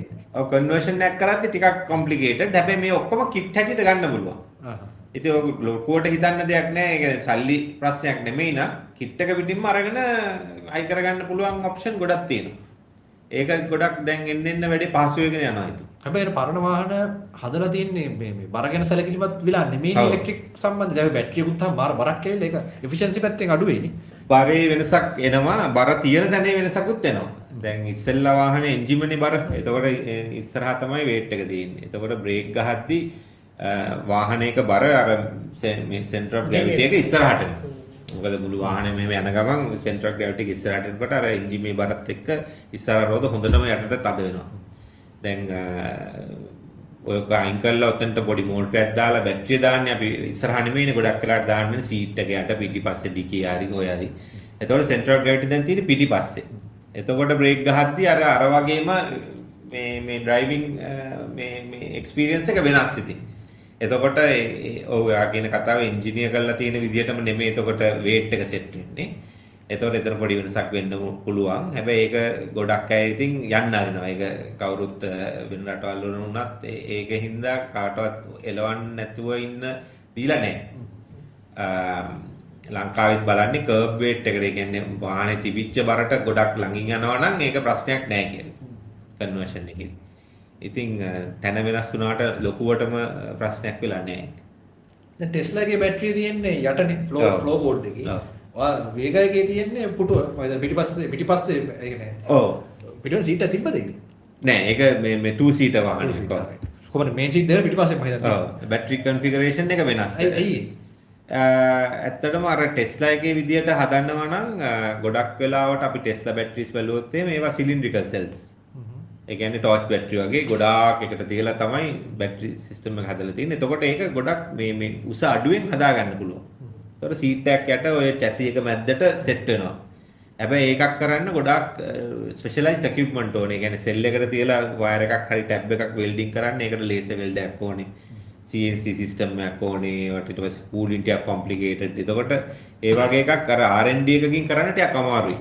ටූල්ස් නැත්තම් ස්පෙෂලි අපේ රටේ දැන් අපි හිතමු අපි මේ වැඩේම ජර්මනි වල කරනවා නම් ජර්මනි වල ගමේ ඇති ලේස වෙල්ඩින් කම්පනි එකක්. ඒගොල්ලොන්ට මේක දුන්නාම ඒගොල්ලෝ ගහලා යවනවා වැඩේ ඉවරයි. දැන් එහෙම බෑනේ ලංකාවේ සෙල් එක අරන් අපි ආයි පිට රට යවලා එහෙ වෙල්ඩින් කරලා ආයි මෙහෙට ගෙන්නන්න කිව්වොත් එහෙම ඒක ඊට වඩා අමාරුයි. ඉතින් අන්න මම ඉස්සෙල්ලා කිව්ව වගේ ඉකෝසිස්ටම් එක නැහැනේ අපි ලංකාවේ. ඉතින් එහින්ද වැඩේ තවත් කොම්ප්ලිකේටඩ්. එතකොට ඒ වෙලාවට අපි ඉතින් බලන්න ඕනේ ප්‍රැක්ටිකලි කරන්න පුළුවන් දෙයක් එක්ක මොකද්ද මෙහෙම කරගන්න පුළුවන් කියලා. එතෙන්දී අපි දේශා මට මට මට පොඩි ප්‍රශ්නයක් තියෙනවාගින් අහන්න මේ. ටෙස්ලයිට ඔය බැට්‍රිය තියෙන තැන ගත්තහම ලංකාව වගේ රටකට ඕක කොච්චර ගැලපෙනවාද මොකද අපේ ලොකු චාන්සකත් තියෙනවා සාමාන්‍යයෙන් මේ ටිකක් දේ පැතුන හතරක් පහින දවසක වුණත් අඩිතුන අඩියක් එක හමාරක් වතුර තියෙන තැන්වලින් කාරක යන්න වෙනවා. එතකොට ඔය බැට්‍රි පොසිෂන් එක කොච්චර රිලායබල් නැත්තම් රිස්ක් ෆ්‍රීද ලංකාවගේ රට? ඇත්තටම ඒ ඔය බැට්‍රී පැක් එක කියන එක ගැන බැට්‍රි සෙල්ස් ටික දාලා ඔක්කොම හදපු එක පැක් එකක් තියෙනවනේ. ඔන්න ඔය පැක් එක වාහනයක් සටිෆයි කරද්දි ඒ රටවල් වල සටිෆයි කරද්දි IP රේටිං වල එහෙම තියෙනවා. ඒ කියන්නේ කොච්චර වතුර ප්‍රමාණයක් යටින් යන්න පුළුවන්ද ස්ප්‍රේ කරන්න ස්ප්‍රේ කරනවා නම් කොච්චර නොසල් එකකින් ස්ප්‍රේ කරොත් වතුර යන්නේ නැති වෙන්න ඕනේද එහෙම. ඔන්න ඔය ප්‍රශ්නේ හින්දාම තමයි ඔය බැටරි ස්වපින් ටිකක් කොම්ප්ලිකේටඩ් මොකද බැටරියක් ස්වප් කරද්දී එතකොට ඒ ස්වප් කරන බැටරිය කම්ප්ලීට්ලි වෝටර් ටයිප් එකටම තියෙන්න වෙනවා. ස්වප් කරන්නේ නැත්නම් අපිට කාර් එකේම ඒ චැසි එක හරි ඒ බොඩි එක ඇතුළෙත් පුළුවන් නේ වෝටර් ප්‍රූෆින් ටිකක් ගේන්න. එතකොට ටිකක් ඔන්න ඔතන කොම්ප්ලිකේෂන් එකක් තියෙනවා. හැබැයි මම දන්න විදිහට සාමාන්‍යයෙන් ඔය ෆ්ලඩ් වෝටර්ස් වල ඉලෙක්ට්‍රික් වෙහිකල්ස් වලට යන්න පුළුවන්. ගොඩක්ම උඩට වතුර આવොත් තමයි අර ඉලෙක්ට්‍රොනික්ස් කන්ට්‍රෝල් ඒ හරියට පිරුණොත් එහෙම තමයි යන්න බැරි. ඒ කියන්නේ ඔය මේ අන්ඩර් වෝටර් ඩීසල් වාහන යනවා වගේ නම් යන්න බෑ. හැබැයි බැටරි මොඩියුල් එකට වතුර යන එකේ ප්‍රශ්නයක් නැහැ කියන තැනක තමයි මම ඉන්නේ. හැබැයි ඔය ෆස් සකන් ජෙනරේෂන් සොල අපිට ගිඩි ගත්තා වාහන කීපයක් නේද ඔය රඩ්ගොල ගිහිල්ලා දැන්වා කියන්නේ එහෙම ප්‍රශ්නයක් නෑ කියලා දැන්වුනත් ඔය ටෙස්ලාස් වල එහෙමනත් ෆයර්ස් තියෙනවා. ඒක මුළුමනින්ම අඩු වෙලා නම් නෑ ප්‍රොෆෙසර්. ඔය ටෙස්ලා බැටරි පැක් එකෙත් බැටරි සෙල් අතරේ කූලිං සිස්ටම් එකක් දුවනවා. ලික්විඩ් කූලිං සිස්ටම් එකක් බැටරි සෙල්ස් ටික ටෙම්පරේචර් අඩුවෙන් තියාගන්න. ඊට පස්සේ ඒව ඇතුළෙත් එක බැටරි සෙල් එකක් ගිනි ගත්තට ඒක එහාට මෙහාට හැමතැනම ගිනි නොගන්න විදියට තමයි ඩිසයින් කරලා තියෙන්නේ වැඩිම වුණොත් 12ක් වගේ එකට ගිනි ගන්න පුළුවන් ඉතුරු ටික නැති වෙන්න ඒත් ඒවයින් පැනලා ඉතින් යකඩ මෙල්ට් වෙන ගානට ගිනි ගත්තන් පස්සේ ඕක නවත්තන්න අමාරුයි ඉස්සරට වඩා සෙල් වලින්ම දැන් තියෙනවා ටිකක් සේෆ්ටි දාලා. මොකද ওই බැටරි එකක් ගිනි ගන්නවා කියන්නේ ඒකෙන් හයි කරන්ට් එකක් එකපාර අදින්න ඕනේ. එතකොට දැන් මම දන්න විදිහට ගොඩක් සෙල් වලම සෙල් එකේ ටැබ් එක, ඒ කියන්නේ බැටරි සෙල් එකේ උඩ හරියම කරන්ට් අදින තැනම පොඩි ෆියුස් එකක් වගේ හදලා තියෙන්නේ. එතකොට වැඩිපුර කරන්ට් ආවොත් ඒ සෙල් එක ගාවින්ම ටක් ගාලා කට් ඔෆ් වෙනවා. එතකොට ෆය එන chance එක එතනිනුත් අඩු කරලා තියෙන්නේ. ඉතින් ඒ වගේ ටෙක්නොලොජිස් ඩෙවලොප් වෙන ඩෙවලොප් වෙනකොට මම හිතන්නේ ඔය ෆයර් තියෙන ඩේන්ජර් එක ගොඩක් අඩු වෙයි කියලා. දැන් ලංකාවට ගේන්න දෙන්නේ පර්මිට් එකටනේ දැන් ඉලෙක්ට්‍රික් වාහන. ඔව්. ඒක මොනවද කන්ඩිෂන්ස් ගැන තියනවද? කියන්නේ කොහොමද ඒක වෙන්නේ? ප්‍රොසෙස් එක මොකක්ද? ලංකාවේ ඉන්න කෙනෙකුට පිටරට ආදායම උපයනවා නම් එයාට බෙද ගෙන්නන්න.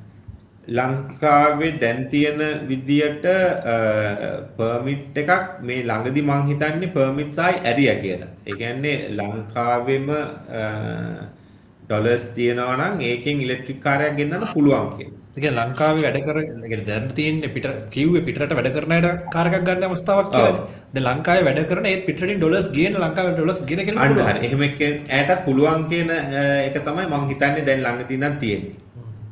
ඒක කොහොමද ඒක වෙන්නේ? පොට හරිනව චෙක් කරගන්න වෙයි. හැබැයි මං හිතන්නේ එහෙමයි කියලා. මොනවද තිබ්බේ කියන්නේ ඒ කියන්නේ යම් කිසි වැලියු එකක් ඒ කියන්නේ මට මතක නැහැ කියපු ගණන් ඒ කියන්නේ සාමාන්‍ය ඉලෙක්ට්‍රික් වාහනයක ප්‍රයිස් එකත් එක්ක අපි ඒ වගේ කීගුණයක්ද මත ආදායමක් පෙන්නන්න ඕනේ නේද මොකක් හරි ඇත්තට මගේ ඩීටේල් හරියටම දන්නේ නෑ. හැබැයි විසිදහක් වගේ මටතිබන අවුරුද්ධ ඉංකම්ම එක තියෙන්න්න නිකල යන්න මං දන්න හරිටම ඒ ඒට වැඩි ගනක් වන්න පුල මට මතක තිබුණ විසිදක් වගේ. ගොඩක් අය කරන ඒකට ගෙන්නල එකුල් නිකා විකුරුණ ඇලි ඔව්. ඊට පස්සේ වෙන කාට හරි විකුණනවා. ඔව්. නෑ කොහමහරි ම ගැන ඉස්සර කොමිට් වෙච්ච දේම තමයි ඔව්. ඉතින් ඔව්.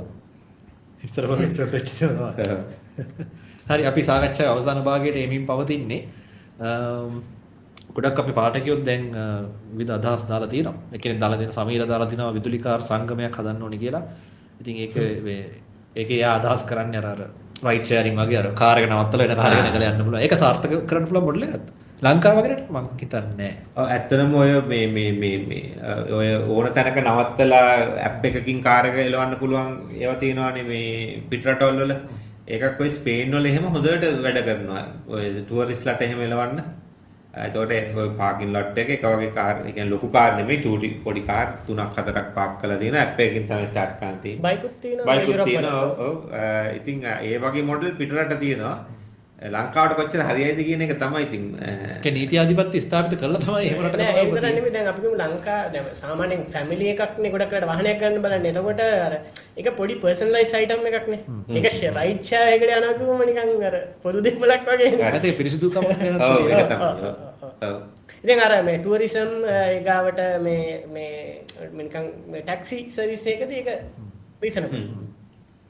ලහිරු අහලා තියෙනවා බැටරි චාර්ජින් ටයිම් එක අඩු කරගන්න මොනවද කරන්න පුළුවන් කියලා. අපි එක සජෙෂන් එකක් දුන්නා. දැනට චීනයේ භාවිතා වෙන ක්‍රමය ලහිරු මේ බැටරි ස්වොපින් ඊට අමතරව ඇත්තටම කෙමිකලි ටෙක්නිකලි අපිට මොනවද ඔන් ද හොරයිසන් මොනවද ටෙක්නොලොජිස් ආ, මම අහලා තියෙනවා ඔය පල්ස් චාර්ජින් කියලා එකක් R&D කරගෙන යන ගමන් කියලා මේ ඒ කියන්නේ චාර්ජින් එක පල්සස් හැටියට යවන්න. හැමතිස්සෙම කරන්ට් එක යවන්න නැතුව පල්ස් කර කර.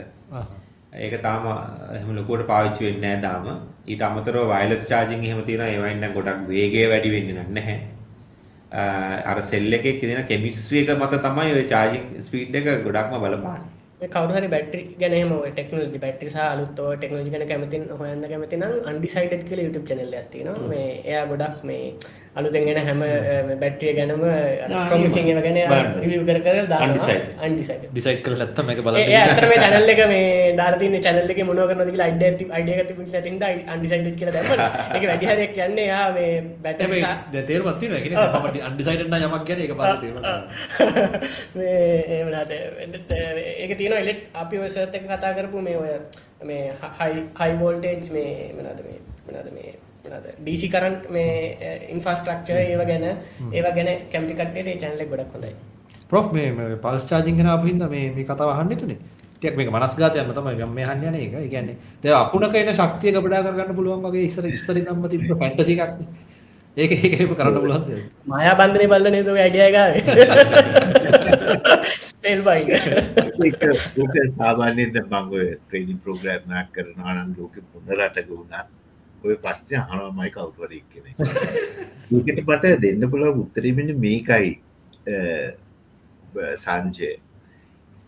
මං ඒකේ ෆිසික්ස් වලට යන්න කලින් වාට ප්‍රතිඵලය කියන්නම් අපි ලයිට්නිං එහෙක තියෙන එනර්ජි එක සියට සීයක් එෆිෂන්සියකින් හාවස් කරනවා කියලා හිතන්න එකතු කරගන්නවා කියලා හිතන්න එතවට ඔය එනර්ජයකින් වාට මොකක්ද කරන්න පුළුවන්? වාට පුළුවන් වොට් හැටක ෆිල්මන්ට් ලෑම් එකක් අවුරුද්දක් පත්තු කරන්න. දැන් එතකොට හෙන්න මහන්සියක් දශලා ලයිට්ටිං එක තියෙන මුළු ඕට්ට වෝල්ටේජ් ඩිෆරන්ස් එකේ ප්‍රශ්නයද තියෙන්නේ කරන්ට් එකක් එන්නේ එකද කියන්නේ. නෑ නෑ මේක මෙන්න මේ වගේ දෙයක්. පවන් එනර්ජි කියන දෙකී වෙනස දන්නවනේ ද සජ්ජය එනර්ජී ද පව කියන්නේ එනර්ජි ඩිසිපේට්ට රේට් එක. එකන energy divide by time is power එතකොට ලයිට්නිං කියන්නේ ඇත්තටම මොඩරේට් එනර්ජිය එක එකන අච්චර තමයි එනර්ජී එක තියෙන්නේ. ඔය එනර්ජී එක ඩිසිපේට් වෙනවා ඉතාමත්ම කෙටි කාලයකදී එකන මයික්‍රෝසකන් හතලියකද විතර. එතකොට වා එනර්ජී එක පව ටයිම් එකෙන් බෙදුවහාම එනවා ලොකූ පවර එකක්.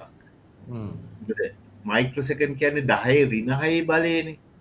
එතකොට වා අපි හිතමු දැන් ජූල් තුන්දාහක එනර්ජය එකක් දහට හයිම් බෙදුවතින් ඒක දහයේ හයිවෙනි බලයෙන් වැඩි වෙනවා. එතකොට එනෝමබස් පව එකක් එනවා. එතකොට ඔය ඩිසාස්ටර්ස් නේච එක ලයිටනිං වල තියෙනකැන් ලයිටනිං වලින් විනාශකාරී බලය තියෙන්නේ ඔය ලොකු පව එකේ. ද මංගෝක සාමාන්‍යයට තේරණ විදියට කිව්වතින් හිතන්න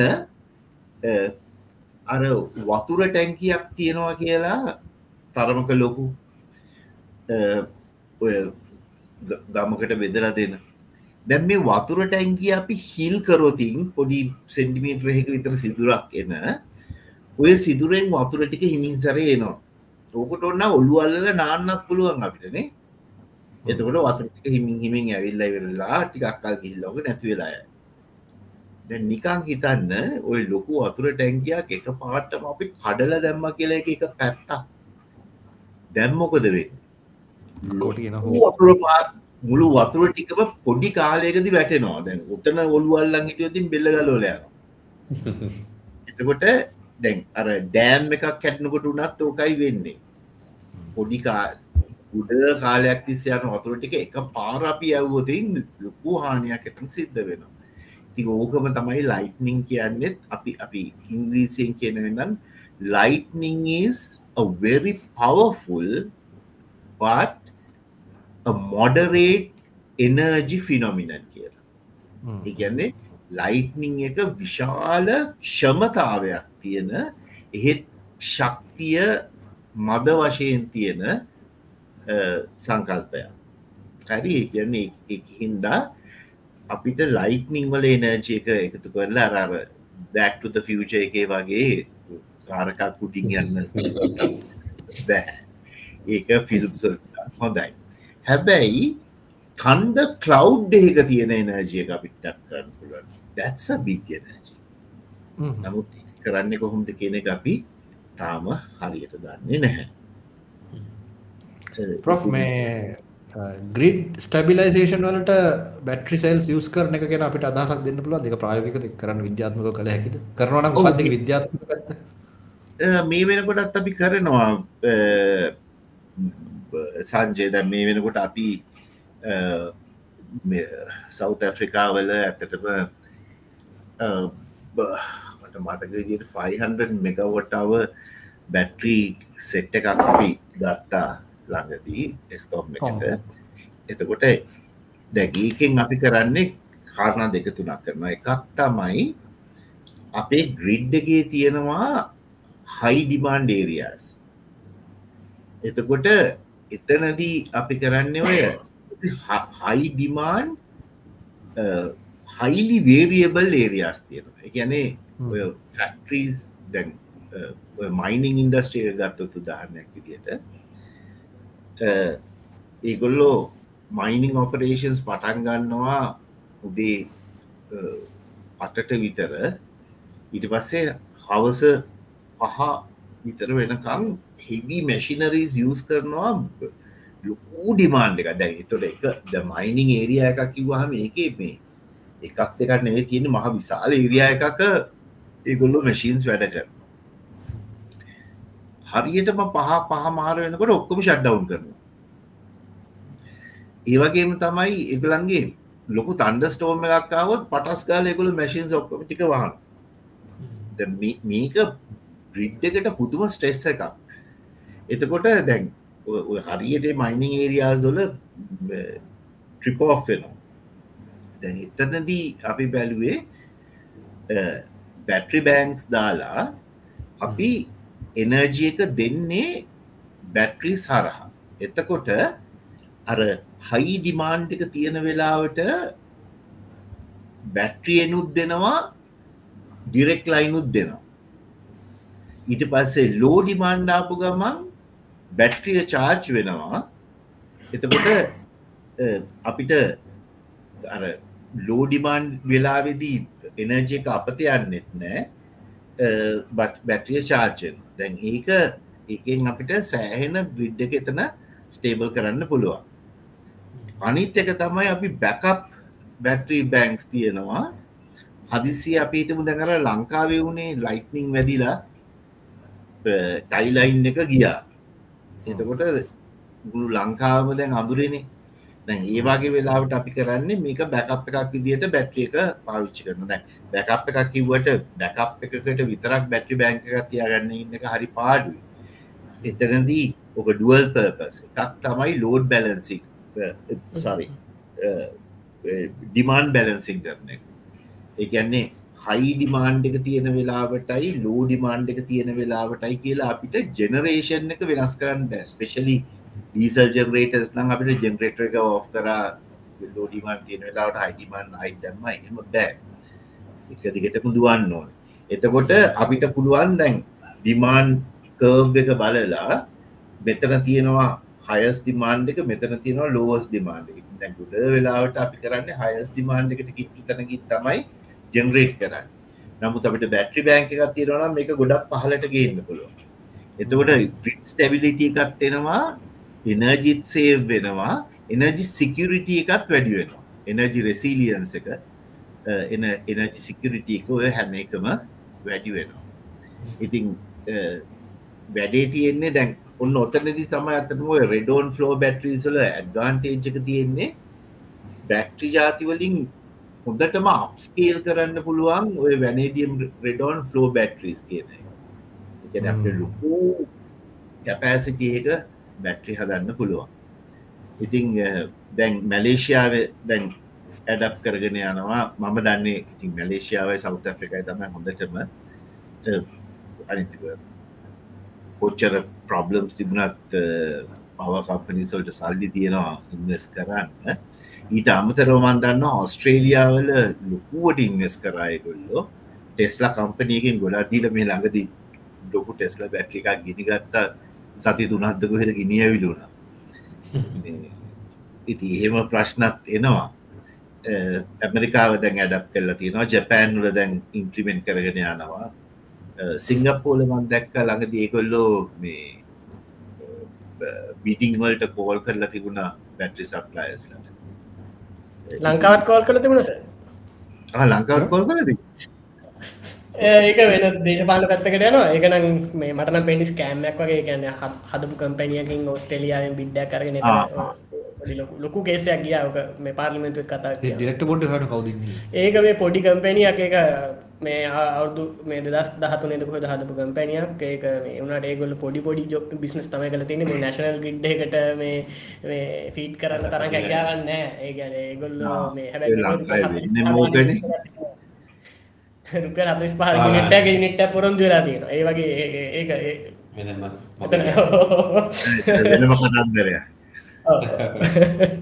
ප්‍රොෆර් මට මටික හිතර හයස්ම පොයින්ට ලෝස පොයින්ට අතර හයස් පොයින්ට කිට්ට තනකින් ජනරේට් කරන එක අවශ්‍ය නැහැ කියලා බැටි බැක දැමන ඒ කියන්නේ ලංකායි මිනිසුන්ට විදුලි පිල අඩුවීමක් ලබාගන්න පුළුවන්ද ඕක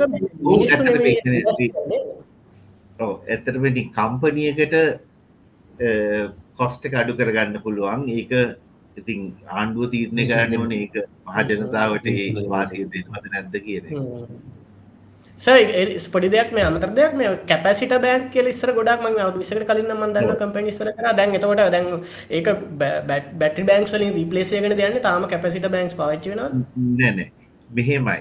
කැපෑසිට බෑංක පාවිච්චි කරන්න වෙන කතන්දරයකට ඒ දැන් ඔගුලෝ ඇක්ටව පව රියක්ටව පව කියලා දෙකක් තියෙනවන.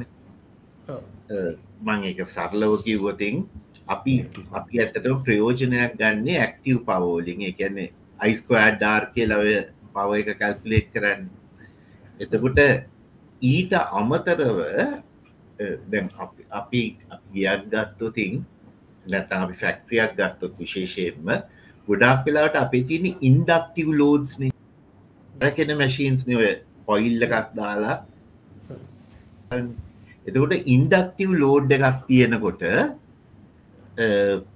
උගලට ඇහෙනවද මං කියන එක? මට වැට ක්ෂණ එච්චර හොඳ නෑ කියලා. ඇහෙන හෙන පොට පරක් කියලා හෙන්නේ දැන් එහෙන්න තුදිය දැන් එහෙන්න කතා කරන්න නැත්ත අදැන් කැන හරි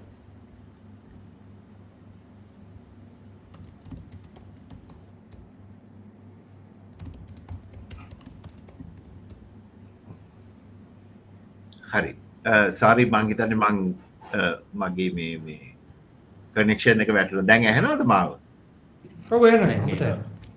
ඇහෙනවානේ මංහිතන්න මං කිය කිය හිටියේ ඉන්ඩක්ෂන් ඕ ගොඩක්ලාට ෆැක්ටරිසල අපේ තියෙන ඉන්ඩක්ටව ලෝඩස් කියල අපි කියන්නේ කොයිල් වලින් මෝටර්ස් කරකෝනේවා එතකොට එහෙම ඉන්ඩක්ටව ලෝඩ් එකක් තියෙනකොට අපිට වෙන්නේ අපි අරර දැන් ඉලෙක්ට්‍රිකල් ඉංජිටියරින් පැත්ත පෝඩ්ඩක් කතා කරන්නේ.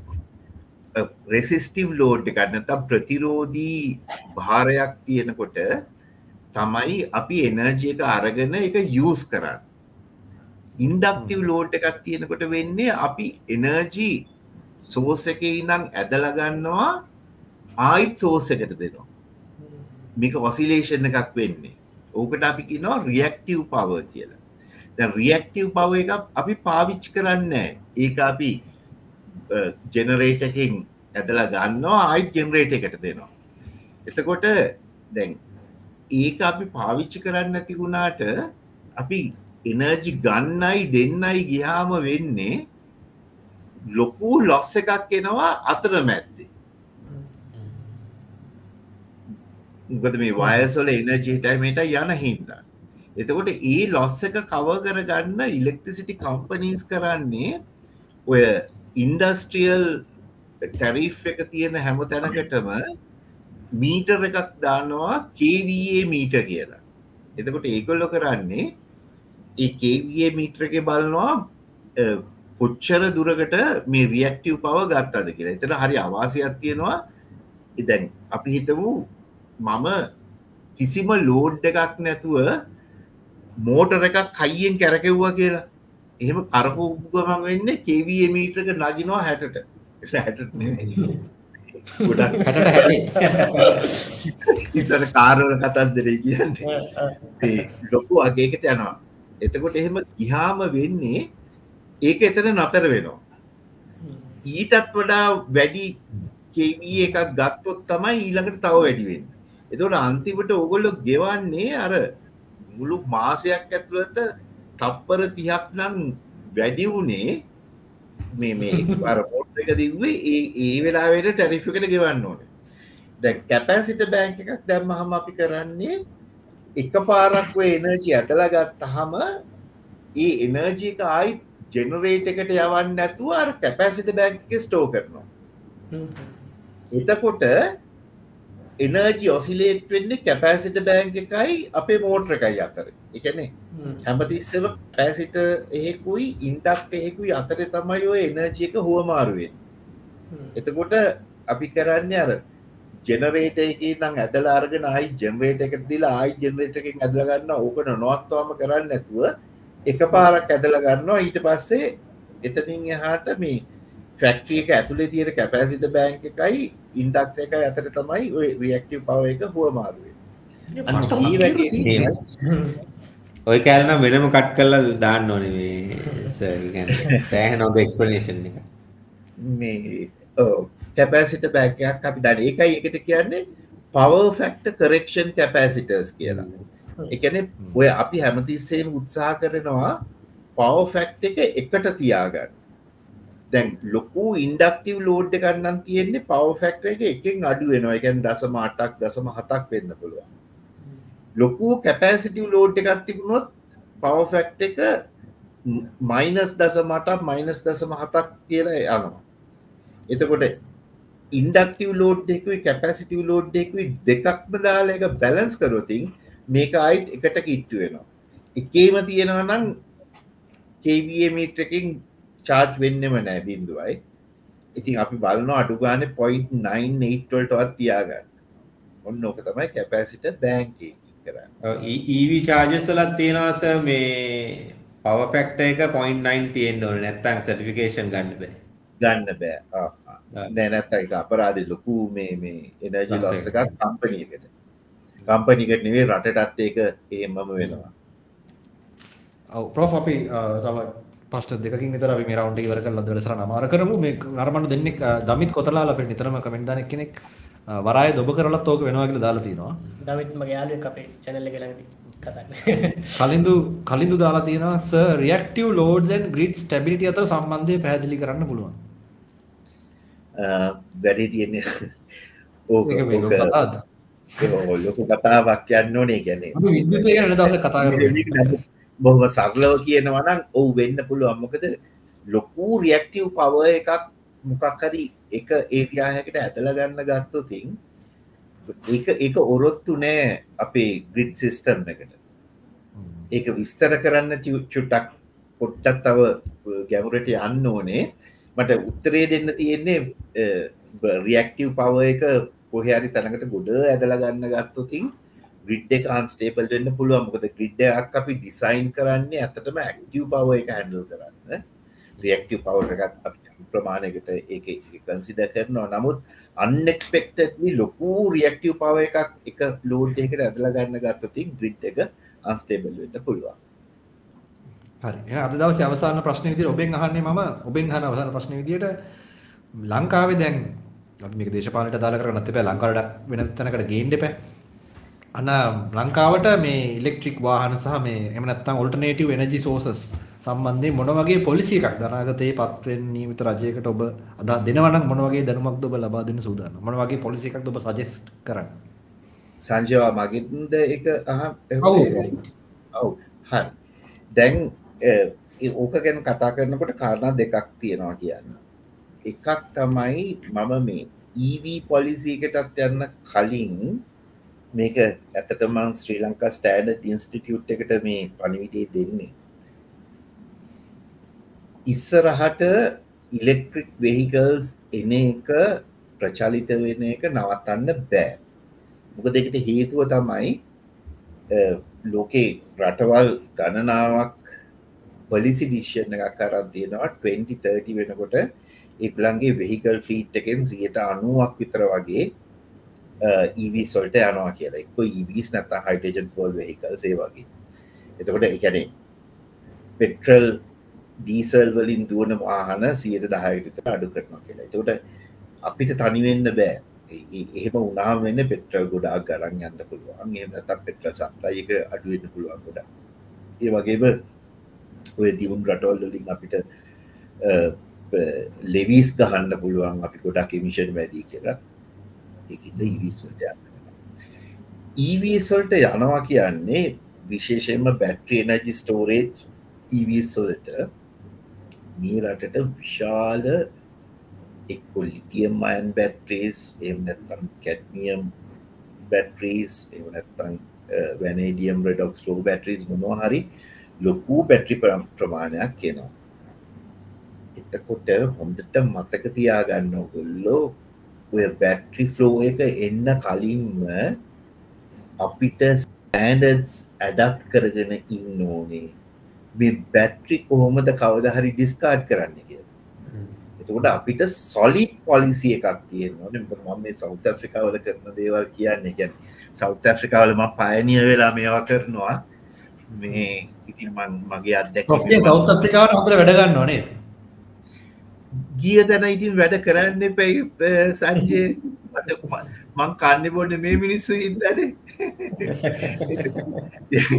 හම්ුවට වඩියට උපරිමයක් දෙනවා ඉතින්. මන් මැලේෂයාව ඉන්න කොටත් ඒ වගේම වැඩ කර. ඉතින් ලංකාව හිටියනන් ඒත් එහෙමම වැඩ කරනවා ඉන්න කාලෙ කලා ලබනවරුද්ද ලැස්තල ඉන්ඩ එන්න ඉතින්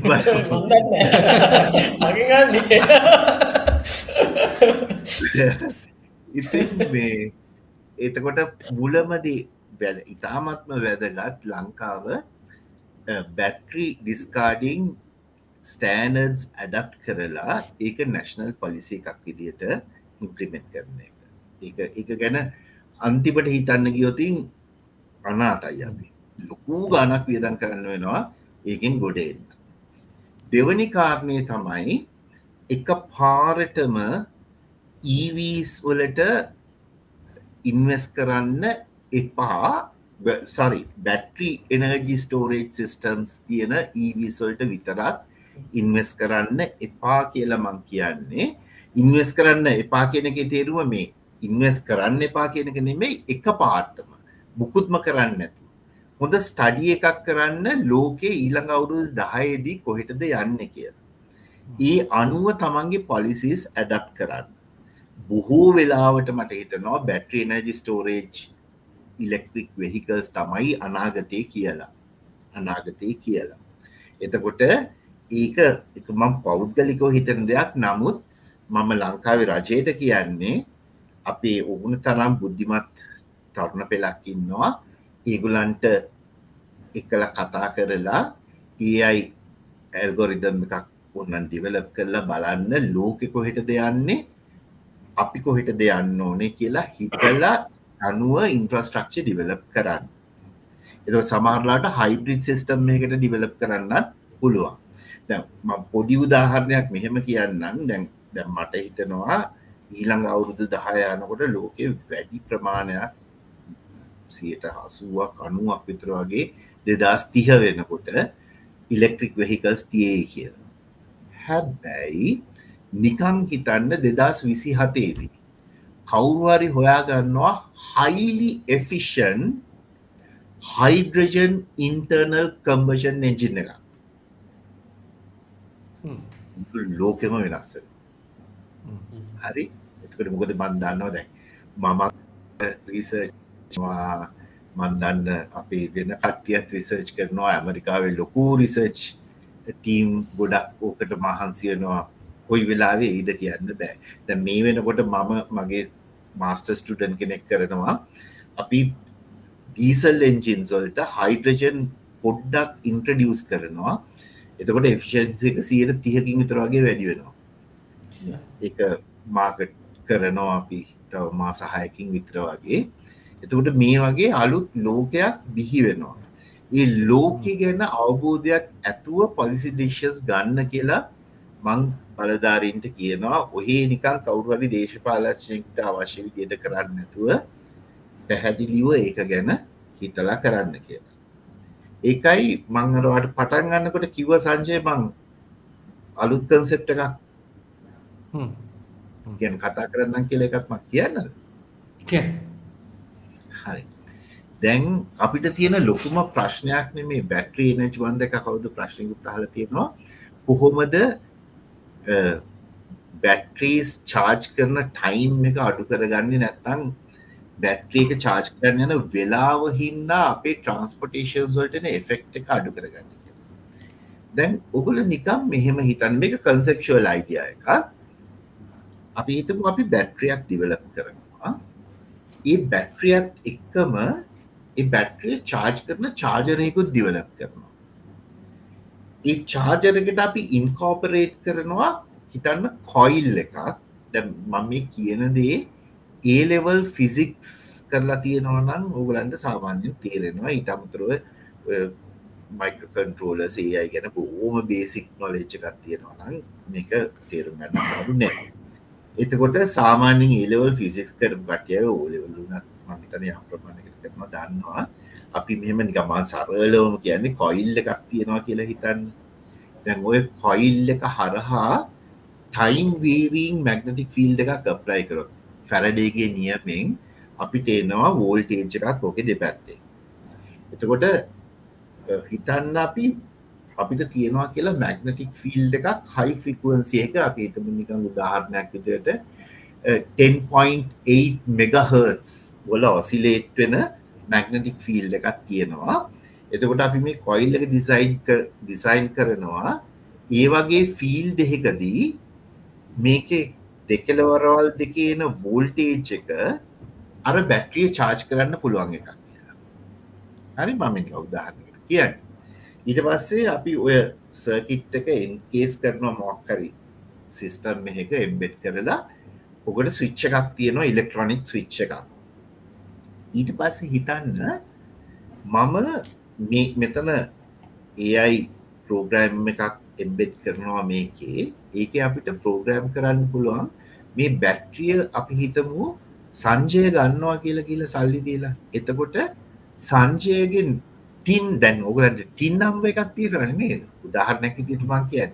ඇමරිකාව නම් SSN එක තියෙනවා. උගලන්ට ටින් නම්බ එකක් තියෙනවා. ඒ ටින් නම්බ එකට ප්‍රෝග්‍රෑම් කරනවා. ඊට පස්සේ ඔන්න දැන් ඕක කාරක දාන කාරකයක ඉස්ටෝල් කර දැන් ඊළඟ පියවර තමයි අපි පාරවල්වල අපි හිතමු කිලෝමිට විස්සෙන් විස්සට හරි කිලෝමිට තුන හතරක ස්ට්‍රෙච්ච එකක් දානවා. මේ මැගනටික් ෆිල් එක ජෙනරේට් කරන ටෙස්ලා කොයිල්ස් දැමි මේ ආයිතනවා අපි අවුරුදු සීයකට විතර එහා Tesla A අයිඩියයක it is nothing but Tesla's idea එතකොට ටෙස්ලා කොයිල් එකක් දාලා අපි මැගනටික් ෆිල්් එකක් ජෙනරේට් කරනවා හරියටම අර ෆ්‍රීකුවන්සිකට මැච් වෙන්න මැගනටික් ෆිල් එක. දැන් අපි හිතුම් මම්මගේ කාරක යනකොට මට එක සෙට් කරන්න පුළුවන්. කාරකේ චාර්ජක බැට්‍රිය චාර්ජක සයට හතලිකට වඩා බැහලා තියෙනවා නම් උදාහරණයක් විදියට මං අර ස්ට්‍රිප් එක දිගේ ස්ට්‍රිප් එක හරහා යනකොට වාහනේ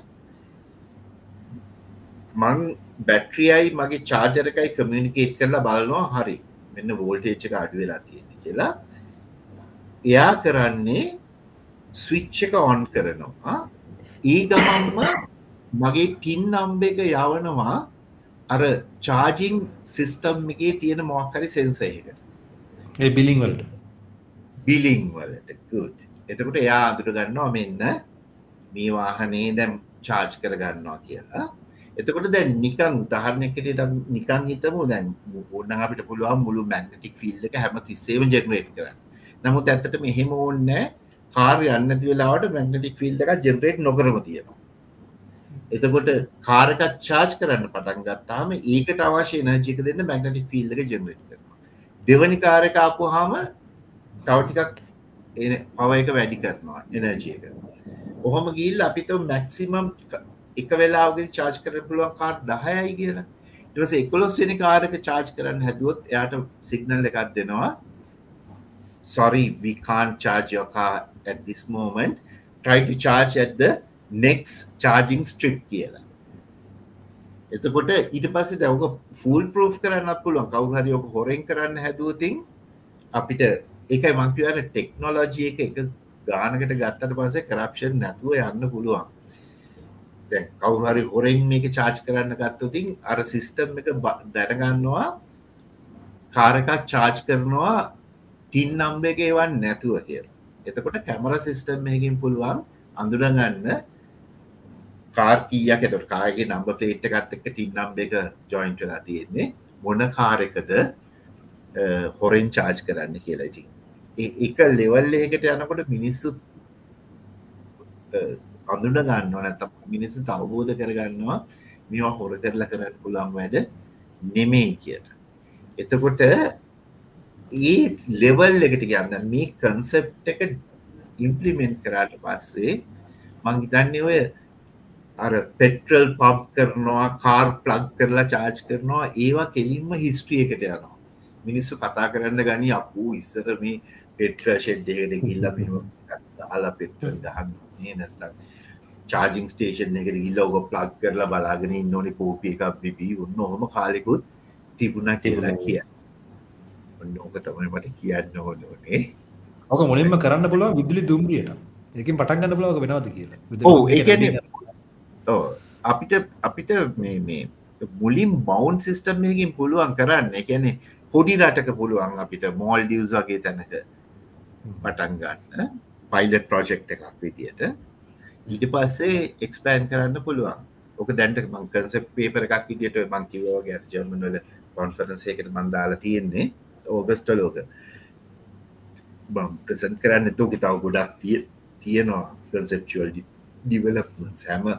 ඕකේ ඕකේ එන්න පුළුවන් හැම ප්‍රශ්නයක්ම අරගෙන ඒක ඇඩ්‍රස් කරන්න ඕන අපි. මෙහෙම අවුත් මේම කරන ලිති ඔක්කෝම කරට පස්සේ තව ප්‍රශ්නය එන්න පුට එතකොට ඒ වෙලාවට මන්න නැතත් තව කවුරරකට උත්තරයක් දෙයි. ඒවති ඉංජිනීරින් ප්‍රබ්ලම්ස් කරත මට හිතෙන්නේ මේ තීරටිකල්ට වඩා. මේස එනජි ලොස්ස ගැන පොඩ්ඩක් කියන ඕක එනජි ලොස්සක වැඩි නැද්ද වයලස් චාර්ජ් කරනද නෑ. එනජි ලොස්ස එකක් එන්නෙම නෑත් සොරි එන්නෙම නැත්ති නැහැ. හරි මාඩුවකද හේ ඕ දැන් දැන් අපි මැග්නටික් ෆිල්ඩ එකක් ඩිවලප් කරයි කියලා ඇත්තටම එනජි ලොස්ස එකක් එන්නේ ඩේ ස්ලෝ එක දන්නවනම් අපිට අවබෝධ කරගන්න පුළුවන්. දැන් අපි තම කාර එකක් දැන් යනකොට අර කොයිල් එක වෝල්ටේජ් එකක් ඩිවලප් වෙනවා. එහෙම කියලා අතන ලොස්සෙන්න්නෙත් නෑ මෙතන ලොස්සෙන්න්නෙත් නෑ එකම පොඩි ලොස්සක තියෙනර මැග්නටික් ෆිල්ඩ එක ඇති කරන්න යවන කරන්ට එක හින්ද පොඩි ජූල් ලොස්ස එකක් එනවාය වයස්වල ඒරෙන්න්න එනජි ට්‍රන්සිෂන් එකක් නෑ එනර්ජි එක අර කාරකට දෙන්න පටන් ගන්නේ එයාර ස්විච්චක දාලා බැට්‍රිය චාර්ජ් කරන්න පටන් ගත්තා. එතකොටත් එනර්ජි ලොස්ස එක එන්නේ අර අර මේ සෙන්ටිපීට දහයක විස්සක වයලෙන්ට එක කරන්ට එක යනකොට එන ජූල් ලොස්සක විතරයි. ඔත ඔය ඩිස්ටන්ස එක මේ ලොකු මැට එකක් වෙන්න මොකද ඇතරම මේ අඩියකට වඩ අඩුවනේ ඔවෝ ඒකන් කාරක චාජනකයි බැට්ටිය සමනට එක ඇත්තටම මේ ලෙන්තක සීරෝ කරන්නත් පුළුවන් ආවනේ එකන දා මට දැන් වාහනෙන් පහල්ට දාන්න පුළුවන්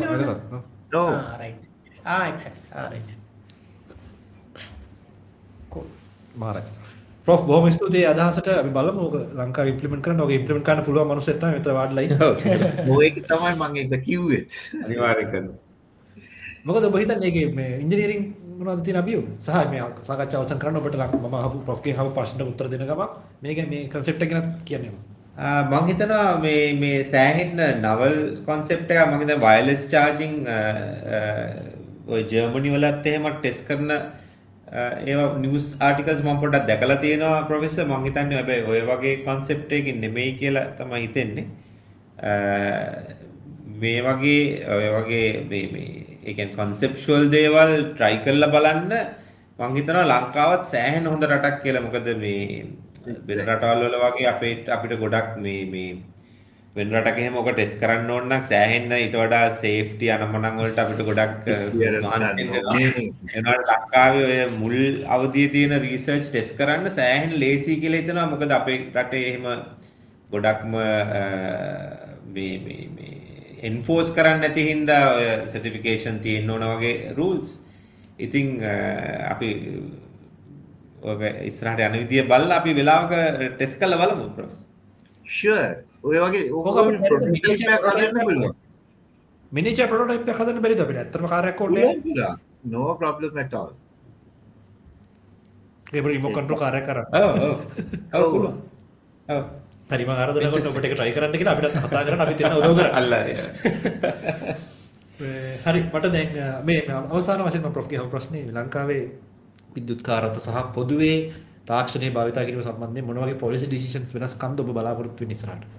ඔබේ ශාස්ත්‍රය සම්බන්ධ විශේෂයෙන් නැත්නම් පොදුවේ ඉනෝවේටර් කෙනෙක් විදියට ඇත්තටම ලංකායි පොලිසිස් බැලුවම ගොඩක් වෙලාවට මේ මේ අද තියෙනවා හෙට නැති පොලිසි එකක් නේ තියෙන්නේ. ඒ කියන්නේ සමහරක් වෙලාවට හොඳ පොලිසිසුත් හෙට නැතිලා යනවා. ඉතින් ඔන්න ඔතන තියෙන මේ මේ මේ ඔතන තියෙන ග්‍රේ ඒරියා එක තමයි ප්‍රශ්නේ. කියන්නේ අද අපි ඉස්සෙල්ලා කිව්වා වගේ මේ මේ මොකක් හරි මාජින් එකකට ප්ලෑන් එකක් කරන්න පුළුවන් බිස්නස් ප්ලෑන් එකක්. ඒ වුණාට හෙට ඒ ටැක්ස් එක මාරු කළා හරි මොකක් හරි වෙන පොලිසි එකක් ඉඳ ඒක එතකොට අප්සෙට් වෙනවා. එතකොට ඉන්වෙස්ටර්ස් කට්ටියක් බය වෙනවා මේ වගේ එන්වයරන්මන්ට් එකක ඉන්වෙස්ට් කරන්න. ඉතින් අර ස්ටැබිලිටි එක තමයි ඕනේ.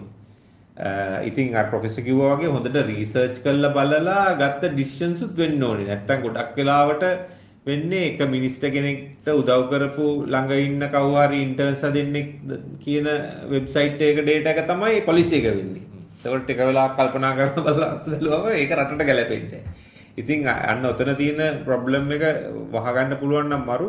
ඔතන මං හිතන්නේ ඉන්ඩස්ට්‍රි එකේ කට්ටියත් ගොඩක් එකතු වෙන්න ඕනේ මේ ඔය ඔය පොලිසි ඩිසිෂන්ස් වලට. නැත්තම් සමහරක් වෙලාවට වර්ධව හිතන්න එපා. මේ මේ ප්‍රොෆෙසර් අර ඒ කියන්නේ තියරොටිකල්ම ඉන්පුට් එනවා මේ යුනිවර්සිටිස් වලින් විතරක්. එතකොට ඒක ගැලපෙන්නේ නැහැ මේකට.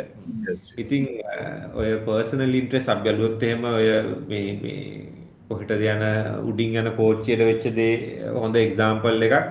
එක්කෙනෙක්ගේ පර්සනල් ඉන්ට්‍රෙස්ට් එකක් මත ඒ වැඩේම කෙලව කරගත්තා.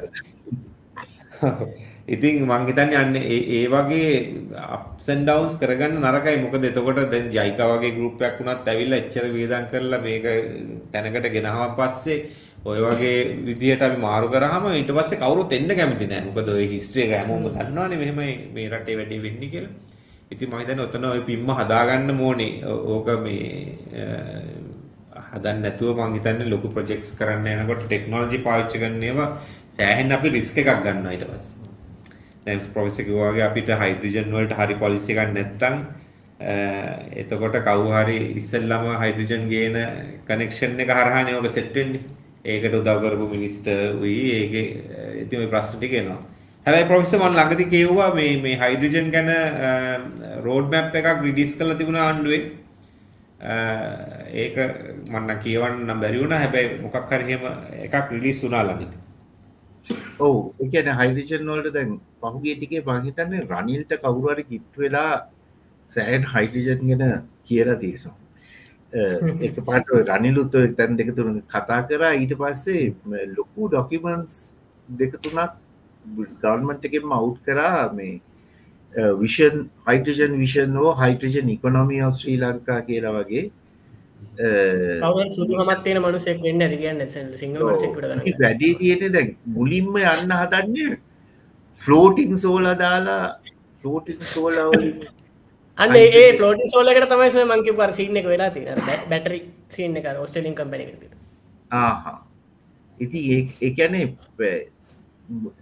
දැ උදාහරනැක් හැටිය සෞත ඇෆ්‍රිකාවල අපි ග්‍රීන් හයිටජන් වලට යන්න කලින් ඩාක් හයිටජන් ග්‍රේ හයිටජන් ලූ හයිටජන් ටෝපස් හයිටජන් ඔය හැම එකම බලනවා. එකැනේ මොකක්ද ප්‍රක්ටිකල් කියන එක මේ අවස්ථාවේ. ග්‍රීන් හයිඩජන් තමයි අප අල්ටිමේටම් එක. නමුත් එක පාටම අපිට එතන්ට පනින්න ගියෝතින් ගුඩාක් අවුල්ලෙටවර මේ කියන විදියට. ඇති අනිත ප්‍රක්ටිකලිටි එකත් හිතන්න එපැයි අපි ඉති ඔන්න වගේ ප්‍රශ්න තියෙනවා. හරි එනම් අද දවසේ මනස්ගාත වැඩසටහන වාලා මෙතෙක්කල් බලපු මනස්ගාත වලට ටිකක් වෙනස්ව ටිකක් අද ගොඩක් ෆැක්ට්ස් ඇන්ඩ් ෆිගර්ස් තමයි කතා කරේ. සහ පොලිසි ඩිසිෂන්ස් ඒ වගේ දේවල් ඒ වගේම කොහොමද මේ රටේ වෙනසක් කරපු කෙනෙක් එක තමයි අද අපි කතා කරේ. ලංකාවට දෙයක් කරන්න පුළුවන් කියලා ලෝකෙට පෙන්නපු කෙනෙක් එක්ක 2020 ජිනීවා මෝටර් ෂෝ එකට ගිහිල්ලා ලංකාවේ හදපු ඉලෙක්ට්‍රික් සුපර් කාර් එක අන්වීල් කරද්දී ලංකාවටම අපිට හැමෝටම මේ ආඩම්බරය දැනුණා. අවසනාවකට ඒක ඔන්ලයින් කරන්න සිද්ධ වුණේ. ඒක කොවිඩ් නිසා. එහෙම නැතුව නැත්තම් ඒක තව ලොකු තැනකට අපිට යන්න තිබ්බ සමහරවිට. එතන එතන ඔපචුනිටි එකක් මිස් වුණා. නමුත් ඒක ආපහු ඡන්ද කාලයකට එළියට නොවේවා කියලා ප්‍රාර්ථනා කරමින් අපි අද බොහොම ස්තුතියි. විශාන් සම්බන්ධයෙන් සම්බන්ධයෙන් මේ වැඩසටහන ගැනත් ඔබේ අදහස පොඩ්ඩක් කියන්න මොන වගේද මේ මනස්ගත සම්බන්ධයෙන් ඇත්තටම මේ ඩිස්කෂන් එක මම ගොඩක් ඉවෙන්ට්ස් වලට ගිහිල්ලා තියෙනවා. ගොඩක් පැනල් ඩිස්කෂන් අනම්මනම් වලට මේ වගේ බැලන්ස් එකක් මම දැක්කේ නෑ. හැබැයි ඒ කියන්නේ ඔය දෙන්නත් මේක ගැන බෑග්ග්‍රවුන්ඩ් ඉන්ෆර්මේෂන් මම හිතන්නේ හොඳට ස්ටඩි කරලා ඇවිල්ලා තියෙනවා. ප්‍රොෆෙසර් වෙනම ටෙක්නිකල් ඇන් මේ වෙනම ලේයර් එකක් ගේනවා මේකට. මේකේ ඩෙප්ත් එකට සෑහෙන්න හොඳට ඉන්ෆර්මේෂන් කියලා දුන්නා ඇත්තට මමත් ඉගෙන ගත්තා මේ ඇක්ටිව් ඇන්ඩ් රියැක්ටිව් පවර් එක හරියට මොකක්ද කියලා. ඉතින් ඇත්තට ගොඩක් සතුටුයි ගොඩක් සුපදනවා. වැනේඩියම් රෙඩොක්ස් ඔව් ඒක ඇත්ත තියෙනවා. ඔව්. ඉතින් සුපදනවා ඔයගොල්ලොන්ට තව මේ වගේ ගොඩක් ෂෝස් කරගෙන යන්න කියලා ඕන සපෝට් එකක් දෙන්න ඉතින් කියන්න. ගොඩක් සතුටුයි ආවට. thank you. බොහොම ස්තුතියි විශාන්. එහෙනම් දසුන් අපි ගිහිල්ලමු. එහෙනම් බලා බලන් හිටපු ඕගොල්ලන්ට ස්තුතියි මේ එක ෂෙයා කරන්න. මේක ගොඩක් දේවල් කතා කරනවා ලංකාවේ අනාගතයට වැදගත් වෙන දේවල්. ඕගොල්ලෝ දන්න ඉන්නවනම් මේ සම්බන්ධයෙන් තීරණ ගන්න හැකි තැන්වල මේ ඩිස්කෂන් එක ඒගොල්ලන්ට හෝඩ් කරලා අහවල් වෙලාව බලන්න කියන්න. එතකොට ඒගොල්ලෝ අඩුම තරමේ එකෙන් අපිට යමක් ඉම්පැක්ට් එකක් සමාජයට කරන්න පුළුවන්. එහෙනම් බොහොම ස්තුතියි ගිහිල්ලා එන්න ඊළඟ මනස්ගත එපිසෝඩ් එකෙන් හම්බෙමු channel එක subscribe කරන්න මතක කරන්න එපා. බොහොම ස්තුතියි ප්‍රොෆ්. Okay, bye.